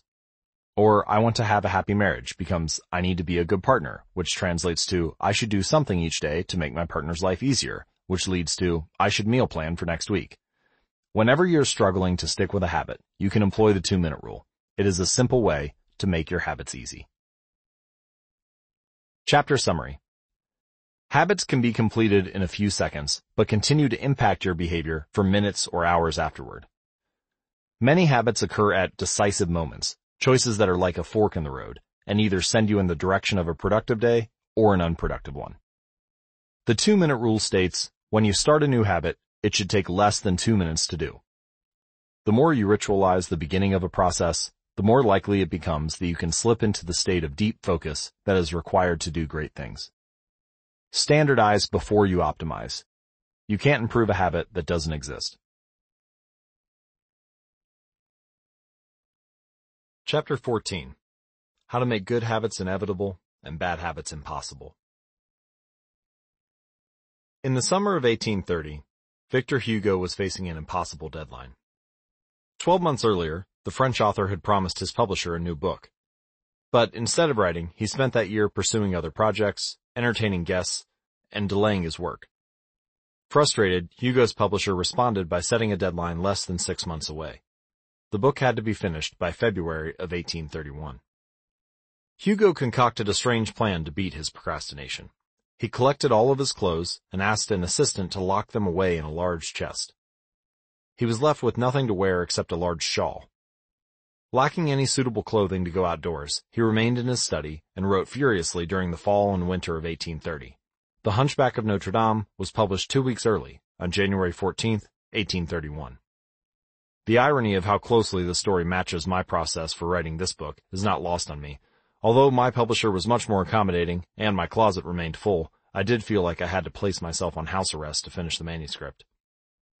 Sometimes success is less about making good habits easy and more about making bad habits hard. This is an inversion of the third law of behavior change. Make it difficult. If you find yourself continually struggling to follow through on your plans, then you can take a page from Victor Hugo and make your bad habits more difficult by creating what psychologists call a commitment device. A commitment device is a choice you make in the present that controls your actions in the future. It is a way to lock in future behavior, bind you to good habits, and restrict you from bad ones. When Victor Hugo shut his clothes away so he could focus on writing, he was creating a commitment device. This is also referred to as a Ulysses Pact or a Ulysses Contract, named after Ulysses, the hero of the Odyssey, who told his sailors to tie him to the mast of the ship so he could hear the enchanting songs of the sirens, but wouldn't be able to steer the ship toward them and crash on the rocks. Ulysses realized the benefits of locking in your future actions while your mind is in the right place, rather than waiting to see where your desires will take you in the moment. There are many ways to create a commitment device. You can reduce overeating by purchasing food in individual packages rather than in bulk size. You can voluntarily ask to be added to the banned list at casinos and online poker sites to prevent future gambling sprees. I've even heard of athletes who have to make weight for a competition, choosing to leave their wallets at home during the week before weigh-in so they won't be tempted to buy fast food. As another example, my friend and fellow habits expert Nir Eyal purchased an outlet timer, which is an adapter that he plugged in between his internet router and the power outlet. At 10 p.m. each night, the outlet timer cuts off the power to the router, and when the internet goes off, everyone knows it's time to go to bed. Commitment devices are useful because they enable you to take advantage of your good intentions before you can fall victim to temptation. Whenever I'm looking to cut calories, for example, I will ask the waiter to split my meal and box it in half before the meal is served. If I waited until the meal came out and told myself, I'll just eat half, it would never work. The key is to change the task such that it requires more work to get out of the good habit than to get started on it. If you're feeling motivated to get in shape, schedule a yoga session and pay ahead of time. If you're excited about the business you want to start, email an entrepreneur you respect and set up a consulting call. When the time comes to act, the only way to bail is to cancel the meeting, which requires effort and may cost money. Commitment devices increase the odds that you'll do the right thing in the future by making bad habits difficult in the present. However, we can do even better. we can make good habits inevitable and bad habits impossible. How to automate a habit and never think about it again. John Henry Patterson was born in Dayton, Ohio in 1844. He spent his childhood doing chores on the family farm and working shifts at his father's sawmill. After attending college at Dartmouth, Patterson returned to Ohio and opened a small supply store for coal miners. It seemed like a good opportunity. The store faced little competition and enjoyed a steady stream of customers, but it still struggled to make money. That was when Patterson discovered his employees were stealing from him. In the mid-1800s, employee theft was a common problem. Receipts were kept in an open drawer and could easily be altered or discarded. There were no video cameras to review behavior and no software to track transactions. Unless you were willing to hover over your employees every minute of the day, or to manage all transactions yourself, it was difficult to prevent theft. As Patterson mulled over his predicament, he came across an advertisement for a new invention called Ritty's Incorruptible Cashier. Designed by fellow Dayton resident James Ritty, it was the first cash register. The machine automatically locked the cash and receipts inside after each transaction. Patterson bought two for $50 each. Employee theft at his store vanished overnight. In the next six months, Patterson's business went from losing money to making $5,000 in profit, the equivalent of more than $100,000 today. Patterson was so impressed with the machine that he changed businesses he bought the rights to Ritty's invention and opened the National Cash Register Company. Ten years later, National Cash Register had over 1,000 employees and was on its way to becoming one of the most successful businesses of its time. The best way to break a bad habit is to make it impractical to do. Increase the friction until you don't even have the option to act. The brilliance of the cash register was that it automated ethical behavior by making stealing practically impossible. Rather than trying to change the motivations of the employees, it made the preferred behavior automatic.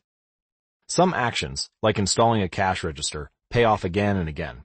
These one-time choices require a little bit of effort up front, but create increasing value over time.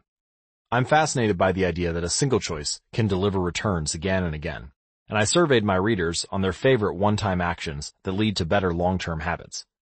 Here are a few examples. One-time actions that lock in good habits. Nutrition.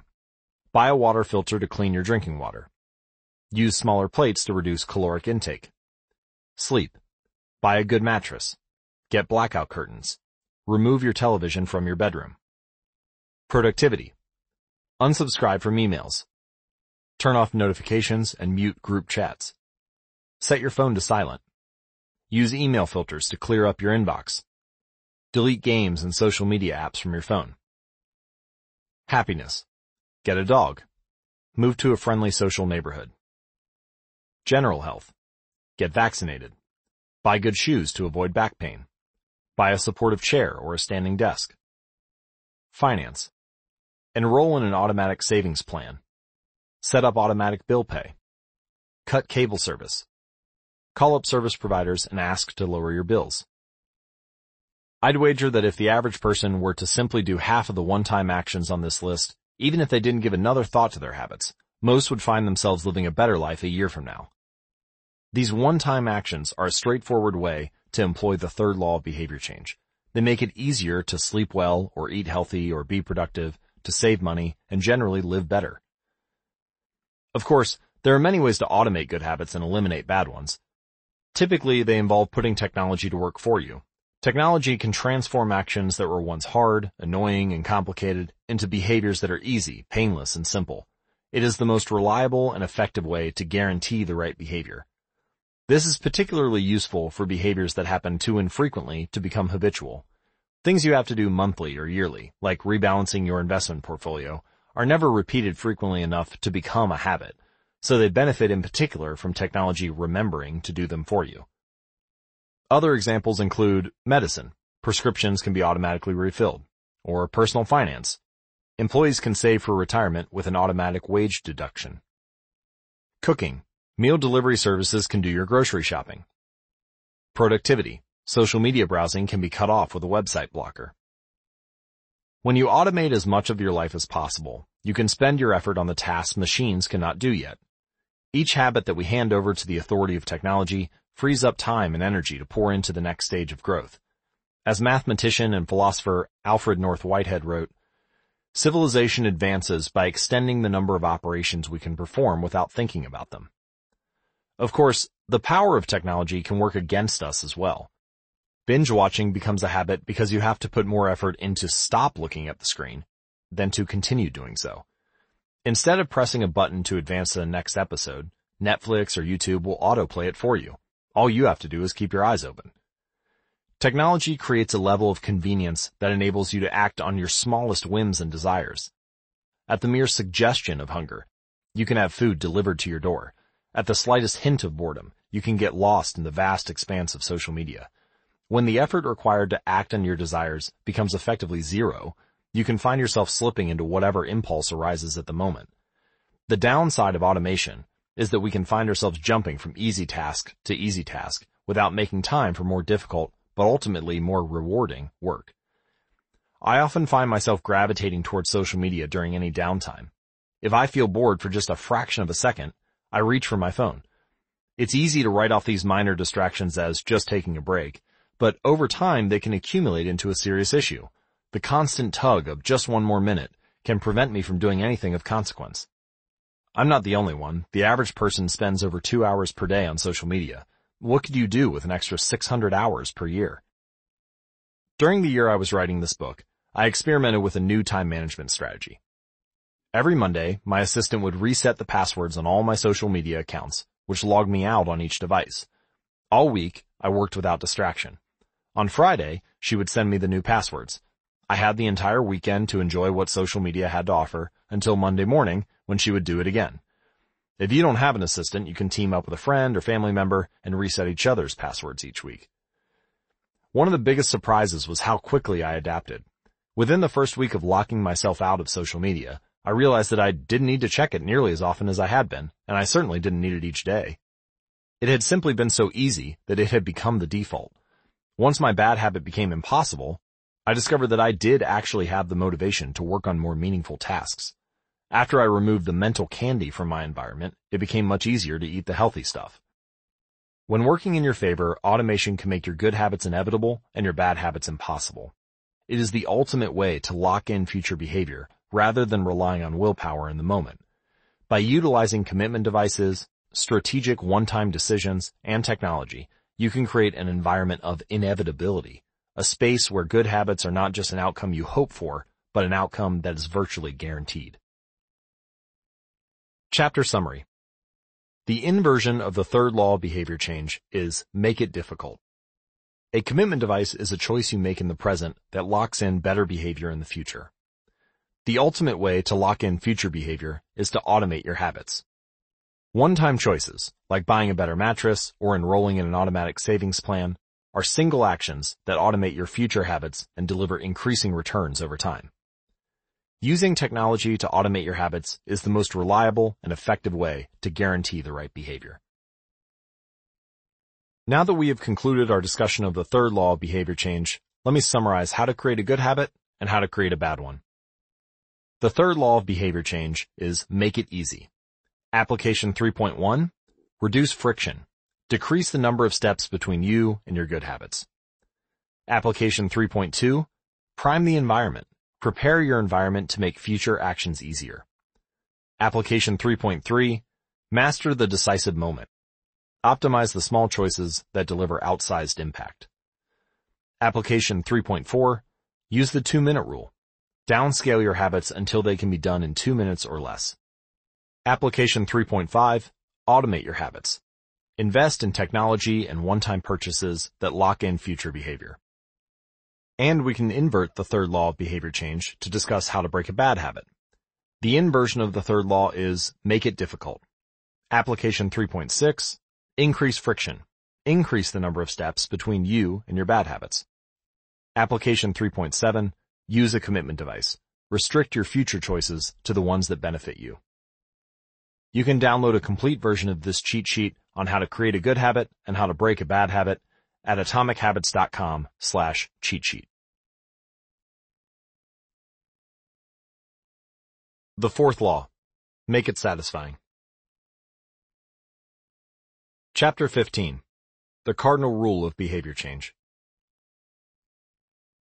In the late 1990s, a public health worker named Stephen Luby left his hometown of Omaha, Nebraska and bought a one-way ticket to Karachi, Pakistan. Karachi was one of the most populous cities in the world. By 1998, over 9 million people called it home. It was the economic center of Pakistan and a transportation hub, with some of the most active airports and seaports in the region. In the commercial parts of town, you could find all of the standard urban amenities and bustling downtown streets. But Karachi was also one of the least livable cities in the world. Over 60% of Karachi's residents lived in squatter settlements and slums. These densely packed neighborhoods were filled with makeshift houses, cobbled together with old boards, cinder blocks, and other discarded materials. There was no waste removal system, no electricity grid, no clean water supply. When dry, the streets were a combination of dust and trash. When wet, they became a muddy pit of sewage. Mosquito colonies thrived in pools of stagnant water, and children played among the garbage. The unsanitary conditions led to widespread illness and disease. Contaminated water sources caused epidemics of diarrhea, vomiting, and abdominal pain. Nearly one-third of the children living there were malnourished. With so many people crammed into such a small space, viruses and bacterial infections spread rapidly. It was this public health crisis that had brought Stephen Luby to Pakistan. Luby and his team realized that in an environment with poor sanitation, the simple habit of washing your hands could make a real difference in the health of the residents. But they soon discovered that many people were already aware that hand washing was important. And yet, despite this knowledge, many residents were washing their hands in a haphazard fashion. Some people would just run their hands under the water quickly, others would only wash one hand, many would simply forget to wash their hands before preparing food.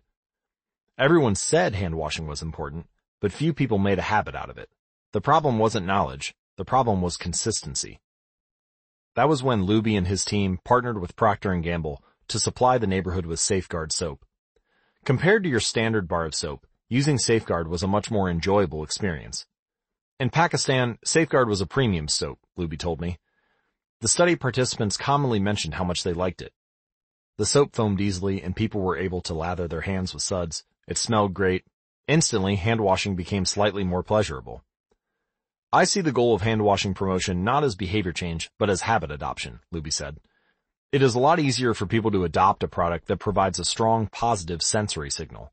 For example, the mint of toothpaste, than it is to adopt a habit that does not provide pleasurable sensory feedback, like flossing one's teeth. The marketing team at Procter & Gamble talked about trying to create a positive hand washing experience. Within months, the researchers saw a rapid shift in the health of children in the neighborhood. The rate of diarrhea fell by 52%, pneumonia by 48%, and impetigo, a bacterial skin infection, by 35%. The long-term effects were even better. We went back to some of the households in Karachi six years after, Luby told me. Over 95% of households who had been given the soap for free and encouraged to wash their hands had a hand washing station with soap and water available when our study team visited. We had not given any soap to the intervention group for over five years, but during the trial, they had become so habituated to wash their hands that they had maintained the practice. It was a powerful example of the fourth and final law of behavior change. Make it satisfying. We are more likely to repeat a behavior when the experience is satisfying. This is entirely logical. Feelings of pleasure, even minor ones like washing your hands with soap that smells nice and lathers well, are signals that tell the brain this feels good. Do this again next time. Pleasure teaches your brain that a behavior is worth remembering and repeating. Take the story of chewing gum. Chewing gum had been sold commercially throughout the 1800s, but it wasn't until Wrigley launched in 1891 that it became a worldwide habit. Early versions were made from relatively bland resins, chewy but not tasty. Wrigley revolutionized the industry by adding flavors like spearmint and juicy fruit, which made the product flavorful and fun to use. Then they went a step further and began pushing chewing gum as a pathway to a clean mouth. Advertisements told readers to, quote, refresh your taste. Tasty flavors and the feeling of a fresh mouth provided little bits of immediate reinforcement and made the product satisfying to use. Consumption skyrocketed and Wrigley became the largest chewing gum company in the world. Toothpaste had a similar trajectory. Manufacturers enjoyed great success when they added flavors like spearmint, peppermint, and cinnamon to their products. These flavors don't improve the effectiveness of toothpaste. They simply create a clean mouth feel and make the experience of brushing your teeth more pleasurable. My wife actually stopped using Sensodyne because she didn't like the aftertaste. She switched to a brand with a stronger mint flavor, which proved to be more satisfying. Conversely, if an experience is not satisfying, we have little reason to repeat it. In my research, I came across the story of a woman who had a narcissistic relative that drove her nuts. In an attempt to spend less time with this egomaniac, she acted as dull and as boring as possible whenever he was around. Within a few encounters, he started avoiding her because he found her so uninteresting. Stories like these are evidence of the cardinal rule of behavior change. What is rewarded is repeated. What is punished is avoided. You learn what to do in the future based on what you were rewarded for doing or punished for doing in the past. Positive emotions cultivate habits, negative emotions destroy them. The first three laws of behavior change, make it obvious, make it attractive, and make it easy, increase the odds that a behavior will be performed this time. The fourth law of behavior change, make it satisfying, increases the odds that a behavior will be repeated next time. It completes the habit loop. However, there is a trick. We are not looking just for any type of satisfaction. We are looking for immediate satisfaction. The mismatch between immediate and delayed rewards. Imagine you're an animal roaming the plains of Africa, a giraffe or an elephant or a lion. On any given day, most of your decisions have an immediate impact. You are always thinking about what to eat or where to sleep or how to avoid a predator. You are constantly focused on the present or the very near future. You live in what scientists call an immediate return environment because your actions instantly deliver clear and immediate outcomes. Now, switch back to your human self. In modern society, many of the choices you make today will not benefit you immediately. If you do a good job at work, you'll get a paycheck in a few weeks. If you exercise today, perhaps you won't be overweight next year. If you save money now, maybe you'll have enough for retirement decades from now. You live in what scientists call a delayed return environment because you can work for years before your actions deliver the intended payoff. The human brain did not evolve for life in a delayed return environment. The earliest remains of modern humans, known as Homo sapiens sapiens, are approximately 200,000 years old. These were the first humans to have a brain relatively similar to ours. In particular, the neocortex, the newest part of the brain and the region responsible for higher functions like language, was roughly the same size 200,000 years ago as today. You are walking around with the same hardware as your Paleolithic ancestors. It is only recently, during the last 500 years or so, that society has shifted to a predominantly delayed return environment. Compared to the age of the brain, modern society is brand new, in the last 100 years, we have seen the rise of the car, the airplane, the television, the personal computer, the internet, the smartphone, and Beyonce. The world has changed much in recent years, but human nature has changed little. Similar to other animals on the African savanna, our ancestors spent their days responding to grave threats, securing the next meal, and taking shelter from a storm. It made sense to place a high value on instant gratification. The distant future was less of a concern and after thousands of generations in an immediate return environment, our brains evolved to prefer quick payoffs to long-term ones. Behavioral economists refer to this tendency as time inconsistency. That is, the way your brain evaluates rewards is inconsistent across time. You value the present more than the future.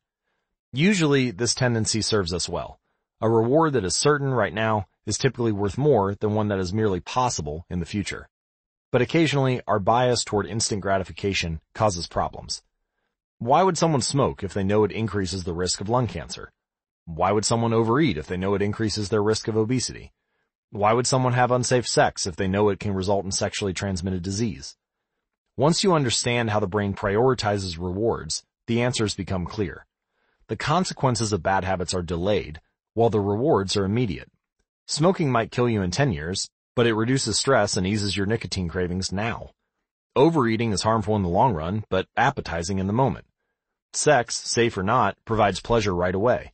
Disease and infection won't show up for days or weeks, even years. Every habit produces multiple outcomes across time.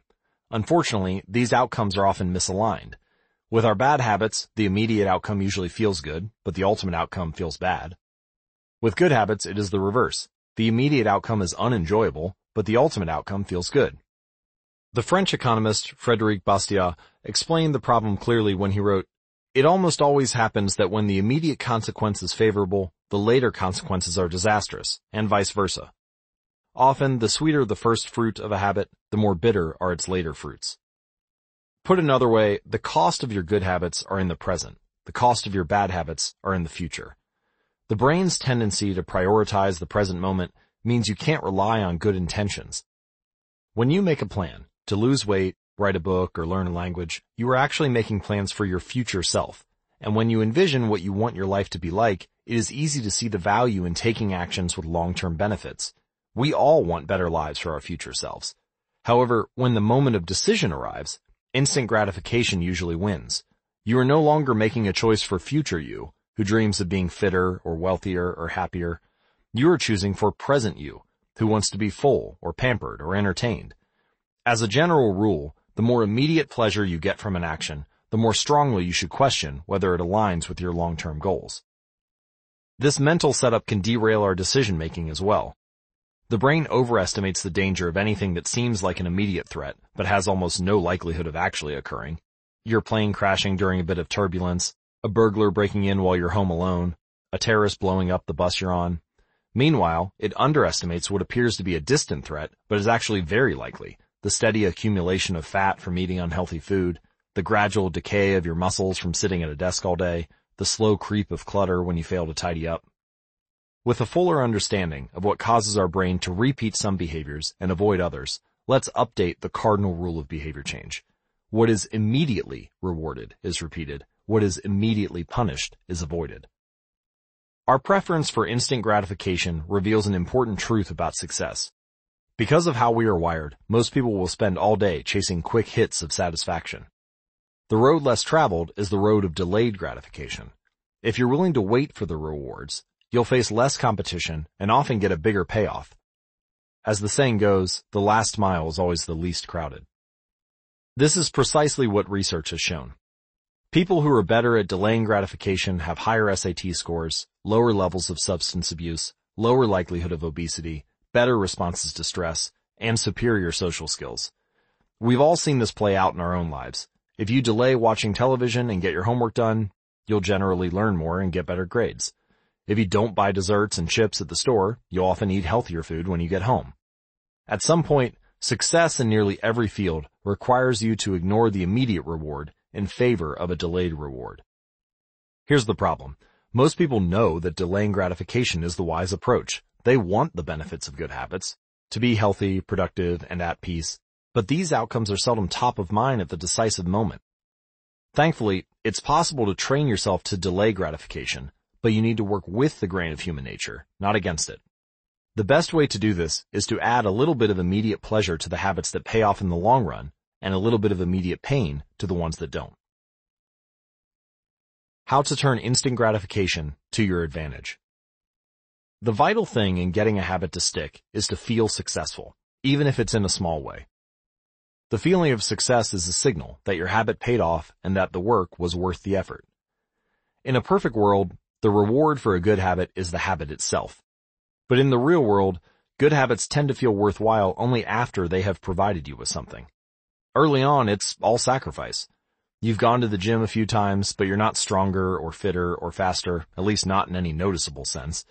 It's only months later, once you shed a few pounds or your arms gain some definition, that it becomes easier to exercise for its own sake. In the beginning, you need a reason to stay on track. This is why immediate rewards are essential. They keep you excited while the delayed rewards accumulate in the background. What we're really talking about here, when we're discussing immediate rewards, is the ending of a behavior.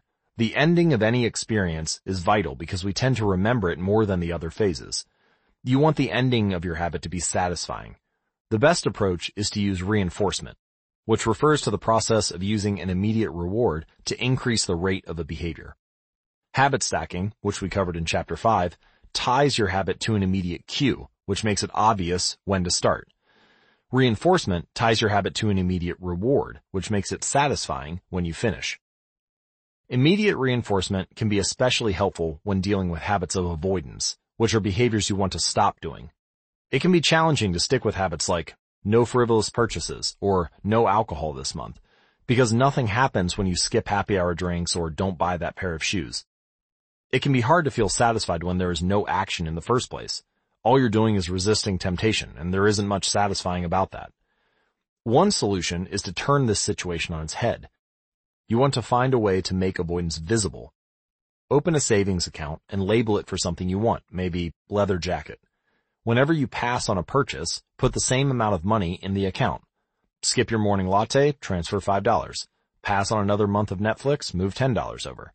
It's like creating a loyalty program for yourself. The immediate reward of seeing yourself save money toward the leather jacket feels a lot better than just being deprived. You are making it satisfying to do nothing. One of my readers and his wife used a similar setup. They wanted to stop eating out so much and start cooking more together. They labeled their savings account Trip to Europe. Whenever they skipped going out to eat, they transferred $50 into the account. At the end of the year, they put the money toward the vacation. It is worth noting that it is important to select short-term rewards that reinforce your identity rather than ones that conflict with it. Buying a new jacket is fine if you're trying to lose weight or read more books, but it doesn't work if you're trying to budget and save money. Instead, taking a bubble bath or going on a leisurely walk are good examples of rewarding yourself with free time, which aligns with your ultimate goal of more freedom and financial independence. Similarly, if your reward for exercising is eating a bowl of ice cream, then you're casting votes for conflicting identities, and it ends up being a wash. Instead, maybe your reward is a massage, which is both a luxury and a vote toward taking care of your body. Now the short-term reward is aligned with your long-term vision of being a healthy person. Eventually, as intrinsic rewards like a better mood, more energy, and reduced stress kick in, you'll become less concerned with chasing the secondary reward. The identity itself becomes the reinforcer. You do it because it's who you are and it feels good to be you. The more a habit becomes part of your life, the less you need outside encouragement to follow through. Incentives can start a habit. Identity sustains a habit. That said, it takes time for the evidence to accumulate and a new identity to emerge. Immediate reinforcement helps maintain motivation in the short term while you're waiting for the long-term rewards to arrive. In summary, a habit needs to be enjoyable for it to last. Simple bits of reinforcement, like soap that smells great, or toothpaste that has a refreshing mint flavor, or seeing $50 hit your savings account, can offer the immediate pleasure you need to enjoy a habit.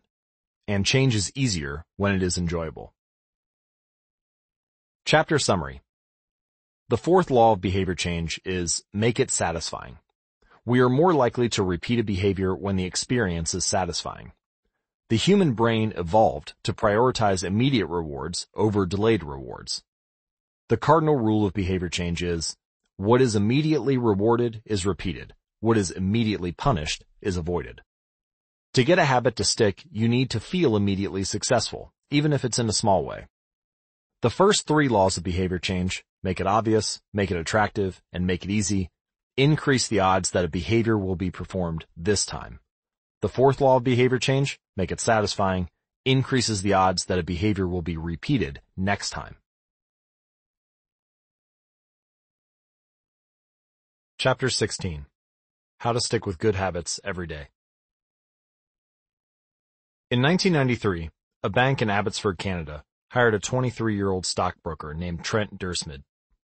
Abbotsford was a relatively small suburb, tucked away in the shadow of nearby Vancouver, where most of the big business deals were being made. Given the location, and the fact that Dyrsmid was a rookie, nobody expected too much of him. But he made brisk progress thanks to a simple daily habit. Dyrsmid began each morning with two jars on his desk. One was filled with 120 paper clips. The other was empty. As soon as he settled in each day, he would make a sales call. Immediately after, he would move one paper clip from the full jar to the empty jar, and the process would begin again. Every morning I would start with 120 paper clips in one jar, and I would keep dialing the phone until I had moved them all to the second jar, he told me. Within 18 months, Dyrsmid was bringing in $5 million to the firm. By age 24, he was making $75,000 per year, the equivalent of $125,000 today. Not long after, he landed a six-figure job with another company. I like to refer to this technique as the paperclip strategy, and over the years, I've heard from readers who have employed it in a variety of ways. One woman shifted a hairpin from one container to another whenever she wrote a page of her book. Another man moved a marble from one bin to the next after each set of push-ups. Making progress is satisfying, and visual measures, like moving paper clips or hairpins or marbles, provide clear evidence of your progress. As a result, they reinforce your behavior and add a little bit of immediate satisfaction to any activity.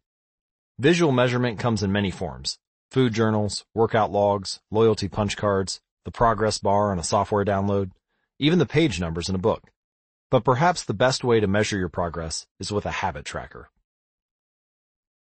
How to keep your habits on track. A habit tracker is a simple way to measure whether you did a habit. The most basic format is to get a calendar and cross off each day you stick with your routine. For example, if you meditate on Monday, Wednesday, and Friday, each of those days gets an X. As time rolls by, the calendar becomes a record of your habit streak. Countless people have tracked their habits, but perhaps the most famous was Benjamin Franklin. Beginning at age 20, Franklin carried a small booklet everywhere he went and used it to track 13 personal virtues. This list included goals like lose no time, be always employed in something useful, and avoid trifling conversation. At the end of each day, Franklin would open his booklet and record his progress. Jerry Seinfeld reportedly uses a habit tracker to stick with his streak of writing jokes. In the documentary Comedian, he explains that his goal is to never break the chain of writing jokes every day. In other words, he is not focused on how good or bad a particular joke is or how inspired he feels. He is simply focused on showing up and adding to his streak. Don't break the chain is a powerful mantra. Don't break the chain of sales calls and you'll build a successful book of business. Don't break the chain of workouts and you'll get fit faster than you'd expect. Don't break the chain of creating every day and you will end up with an impressive portfolio. Habit tracking is powerful because it leverages multiple laws of behavior change. It simultaneously makes a behavior obvious, attractive, and satisfying. Let's break down each one. Benefit number one. Habit tracking is obvious. Recording your last action creates a trigger that can initiate your next one. Habit tracking naturally builds a series of visual cues, like the streak of X's on your calendar, or the list of meals in your food log. When you look at the calendar and see your streak, you'll be reminded to act again. Research has shown that people who track their progress on goals like losing weight, quitting smoking, and lowering blood pressure are all more likely to improve than those who don't. One study of more than 1600 people found that those who kept a daily food log lost twice as much weight as those who did not. The mere act of tracking a behavior can spark the urge to change it. Habit tracking also keeps you honest. Most of us have a distorted view of our own behavior. We think we act better than we do. Measurement offers one way to overcome our blindness to our own behavior and notice what is really going on each day. One glance at the paper clips in the container and you immediately know how much work you have, or haven't, been putting in. When the evidence is right in front of you, you're less likely to lie to yourself. Benefit number two. Habit tracking is attractive. The most effective form of motivation is progress. When we get a signal that we are moving forward, we become more motivated to continue down that path. In this way, habit tracking can have an addictive effect on motivation. Each small win feeds your desire. This can be particularly powerful on a bad day. When you're feeling down, it's easy to forget about all the progress you have already made. Habit tracking provides visual proof of your hard work, a subtle reminder of how far you've come. Plus, the empty square you see each morning can motivate you to get started because you don't want to lose your progress by breaking the streak. Benefit number three. Habit tracking is satisfying. This is the most crucial benefit of all. Tracking can become its own form of reward. It is satisfying to cross an item off your to-do list, to complete an entry in your workout log, or to mark an X on the calendar. It feels good to watch your results grow, the size of your investment portfolio, the length of your book manuscript, and if it feels good, then you're more likely to endure. Habit tracking also helps you keep your eye on the ball. You're focused on the process rather than the result. You're not fixated on getting six-pack abs, you're just trying to keep the streak alive and become the type of person who doesn't miss workouts. In summary, habit tracking, one, creates a visual cue that can remind you to act. Two, is inherently motivating because you see the progress you are making and don't want to lose it. And three, feels satisfying whenever you record another successful instance of your habit. Furthermore, habit tracking provides visual proof that you are casting votes for the type of person you wish to become which is a delightful form of immediate and intrinsic gratification. If you're interested in tracking your own habits, you can find a template to download at atomichabits.com slash tracker. Now, you may be wondering, if habit tracking is so useful, why have I waited so long to talk about it? Despite all the benefits, I've left this discussion until now for a simple reason. Many people resist the idea of tracking and measuring. It can feel like a burden because it forces you into two habits, the habit you're trying to build and the habit of tracking it. Counting calories sounds like a hassle when you're already struggling to follow a diet. Writing down every sales call seems tedious when you've got work to do. It feels easier to say, I'll just eat less, or I'll try harder, or I'll remember to do it. People inevitably tell me things like, I have a decision journal, but I wish I used it more, or I recorded my workouts for a week, but then quit. I get it, I've been there myself. I once made a food log to track my calories. I managed to do it for one meal and then gave up. Tracking isn't for everyone, and there's no need to measure your entire life. But, nearly anyone can benefit from it in some form, even if it's only temporary. So what can we do to make tracking easier? Well, first, whenever possible, measurement should be automated. You'll probably be surprised by how much you're already tracking without knowing it. Your credit card statement tracks how often you go out to eat. Your Fitbit registers how many steps you take and how long you sleep. Your calendar records how many new places you travel to each year. Once you know where to get the data, add a note to your calendar to review it each week or each month, which is more practical than having to track it every day. Second, Manual tracking should be limited to your most important habits. It's better to consistently track one habit than to sporadically track 10. And finally, record each measurement immediately after the habit occurs. The completion of the behavior is the cue to write it down. This approach allows you to combine the habit stacking method mentioned in chapter 5 with the action of habit tracking. So the habit stacking plus habit tracking formula is after current habit, I will track my habit. So for example, after I hang up the phone from a sales call, I will move one paperclip over. After I finish each set at the gym, I will record it in my workout journal. After I put my plate in the dishwasher, I will write down what I ate. These tactics can make tracking your habits easier. Even if you aren't the type of person who enjoys recording your behavior, I think you'll find a few weeks of measurements to be insightful. It's always interesting to see how you've actually been spending your time. That said, Every habit streak ends at some point, and more important than any single measurement is having a good plan for when your habits slide off track. How to recover quickly when your habits break down. No matter how consistent you are with your habits, it is inevitable that life will interrupt you at some point. Perfection is not possible. Before long, an emergency will pop up, you will get sick or you have to travel for work or your family needs a little more of your time. Whenever this happens to me, I try to remind myself of a simple rule. Never miss twice. If I miss one day, I try to get back into it as quickly as possible. Missing one workout happens, but I'm not going to miss two in a row. Maybe I'll eat an entire pizza, but I'll follow it up with a healthy meal. I can't be perfect, but I can avoid a second lapse. As soon as one streak ends, I get started on the next one. The first mistake is never the one that ruins you. It's the spiral of repeated mistakes that follows. Missing once is an accident. Missing twice is the start of a new habit.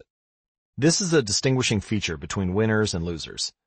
Anyone can have a bad performance, a bad workout, or a bad day at work. But when successful people fail, they rebound quickly. The breaking of a habit doesn't matter if the reclaiming of it is fast. I think this principle is so important that I'll stick to it even if I can't do a habit as well or as completely as I would like. Too often, we fall into an all or nothing cycle with our habits. The problem is not slipping up, the problem is thinking that if you can't do something perfectly, then you shouldn't do it at all. You don't realize how valuable it is to just show up on your bad or busy days. Lost days hurt you more than successful days help you. If you start with $100, then a 50% gain will take you to $150. But now you only need a 33% loss to take you back down to $100. In other words, a 33% loss is just as meaningful or valuable as achieving a 50% gain. As Charlie Munger says, the first rule of compounding, never interrupt it unnecessarily. This is why bad workouts are often the most important ones. Sluggish days and bad workouts maintain the compound gains you have accrued from previous days. Simply doing something, 10 squats, 5 sprints, a push-up, anything really, is huge. Don't put up a zero. Don't let losses eat into your compounding. Furthermore, it's not always about what happens during the workout. It's about being the type of person who doesn't miss workouts. It's easy to train when you feel good, but it's crucial to show up when you don't feel like it, even if you do less than you hope. Going to the gym for five minutes may not improve your physical performance, but it reaffirms your identity. The all or nothing cycle of behavior change is just one pitfall that can derail your habits. Another potential danger, especially if you are using a habit tracker, is measuring the wrong thing. Knowing when, and when not, to track a habit. Say you're running a restaurant, and you want to know if your chef is doing a good job. One way to measure success is to track how many customers pay for a meal each day. If more customers come in, the food must be good.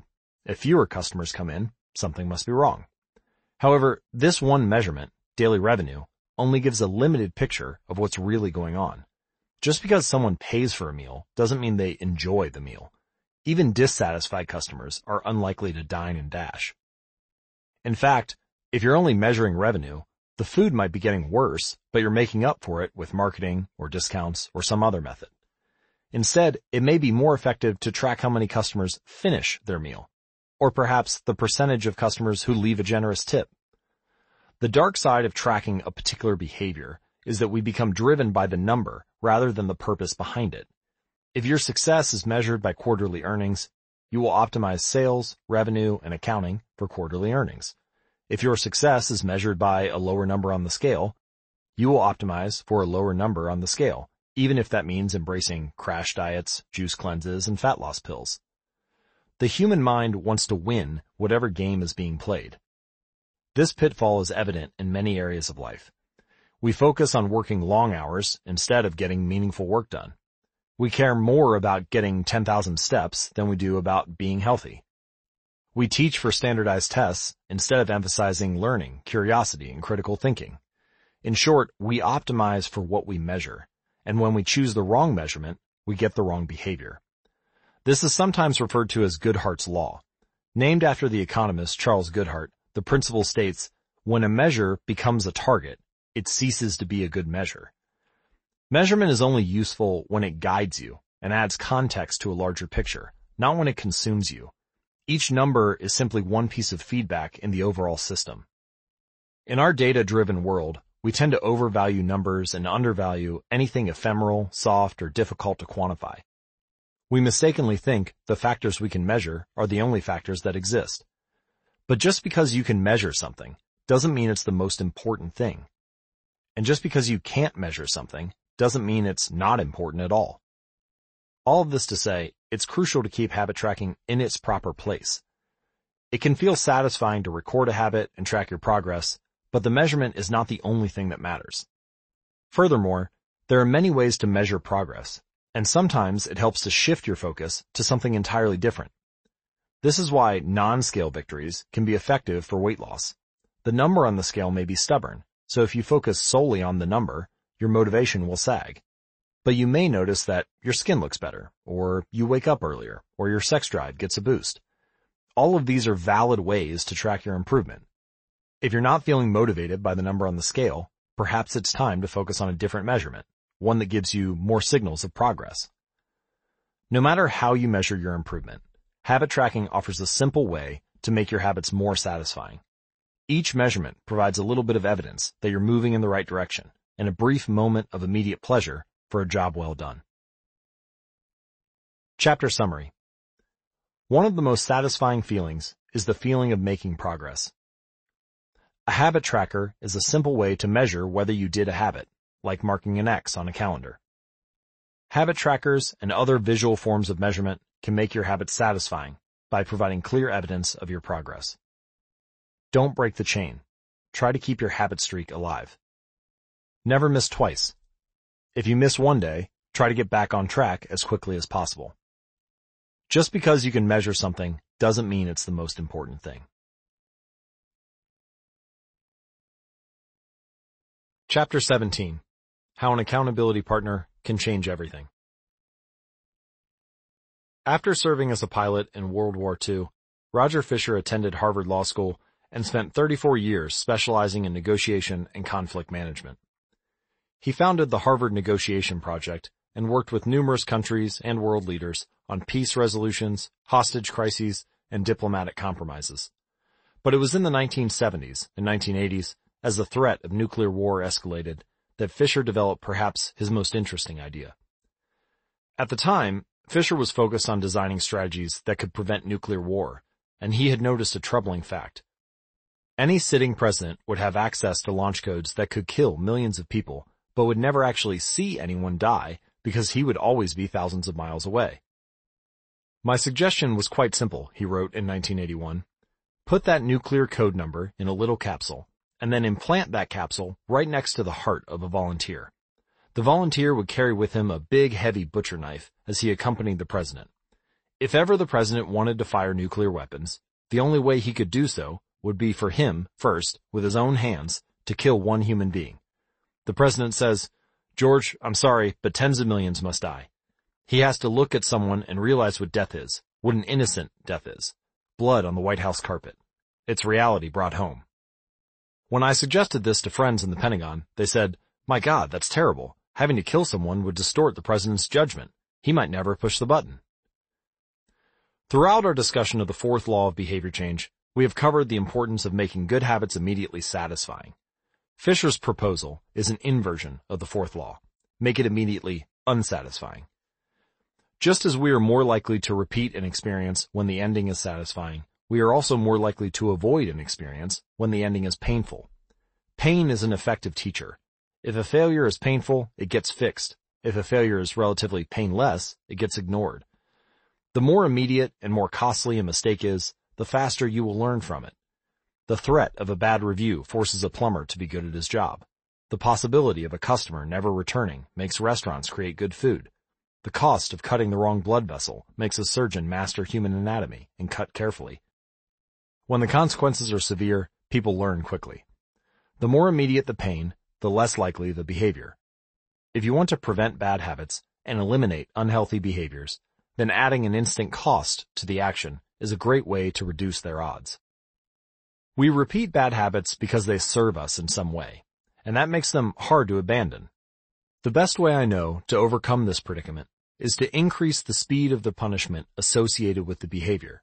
There can't be a gap between the action and the consequences. As soon as actions incur an immediate consequence, behavior begins to change. Customers pay their bills on time when they are charged a late fee. Students show up to class when their grade is linked to attendance. We will jump through a lot of hoops to avoid a little bit of immediate pain. There is, of course, a limit to this. If you're going to rely on punishment to change behavior, then the strength of the punishment must match the relative strength of the behavior it is trying to correct. To be productive, the cost of procrastination must be greater than the cost of action. To be healthy, the cost of laziness must be greater than the cost of exercise. Getting fined for smoking in a restaurant or failing to recycle adds consequence to an action, but behavior only shifts if the punishment is painful enough and reliably enforced. In general, the more local, tangible, concrete, and immediate the consequence, the more likely it is to influence individual behavior. The more global, intangible, vague, and delayed the consequence, the less likely it is to influence individual behavior. Thankfully, there is a straightforward way to add an immediate cost to any bad habit. Create a habit contract. The habit contract. The first seatbelt law was passed in New York on December 1, 1984. At the time, just 14% of people in the United States regularly wore a seatbelt but that was all about to change. Within five years, over half of the nation had seatbelt laws. Today, wearing a seatbelt is enforceable by law in 49 of the 50 states. And it's not just the legislation. The number of people wearing seatbelts has changed dramatically as well. In 2016, over 88% of Americans buckled up each time they got in a car. In just over 30 years, there was a complete reversal in the habits of millions of people. Laws and regulations are an example of how government can change our habits by creating a social contract. As a society, we collectively agree to abide by certain rules and then enforce them as a group. Whenever a new piece of legislation impacts behavior, seatbelt laws, banning smoking inside restaurants, mandatory recycling, it is an example of a social contract shaping our habits. The group agrees to act in a certain way, and if you don't follow along, you'll be punished. Just as governments use laws to hold citizens accountable, you can create a habit contract to hold yourself accountable. A habit contract is a verbal or written agreement in which you state your commitment to a particular habit and the punishment that will occur if you don't follow through. Then, you find one or two people to act as your accountability partners and sign off on the contract with you. Brian Harris, an entrepreneur from Nashville, Tennessee, was the first person I saw put this strategy into action. Shortly after the birth of his son, Harris realized he wanted to shed a few pounds. He wrote up a habit contract between himself, his wife, and his personal trainer. The first version read, Brian's number one objective for Q1 of 2017 is to start eating correctly again so he feels better, looks better, and is able to hit his long-term goal of 200 pounds at 10% body fat. Below that statement, Harris laid out a roadmap for achieving his ideal outcome. Phase 1. Get back to a strict, slow-carb diet in Q1. Phase 2. Start a strict macronutrient tracking program in Q2. Phase 3. Refine and maintain the details of his diet and workout program in Q3. Finally, he wrote out each of the daily habits that would get him to his goal. For example, write down all food that he consumes each day and weigh himself each day. Then he listed the punishment he would suffer if he failed.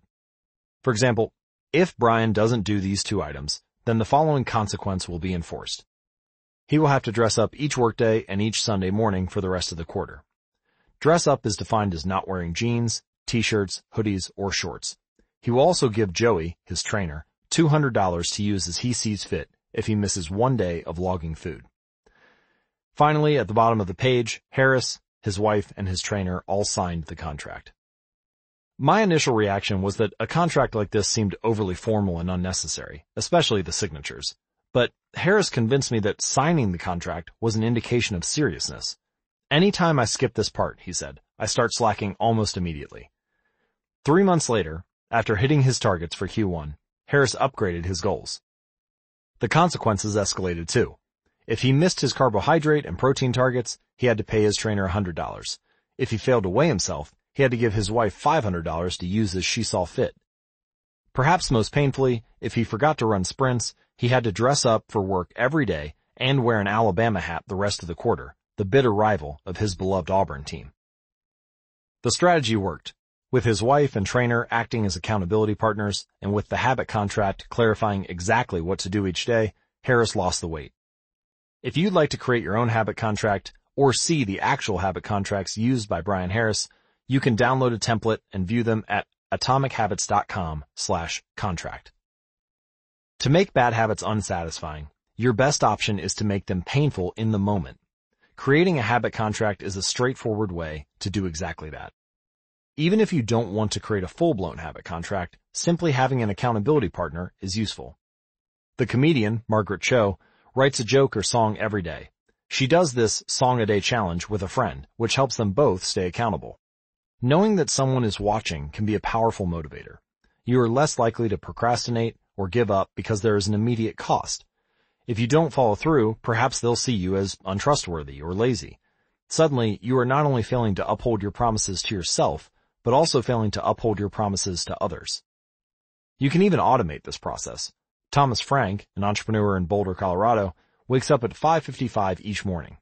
And if he doesn't, he has a tweet automatically scheduled that says, it's 6.10 and I'm not up because I'm lazy.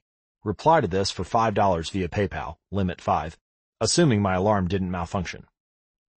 We are always trying to present our best selves to the world. We comb our hair and brush our teeth and dress ourselves carefully because we know these habits are likely to get a positive reaction. We want to get good grades and graduate from top schools to impress potential employers and mates and our friends and family. We care about the opinions of those around us because it helps if others like us. This is precisely why getting an accountability partner or signing a habit contract can work so well. Chapter Summary The inversion of the fourth law of behavior change is Make it unsatisfying. We are less likely to repeat a bad habit if it is painful or unsatisfying. An accountability partner can create an immediate cost to inaction. We care deeply about what others think of us, and we do not want others to have a lesser opinion of us. A habit contract can be used to add a social cost to any behavior. It makes the costs of violating your promises public and painful. Knowing that someone else is watching you can be a powerful motivator.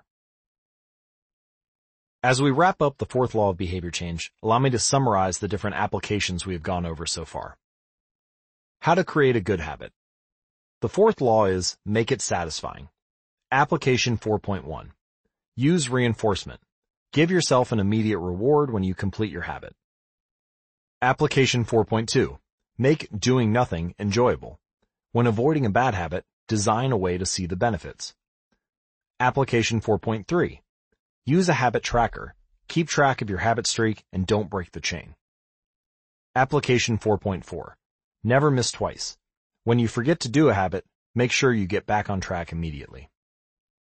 And now, how to break a bad habit. The inversion of the fourth law of behavior change. Make it unsatisfying. Application 4.5.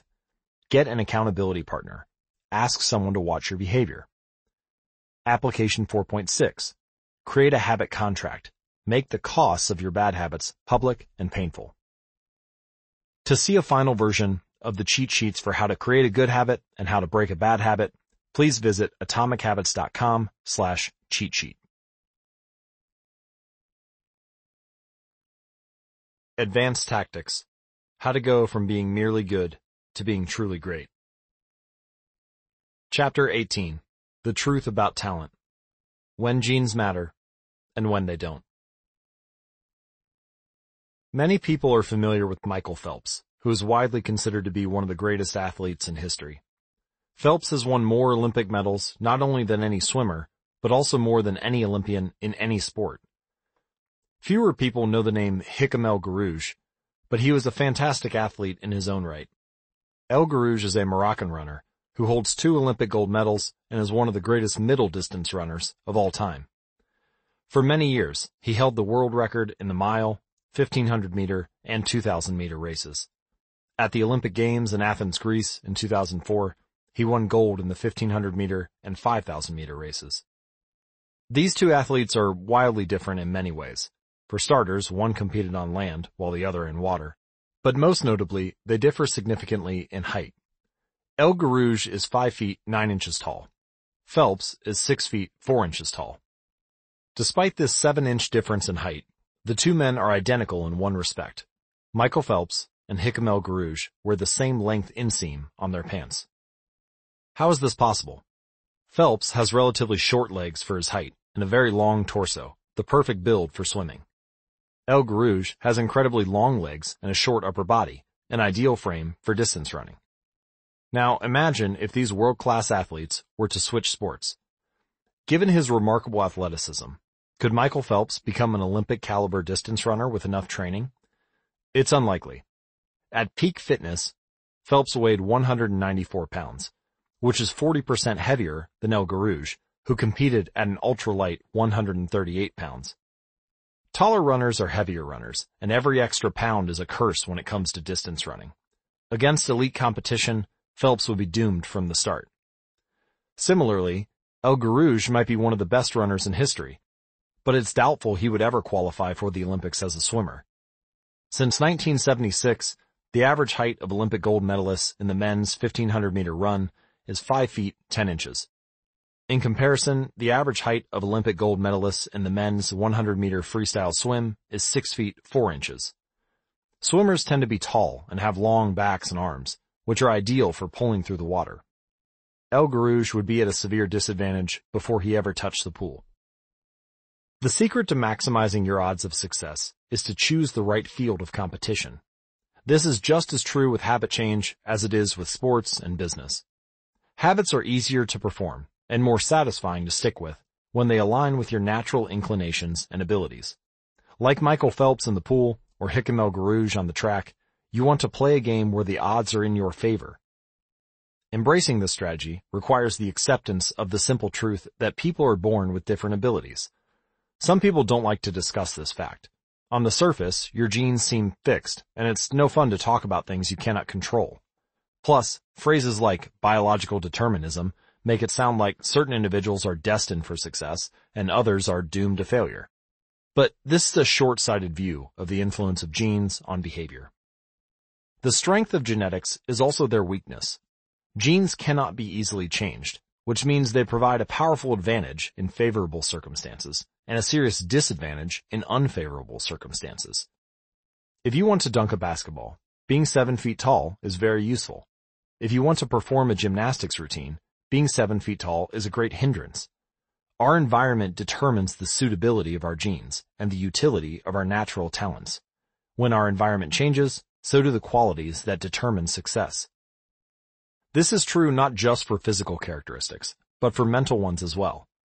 I'm smart if you ask me about habits and human behavior, not so much when it comes to knitting, rocket propulsion, or guitar chords. Competence is highly dependent on context. The people at the top of any competitive field are not only well trained, they are also well suited to the task. And this is why, if you want to be truly great, selecting the right place to focus is crucial. In short, genes do not determine your destiny. They determine your areas of opportunity. As the physician Gabor Mate notes, Genes can predispose, but they don't predetermine. The areas where you are genetically predisposed to success are the areas where habits are more likely to be satisfying. The key is to direct your effort toward areas that both excite you and match your natural skills, to align your ambition with your ability. The obvious question is, how do I figure out where the odds are in my favor? How do I identify the opportunities and habits that are right for me? The first place we will look for an answer is by understanding your personality. How your personality influences your habits. Your genes are operating beneath the surface of every habit. Indeed, beneath the surface of every behavior. Genes have been shown to influence everything from the number of hours you spend watching television, to your likelihood to marry or divorce, to your tendency to get addicted to drugs, alcohol, or nicotine. There's a strong genetic component to how obedient or rebellious you are when facing authority, how vulnerable or resistant you are to stressful events, how proactive or reactive you tend to be, and even how captivated or bored you feel during sensory experiences like attending a concert. As Robert Plomin, a behavioral geneticist at King's College in London told me, it is now at the point where we have stopped testing to see if traits have a genetic component because we literally can't find a single one that isn't influenced by our genes. Bundled together, your unique cluster of genetic traits predispose you to a particular personality. Your personality is the set of characteristics that is consistent from situation to situation. The most proven scientific analysis of personality traits is known as the Big Five, which breaks them down into five spectrums of behavior. 1. Openness to experience, from curious and inventive on one side of the spectrum to cautious and consistent on the other. 2. Conscientiousness. Organized and efficient on one side, to easygoing and spontaneous on the other. 3. Extroversion. Outgoing and energetic, to solitary and reserved. You likely know them as extroverts versus introverts. 4. Agreeableness. Friendly and compassionate on one side, to challenging and detached on the other. And 5. Neuroticism. Anxious and sensitive on one end of the spectrum, to confident, calm, and stable on the other. All five characteristics have biological underpinnings. Extroversion, for instance, can be tracked from birth. If scientists play a loud noise in the nursing ward, some babies will turn toward it while others turn away. When the researchers tracked these children through life, they found that the babies who turned toward the noise were more likely to grow up to be extroverts. Those who turned away were more likely to become introverts. People who are high in agreeableness are kind, considerate, and warm. They also tend to have higher natural oxytocin levels, a hormone that plays an important role in social bonding, increases feelings of trust, and can act as a natural antidepressant. You can easily imagine how someone with more oxytocin might be inclined to build habits like writing thank you notes or organizing social events. As a third example, consider neuroticism, which is a personality trait all people possess to various degrees. People who are high in neuroticism tend to be anxious and worry more than others. This trait has been linked to hypersensitivity of the amygdala, the portion of the brain responsible for noticing threats. In other words, people who are more sensitive to negative cues in their environment are more likely to score high in neuroticism. Now, our habits are not solely determined by our personalities, but there is no doubt that our genes nudge us in a certain direction, our deeply rooted preferences make certain behaviors easier for some people than for others. You don't have to apologize for these differences or feel guilty about them, but you do have to work with them. A person who scores lower on conscientiousness, for example, will be less likely to be orderly by nature and may need to rely more heavily on environment design to stick with good habits. As a reminder for the less conscientious readers among us, environment design is a strategy we discussed in chapters 6 and 12. The takeaway is that you should build habits that work for your personality. If you're interested in taking a personality test, you can find links to the most reliable tests at atomichabits.com slash personality. People can get ripped working out like a bodybuilder, but if you prefer rock climbing or cycling or rowing, then shape your exercise habits around your interests. If your friend follows a low-carb diet, but you find that low fat works for you, if your friend follows a low carb diet, but you find that low fat works for you, then more power to you. If you want to read more, don't be embarrassed if you prefer steamy romance novels over nonfiction. Read whatever fascinates you. You don't have to build the habits everyone tells you to build.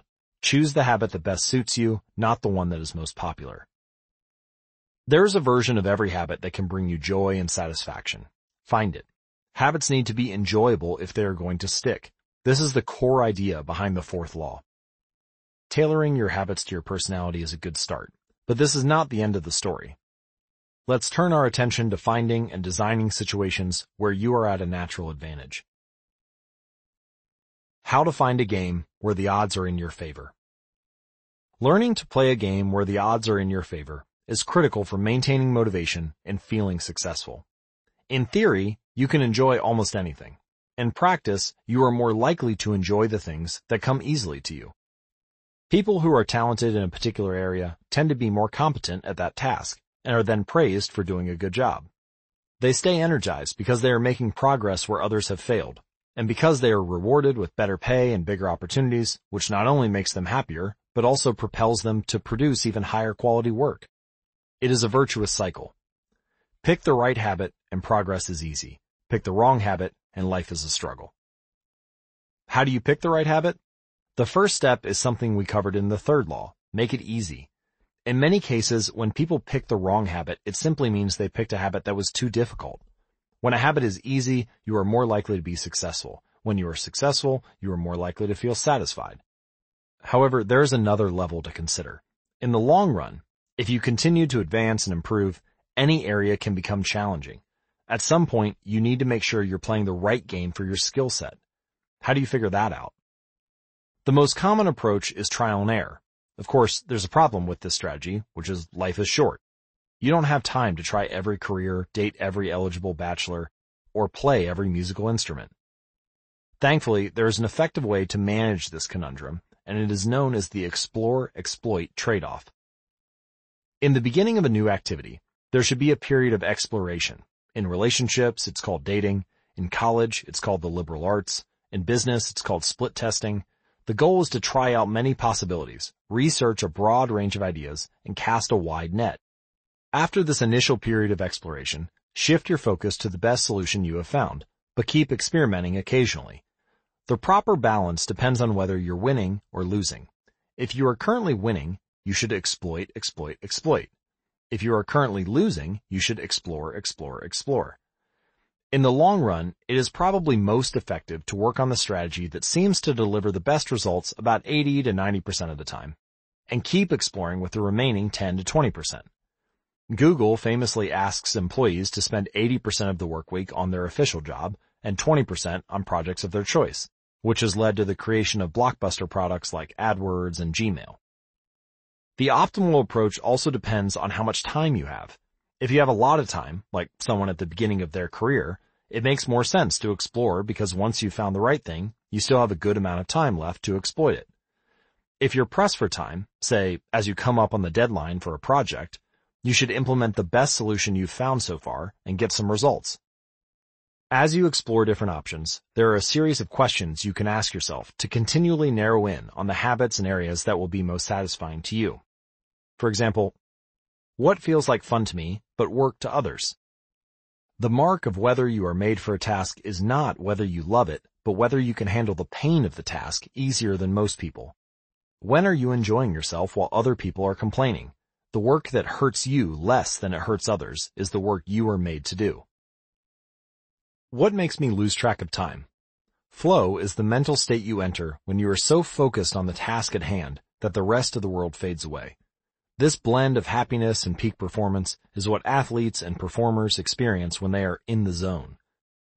It is nearly impossible to experience a flow state and not find the task satisfying at least to some degree. Where do I get greater returns than the average person? We are continually comparing ourselves to those around us, and a behavior is more likely to be satisfying when the comparison is in our favor. When I started writing at jamesclear.com, my email list grew very quickly. I wasn't quite sure what I was doing well, but I knew that results seemed to be coming faster for me than for some of my colleagues, which motivated me to keep writing. What comes naturally to me? For just a moment, ignore what you have been taught, ignore what society has told you, ignore what others expect of you. Look inside yourself and ask, what feels natural to me? When have I felt alive? When have I felt like the real me? No internal judgments or people pleasing, no second guessing or self-criticism just feelings of engagement and enjoyment. Whenever you feel authentic and genuine, you are headed in the right direction. To be honest, some of this process is just luck. Michael Phelps and Hicham El Guerrouj were lucky to be born with a rare set of abilities that are highly valued by society and to be placed in the ideal environment for those abilities. We all have limited time on this planet, and the truly great among us are the ones who not only work hard, but also have the good fortune to be exposed to opportunities that favor them. But what if you don't want to leave it up to luck? If you can't find a game where the odds are stacked in your favor, you can create one. Scott Adams, the cartoonist behind Dilbert, says, Everyone has at least a few areas in which they could be in the top 25% with some effort. In my case, I can draw better than most people, but I'm hardly an artist. And I'm not any funnier than the average stand-up comedian who never makes it big, but I'm funnier than most people. The magic is that few people can draw well and write jokes. It's the combination of the two that makes what I do so rare. And when you add in my business background, suddenly I had a topic that few cartoonists could hope to understand without living it. When you can't win by being better, you can win by being different. By combining your skills, you reduce the level of competition, which makes it easier to stand out. You can shortcut the need for a genetic advantage, or for years of practice, by rewriting the rules. A good player works hard to win the game everyone else is playing. A great player creates a new game that favors their strengths and avoids their weaknesses. In college, I designed my own major, biomechanics, which was a combination of physics, chemistry, biology, and anatomy. I wasn't smart enough to stand out among the top physics or biology majors, so I created my own game. And because it suited me, I was only taking the courses I was interested in, studying felt like less of a chore. It was also easier to avoid the trap of comparing myself to everyone else. After all, nobody else was taking the same combination of classes, so who could say if they were better or worse? Specialization is a powerful way to overcome the accident of bad genetics. The more you master a specific skill, the harder it becomes for others to compete with you. Many bodybuilders are stronger than the average arm wrestler, but even a massive bodybuilder may lose at arm wrestling because the arm wrestling champ has a very specific strength. Even if you're not the most naturally gifted, you can often win by being the best in a very narrow category. Boiling water will soften a potato but harden an egg. You can't control whether you're a potato or an egg, but you can decide to play a game where it's better to be hard or soft. If you can find a more favorable environment, you can transform the situation from one where the odds are against you to one where the odds are in your favor. How to get the most out of your genes. Our genes do not eliminate the need for hard work. They clarify it. They tell us what to work hard on. Once we realize our strengths, we know where to spend our time and energy. We know which type of opportunities to look for and which type of challenges to avoid. The better we understand our nature, the better our strategy can be. Look, biological differences matter. But even so, it's more productive to focus on whether you are fulfilling your own potential than comparing yourself to someone else. The fact that you have a natural limit to any specific ability has nothing to do with whether you are reaching the ceiling of your capabilities. People get so caught up in the fact that they have limits that they rarely exert the effort required to get close to them. Furthermore, genes can't make you successful if you're not doing the work. Yes, it's possible that the RIP trainer at the gym has better genes than you, but if you haven't put in the same reps, it's impossible to say if you've been dealt a better or worse genetic hand. Until you work as hard as those you admire, don't explain away their success as luck.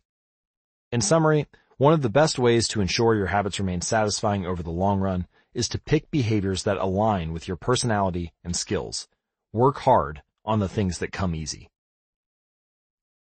Chapter Summary The secret to maximizing your odds of success is to choose the right field of competition. Pick the right habit and progress is easy. Pick the wrong habit and life is a struggle. Genes cannot be easily changed, which means they provide a powerful advantage in favorable circumstances and a serious disadvantage in unfavorable circumstances. Habits are easier when they align with your natural abilities. Choose the habits that best suit you. Play a game that favors your strengths. If you can't find a game that favors you, create one. Genes do not eliminate the need for hard work. They clarify it. They tell us what to work hard on. Chapter 19. The Goldilocks Rule. How to stay motivated in life and work. In 1955, Disneyland had just opened in Anaheim, California, when a 10-year-old boy walked in and asked for a job. Labor laws were loose back then, and the boy managed to land a position selling guidebooks for 50 cents apiece. Within a year, he had transitioned to Disney's magic shop, where he learned tricks from the older employees. He experimented with jokes and tried out simple routines on visitors. Soon he discovered that what he loved was not performing magic, but performing in general. He set his sights on becoming a comedian. Beginning in his teenage years, he started performing in little clubs around Los Angeles. The crowds were small, and his act was short. He was rarely on stage for more than five minutes. Most of the people in the crowd were too busy drinking or talking with friends to pay attention. One night, he literally delivered his stand-up routine to an empty club. It wasn't glamorous work, but there was no doubt he was getting better. His first routines would only last one or two minutes. By high school, his material had expanded into a five-minute act, and a few years later, a 10-minute show. At 19, he was performing weekly for 20 minutes at a time. He had to read three poems during the show just to make the routine long enough, but his skills continued to progress. He spent another decade experimenting, adjusting, and practicing. He took a job as a television writer, and gradually, he was able to land his own appearances on talk shows. By the mid-1970s, he had worked his way into being a regular guest on The Tonight Show and Saturday Night Live. Finally, after 15 years of work, the young man rose to fame. He toured 60 cities in 63 days, then 72 cities in 80 days, then 85 cities in 90 days.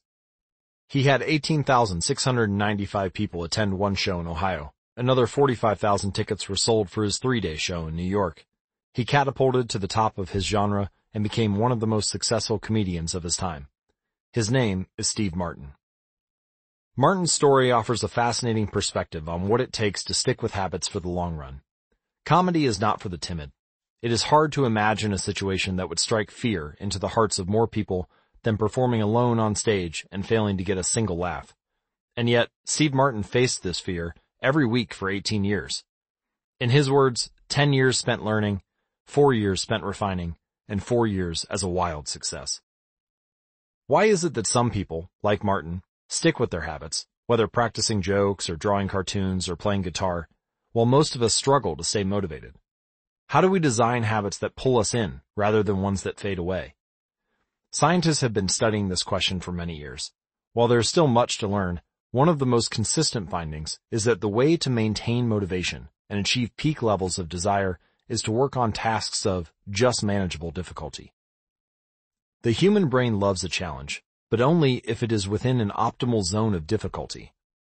If you love tennis and try to play a serious match against a four-year-old, you will quickly become bored. It's too easy. You'll win every point.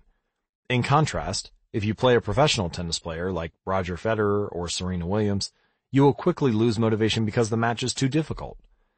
Now, consider playing tennis against someone who is your equal. As the game progresses, you win a few points and you lose a few. You have a good chance of winning, but only if you really try. Your focus narrows, distractions fade away, and you find yourself fully invested in the task at hand. This is a challenge of just manageable difficulty, and it is a prime example of the Goldilocks rule. The Goldilocks rule states that humans experience peak motivation when working on tasks that are right on the edge of their current abilities. Not too hard, not too easy, just right. Martin's comedy career is an excellent example of the Goldilocks rule in practice. Each year, he expanded his comedy routine, but only by a minute or two. He was always adding new material, but he also kept a few jokes that were guaranteed to get laughs. There were just enough victories to keep him motivated, and just enough mistakes to keep him working hard. When you're starting a new habit, it's important to keep the behavior as easy as possible so you can stick with it even when the conditions aren't perfect. This is an idea we covered in detail while discussing the third law of behavior change. Once a habit has been established, however, it's important to continue to advance in small ways.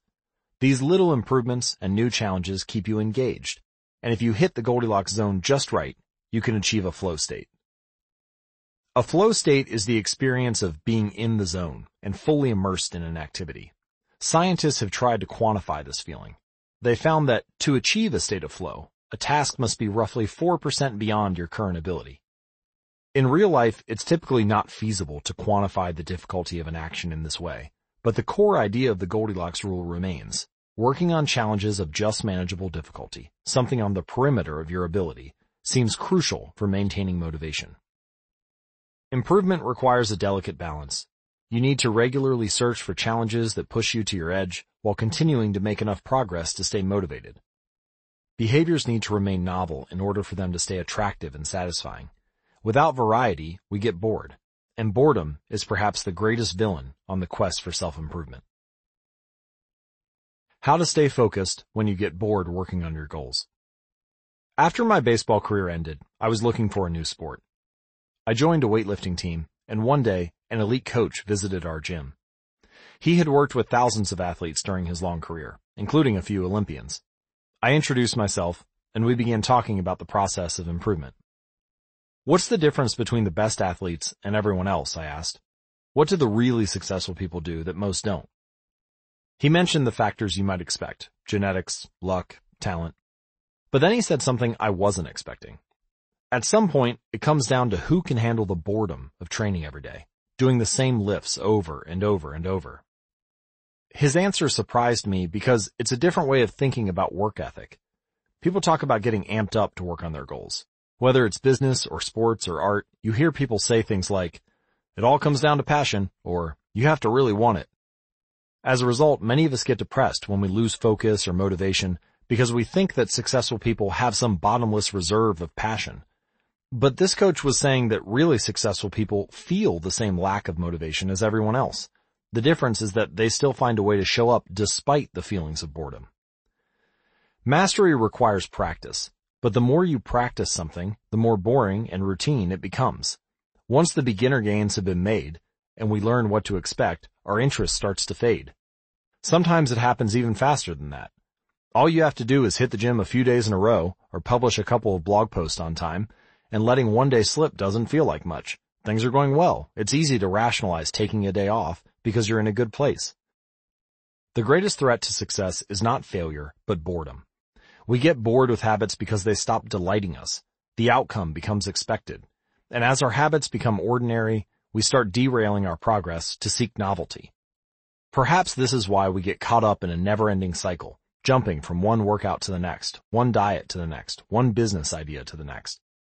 As soon as we experience the slightest dip in motivation, we begin seeking a new strategy, even if the old one was still working. As Machiavelli noted, men desire novelty to such an extent that those who are doing well wish for a change as much as those who are doing badly. Perhaps this is why many of the most habit-forming products are those that provide continuous forms of novelty. Video games provide visual novelty, porn provides sexual novelty, junk foods provide culinary novelty. Each of these experiences offer continual elements of surprise. In psychology, this is known as a variable reward. Slot machines are the most common real-world example. A gambler hits the jackpot every now and then, but not at any predictable interval. The pace of the reward varies. This variance leads to the greatest spike of dopamine, enhances memory recall, and accelerates habit formation. Variable rewards won't create a craving. That is, you can't take a reward someone is uninterested in, give it to them at a variable interval, and hope it will change their mind. But they are a powerful way to amplify the cravings we already experience because they reduce boredom.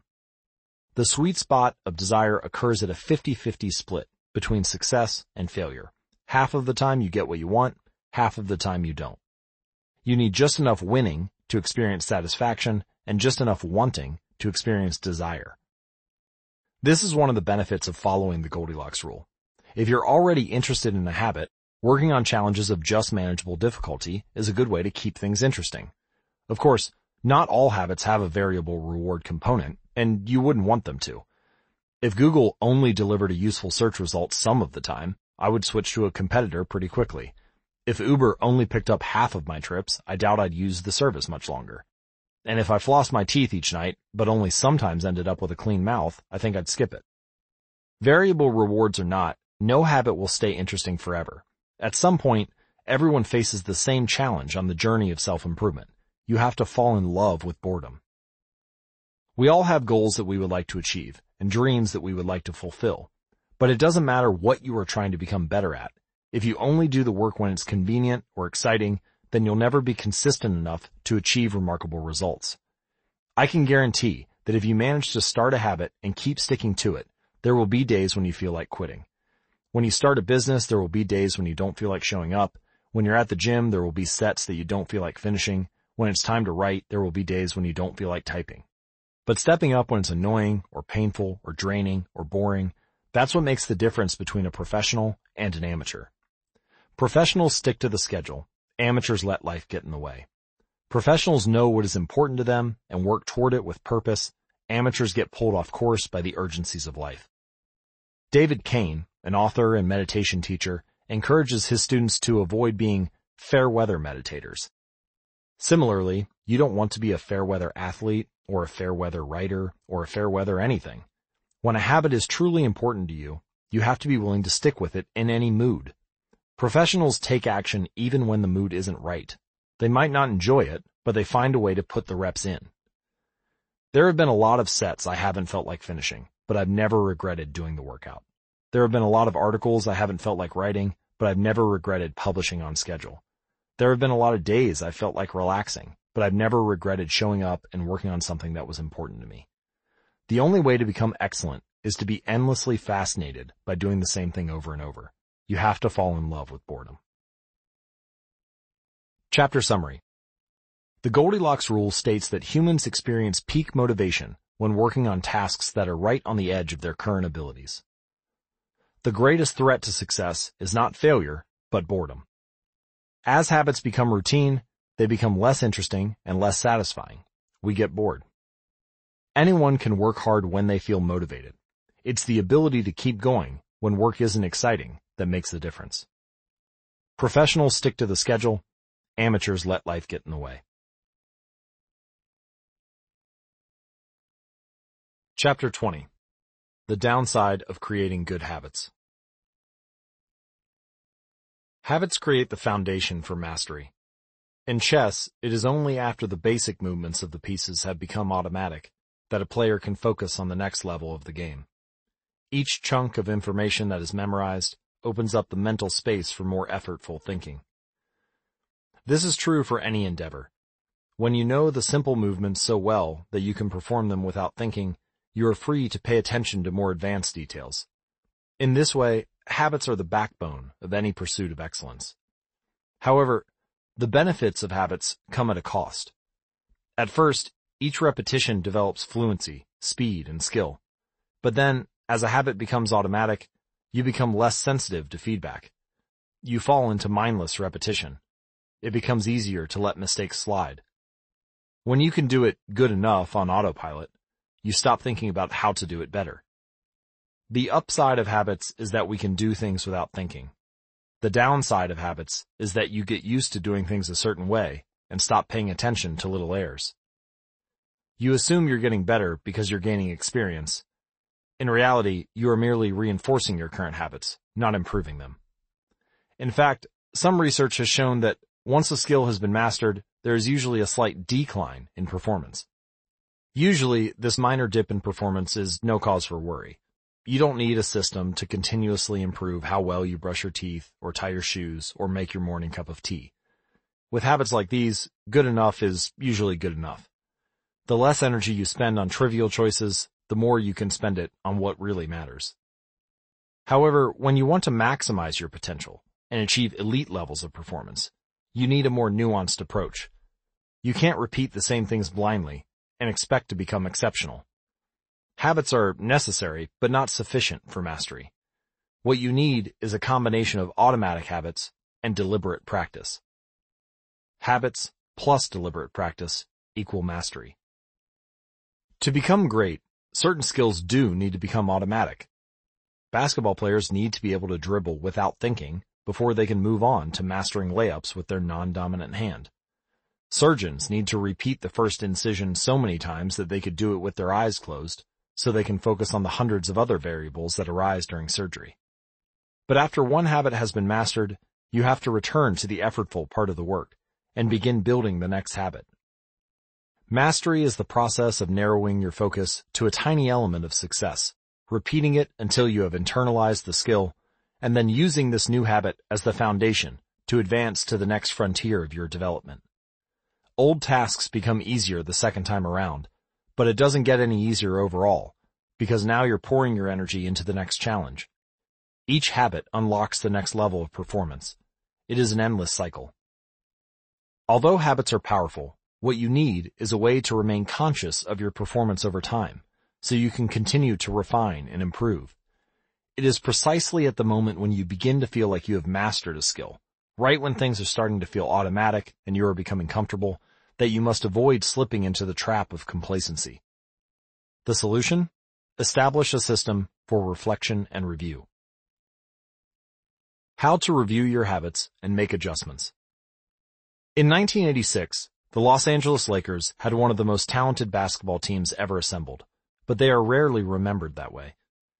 The team started the 1985-1986 NBA season with an astounding 29-5 record. The pundits were saying that we might be the best team in the history of basketball, head coach Pat Riley said after the season. Surprisingly, the Lakers stumbled in the 1986 playoffs and suffered a season-ending defeat in the Western Conference Finals. The best team in the history of basketball didn't even play for the NBA championship. After that blow, Riley was tired of hearing about how much talent his players had and about how much promise his team held. He didn't want to see flashes of brilliance followed by a gradual fade in performance. He wanted the Lakers to play up to their potential, night after night. In the summer of 1986, he created a plan to do exactly that. A system that he called the Career Best Effort Program, or CBE. When players first joined the Lakers, Riley explained, we track their basketball statistics all the way back to high school. I call this taking their number. We look for an accurate gauge of what a player can do, then build him into our plan for the team based on the notion that he will maintain and then improve upon his averages. After determining a player's baseline level of performance, Riley added a key step. He asked each player to improve their output by at least 1% over the course of the season. If they succeeded, it would be a CBE or career best effort. Similar to the British cycling team that we discussed in chapter 1, the Lakers sought peak performance by getting slightly better each day. Riley was careful to point out that CBE was not merely about points or statistics, but about giving your best effort spiritually, mentally, and physically. Players got credit for allowing an opponent to run into you when you know that a foul will be called against him, diving for loose balls, going after rebounds whether you are likely to get them or not, helping a teammate when the player he's guarding has surged past him, and other unsung hero deeds. The CBE number was calculated for all of a player's games, and it was the average CBE that a player was asked to improve by 1% over the season.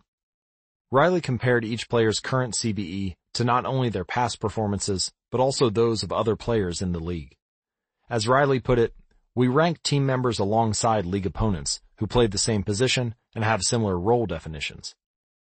Sports writer Jackie MacMullan noted, Riley trumpeted the top performers in the league in bold lettering on the blackboard each week and measured them against the corresponding players on his own roster. Solid, reliable players generally rated a score in the 600s, while elite players scored at least 800. Magic Johnson, who submitted 138 triple-doubles in his career, often scored over a thousand. The Lakers also emphasized year-over-year progress by making historical comparisons of CBE data. Riley said, we stacked the month of November 1986 next to November 1985 and showed the players whether they were doing better or worse than at the same point last season. Then, we showed them how their performance figures for December 1986 stacked up against November's. The Lakers rolled out the CBE program in October 1986. Eight months later, they were NBA champions. The following year, Pat Riley led his team to another title as the Lakers became the first team in 20 years to win back-to-back NBA championships. Afterward, he said, Sustaining an effort is the most important thing for any enterprise. The way to be successful is to learn how to do things right, then do them the same way every time. The CBE program is a prime example of the power of reflection and review. The Lakers were already talented. CBE helped them get the most out of what they had and made sure their habits improved rather than declined. Reflection and review enables the long-term improvement of all habits because it makes you aware of your mistakes and helps you consider possible paths for improvement. Without reflection, we can make excuses, create rationalizations, and lie to ourselves. We have no process for determining whether we are performing better or worse compared to yesterday. Top performers in all fields engage in various types of reflection and review, and the process doesn't have to be complex. Kenyan runner Eliud Kipchoge is one of the greatest marathon runners of all time and an Olympic gold medalist. He still takes notes after every practice in which he reviews his training for the day and searches for areas that can be improved. Similarly, gold medal swimmer Katie Ledecky records her wellness on a scale of 1 to 10 and includes notes on her nutrition and how well she slept. She also records the times posted by other swimmers. At the end of each week, her coach goes over her notes and adds his thoughts. It's not just athletes either. When comedian Chris Rock is preparing fresh material, he will first appear at small nightclubs dozens of times and test hundreds of jokes. He brings a notepad on stage and records which bits go over well and where he needs to make adjustments. The few killer lines that survive will form the backbone of his new show. I know of executives and investors who keep a decision journal in which they record the major decisions they make each week, why they made them, and what they expect the outcome to be. They review their choices at the end of each month or year to see where they were correct and where they went wrong. If you're interested in keeping your own decision journal, I created a template for doing so. You can find it included as part of the Habit Journal, available at atomichabits.com slash journal. Improvement is not just about learning habits, it's also about fine-tuning them. Reflection and review ensures that you spend your time on the right things and make course corrections whenever necessary like Pat Riley adjusting the effort of his players on a nightly basis. You don't want to keep practicing a habit if it becomes ineffective. Personally, I employ two modes of reflection and review. Each December, I perform an annual review, in which I reflect on the previous year. I tally my habits for the year by counting up how many articles I published, how many workouts I put in, how many new places I visited, and more. You can see my previous annual reviews at jamesclear.com slash annual dash review. Finally, I reflect on my progress, or lack thereof, by answering three questions. One, what went well this year? Two, what didn't go so well this year? Three, what did I learn? Six months later, when summer rolls around, I conduct an integrity report. Like everyone, I make a lot of mistakes. My integrity report helps me realize where I went wrong and motivates me to get back on course. I use it as a time to revisit my core values and consider whether I have been living in accordance with them. This is when I reflect on my identity and how I can work toward being the type of person I wish to become. You can see my previous integrity reports at jamesclear.com slash integrity. My yearly integrity report answers three questions. One, what are the core values that drive my life and work? Two, how am I living and working with integrity right now? 3. How can I set a higher standard in the future? These two reports, the annual review and the integrity report, don't take very long. It's just a few hours a year. But they are crucial periods of refinement. They prevent the gradual slide that happens when I don't pay close attention.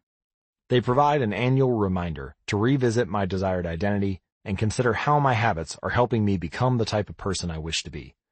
They indicate when I should upgrade my habits and take on new challenges, and when I should dial my efforts back and focus on the fundamentals. Reflection can also bring a sense of perspective.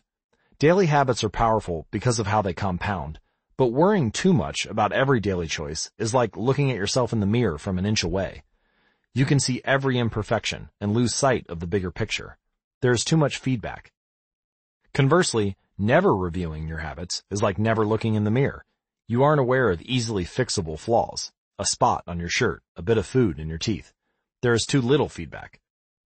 But periodic reflection and review is like viewing yourself in the mirror from a conversational distance. You can see the important changes you should make without losing sight of the bigger picture.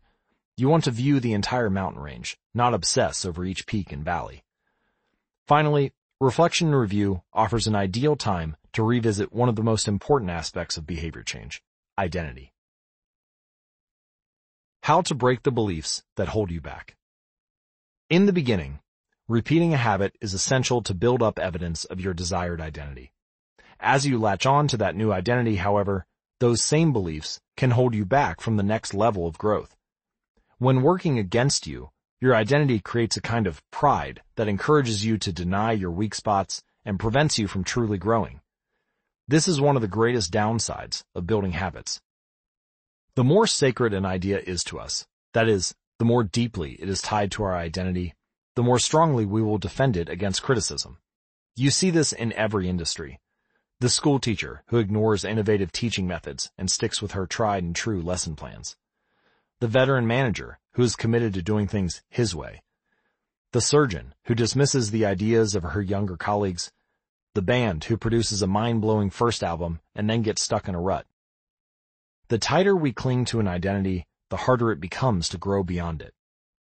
One solution is to avoid making any single aspect of your identity an overwhelming portion of who you are. In the words of investor Paul Graham, keep your identity small. The more you let a single belief define you, the less capable you are of adapting when life challenges you. If you tie up everything in being the point guard or the partner at the firm or whatever else, then the loss of that facet of your life will wreck you. If you're a vegan and then develop a health condition that forces you to change your diet, you'll have an identity crisis on your hands. When you cling too tightly to one identity, you become brittle Lose that one thing, and you lose yourself. For most of my young life, being an athlete was a major part of my identity. After my baseball career ended, I struggled to find myself. When you spend your whole life defining yourself in one way, and that disappears, who are you now? Military veterans and former entrepreneurs report similar feelings.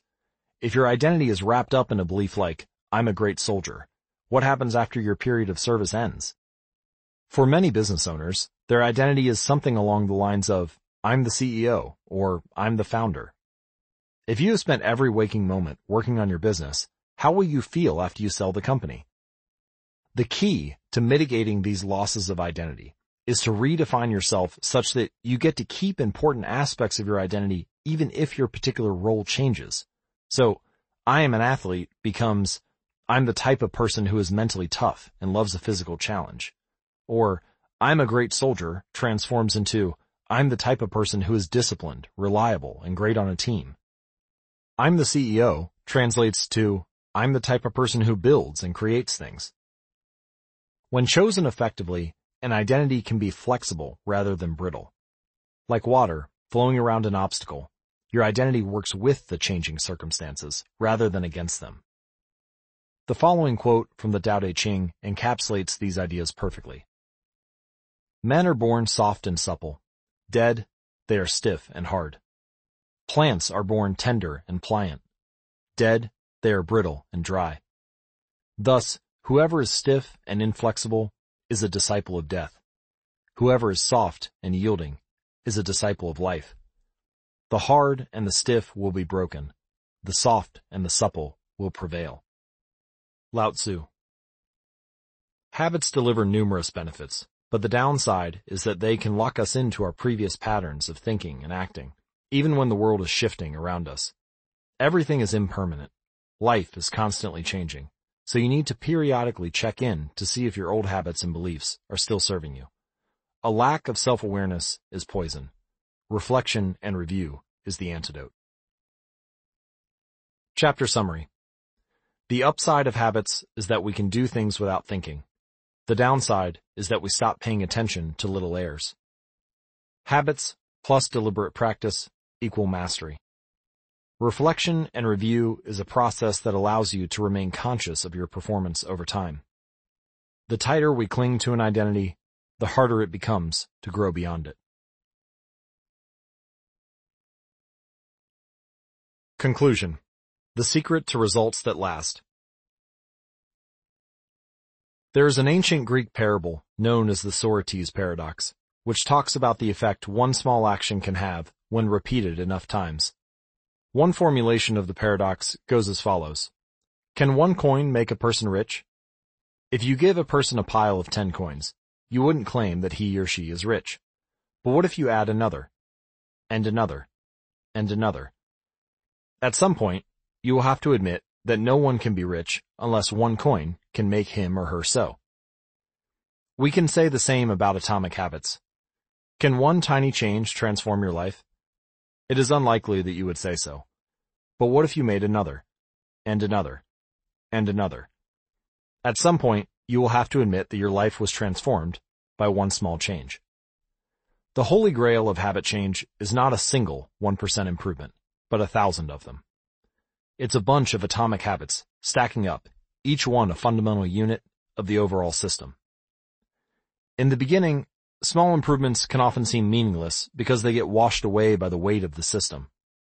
Just as one coin won't make you rich, one positive change, like meditating for one minute or reading one page each day, is unlikely to deliver a noticeable difference. Gradually, though, as you continue to layer small changes on top of one another, the scales of life start to move. Each improvement is like adding a grain of sand to the positive side of the scale, slowly tilting things in your favor. Eventually, if you stick with it, you hit a tipping point. Suddenly, it feels easier to stick with good habits. The weight of the system is working for you rather than against you. Over the course of this book, we've looked at dozens of stories about top performers. We've heard about Olympic gold medalists, award-winning artists, business leaders, life-saving physicians, and star comedians who have all used the science of small habits to master their craft and vault to the top of their fields. Each of the people, teams, and companies we have covered has faced different circumstances, but ultimately progressed in the same way, through a commitment to tiny, sustainable, unrelenting improvements. Success is not a goal to reach or a finish line to cross. It is a system to improve, an endless process to refine. In chapter one, I said, if you're having trouble changing your habits, the problem isn't you. The problem is your system. Bad habits repeat themselves again and again, not because you don't want to change, but because you have the wrong system for change. As this book draws to a close, I hope the opposite is true. With the four laws of behavior change, you have a set of tools and strategies that you can use to build better systems and shape better habits. Sometimes a habit will be hard to remember, and you'll need to make it obvious. Other times you won't feel like starting, and you'll need to make it attractive. In many cases, you may find that a habit will be too difficult, and you'll need to make it easy. And sometimes you won't feel like sticking with it, and you'll need to make it satisfying. This is a continuous process. There is no finish line. There is no permanent solution. Whenever you're looking to improve, you can rotate through the four laws of behavior change until you find the next bottleneck. Make it obvious, make it attractive, make it easy, make it satisfying. Round and round, always looking for the next way to get 1% better. The secret to getting results that last is to never stop making improvements. It's remarkable what you can build if you just don't stop. It's remarkable the business you can build if you don't stop working. It's remarkable the body you can build if you don't stop training. It's remarkable the knowledge you can build if you don't stop learning. It's remarkable the fortune you can build if you don't stop saving. It's remarkable the friendships you can build if you don't stop caring. Small habits don't add up. They compound. That's the power of atomic habits. Tiny changes, remarkable results. Appendix and additional resources. What should you listen to next? Thank you so much for taking the time to listen to this book. It has been a pleasure sharing my work with you. If you're looking for something to listen to or read next, allow me to offer a suggestion. If you enjoyed Atomic Habits, then you may like my other writing as well. My latest articles are sent out in my free weekly newsletter. Subscribers are also the first to hear about my newest books and projects. Finally, in addition to my own work, each year I send out a reading list of my favorite books from other authors on a wide range of subjects. You can sign up at atomichabits.com slash newsletter. How to apply these ideas to business. Over the years, I've spoken at Fortune 500 companies and growing startups about how to apply the science of small habits to run more effective businesses and build better products. I've compiled many of the most practical strategies into a short bonus chapter. I think you'll find it to be an incredibly useful addition to the main ideas mentioned in Atomic Habits. You can download this chapter at atomichabits.com slash business. How to apply these ideas to parenting. One of the most common questions I hear from listeners is something along the lines of, how can I get my kids to do this stuff? The ideas in Atomic Habits are intended to apply broadly to all of human behavior. Teenagers are humans too.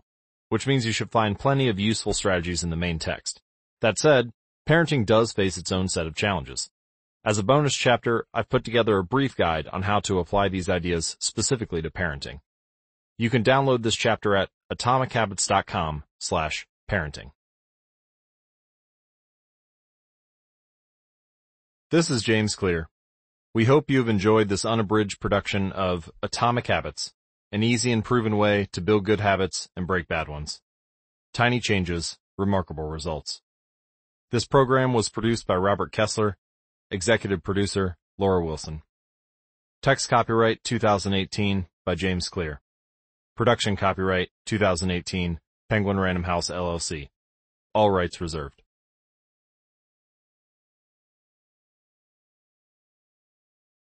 Audible hopes you have enjoyed this program.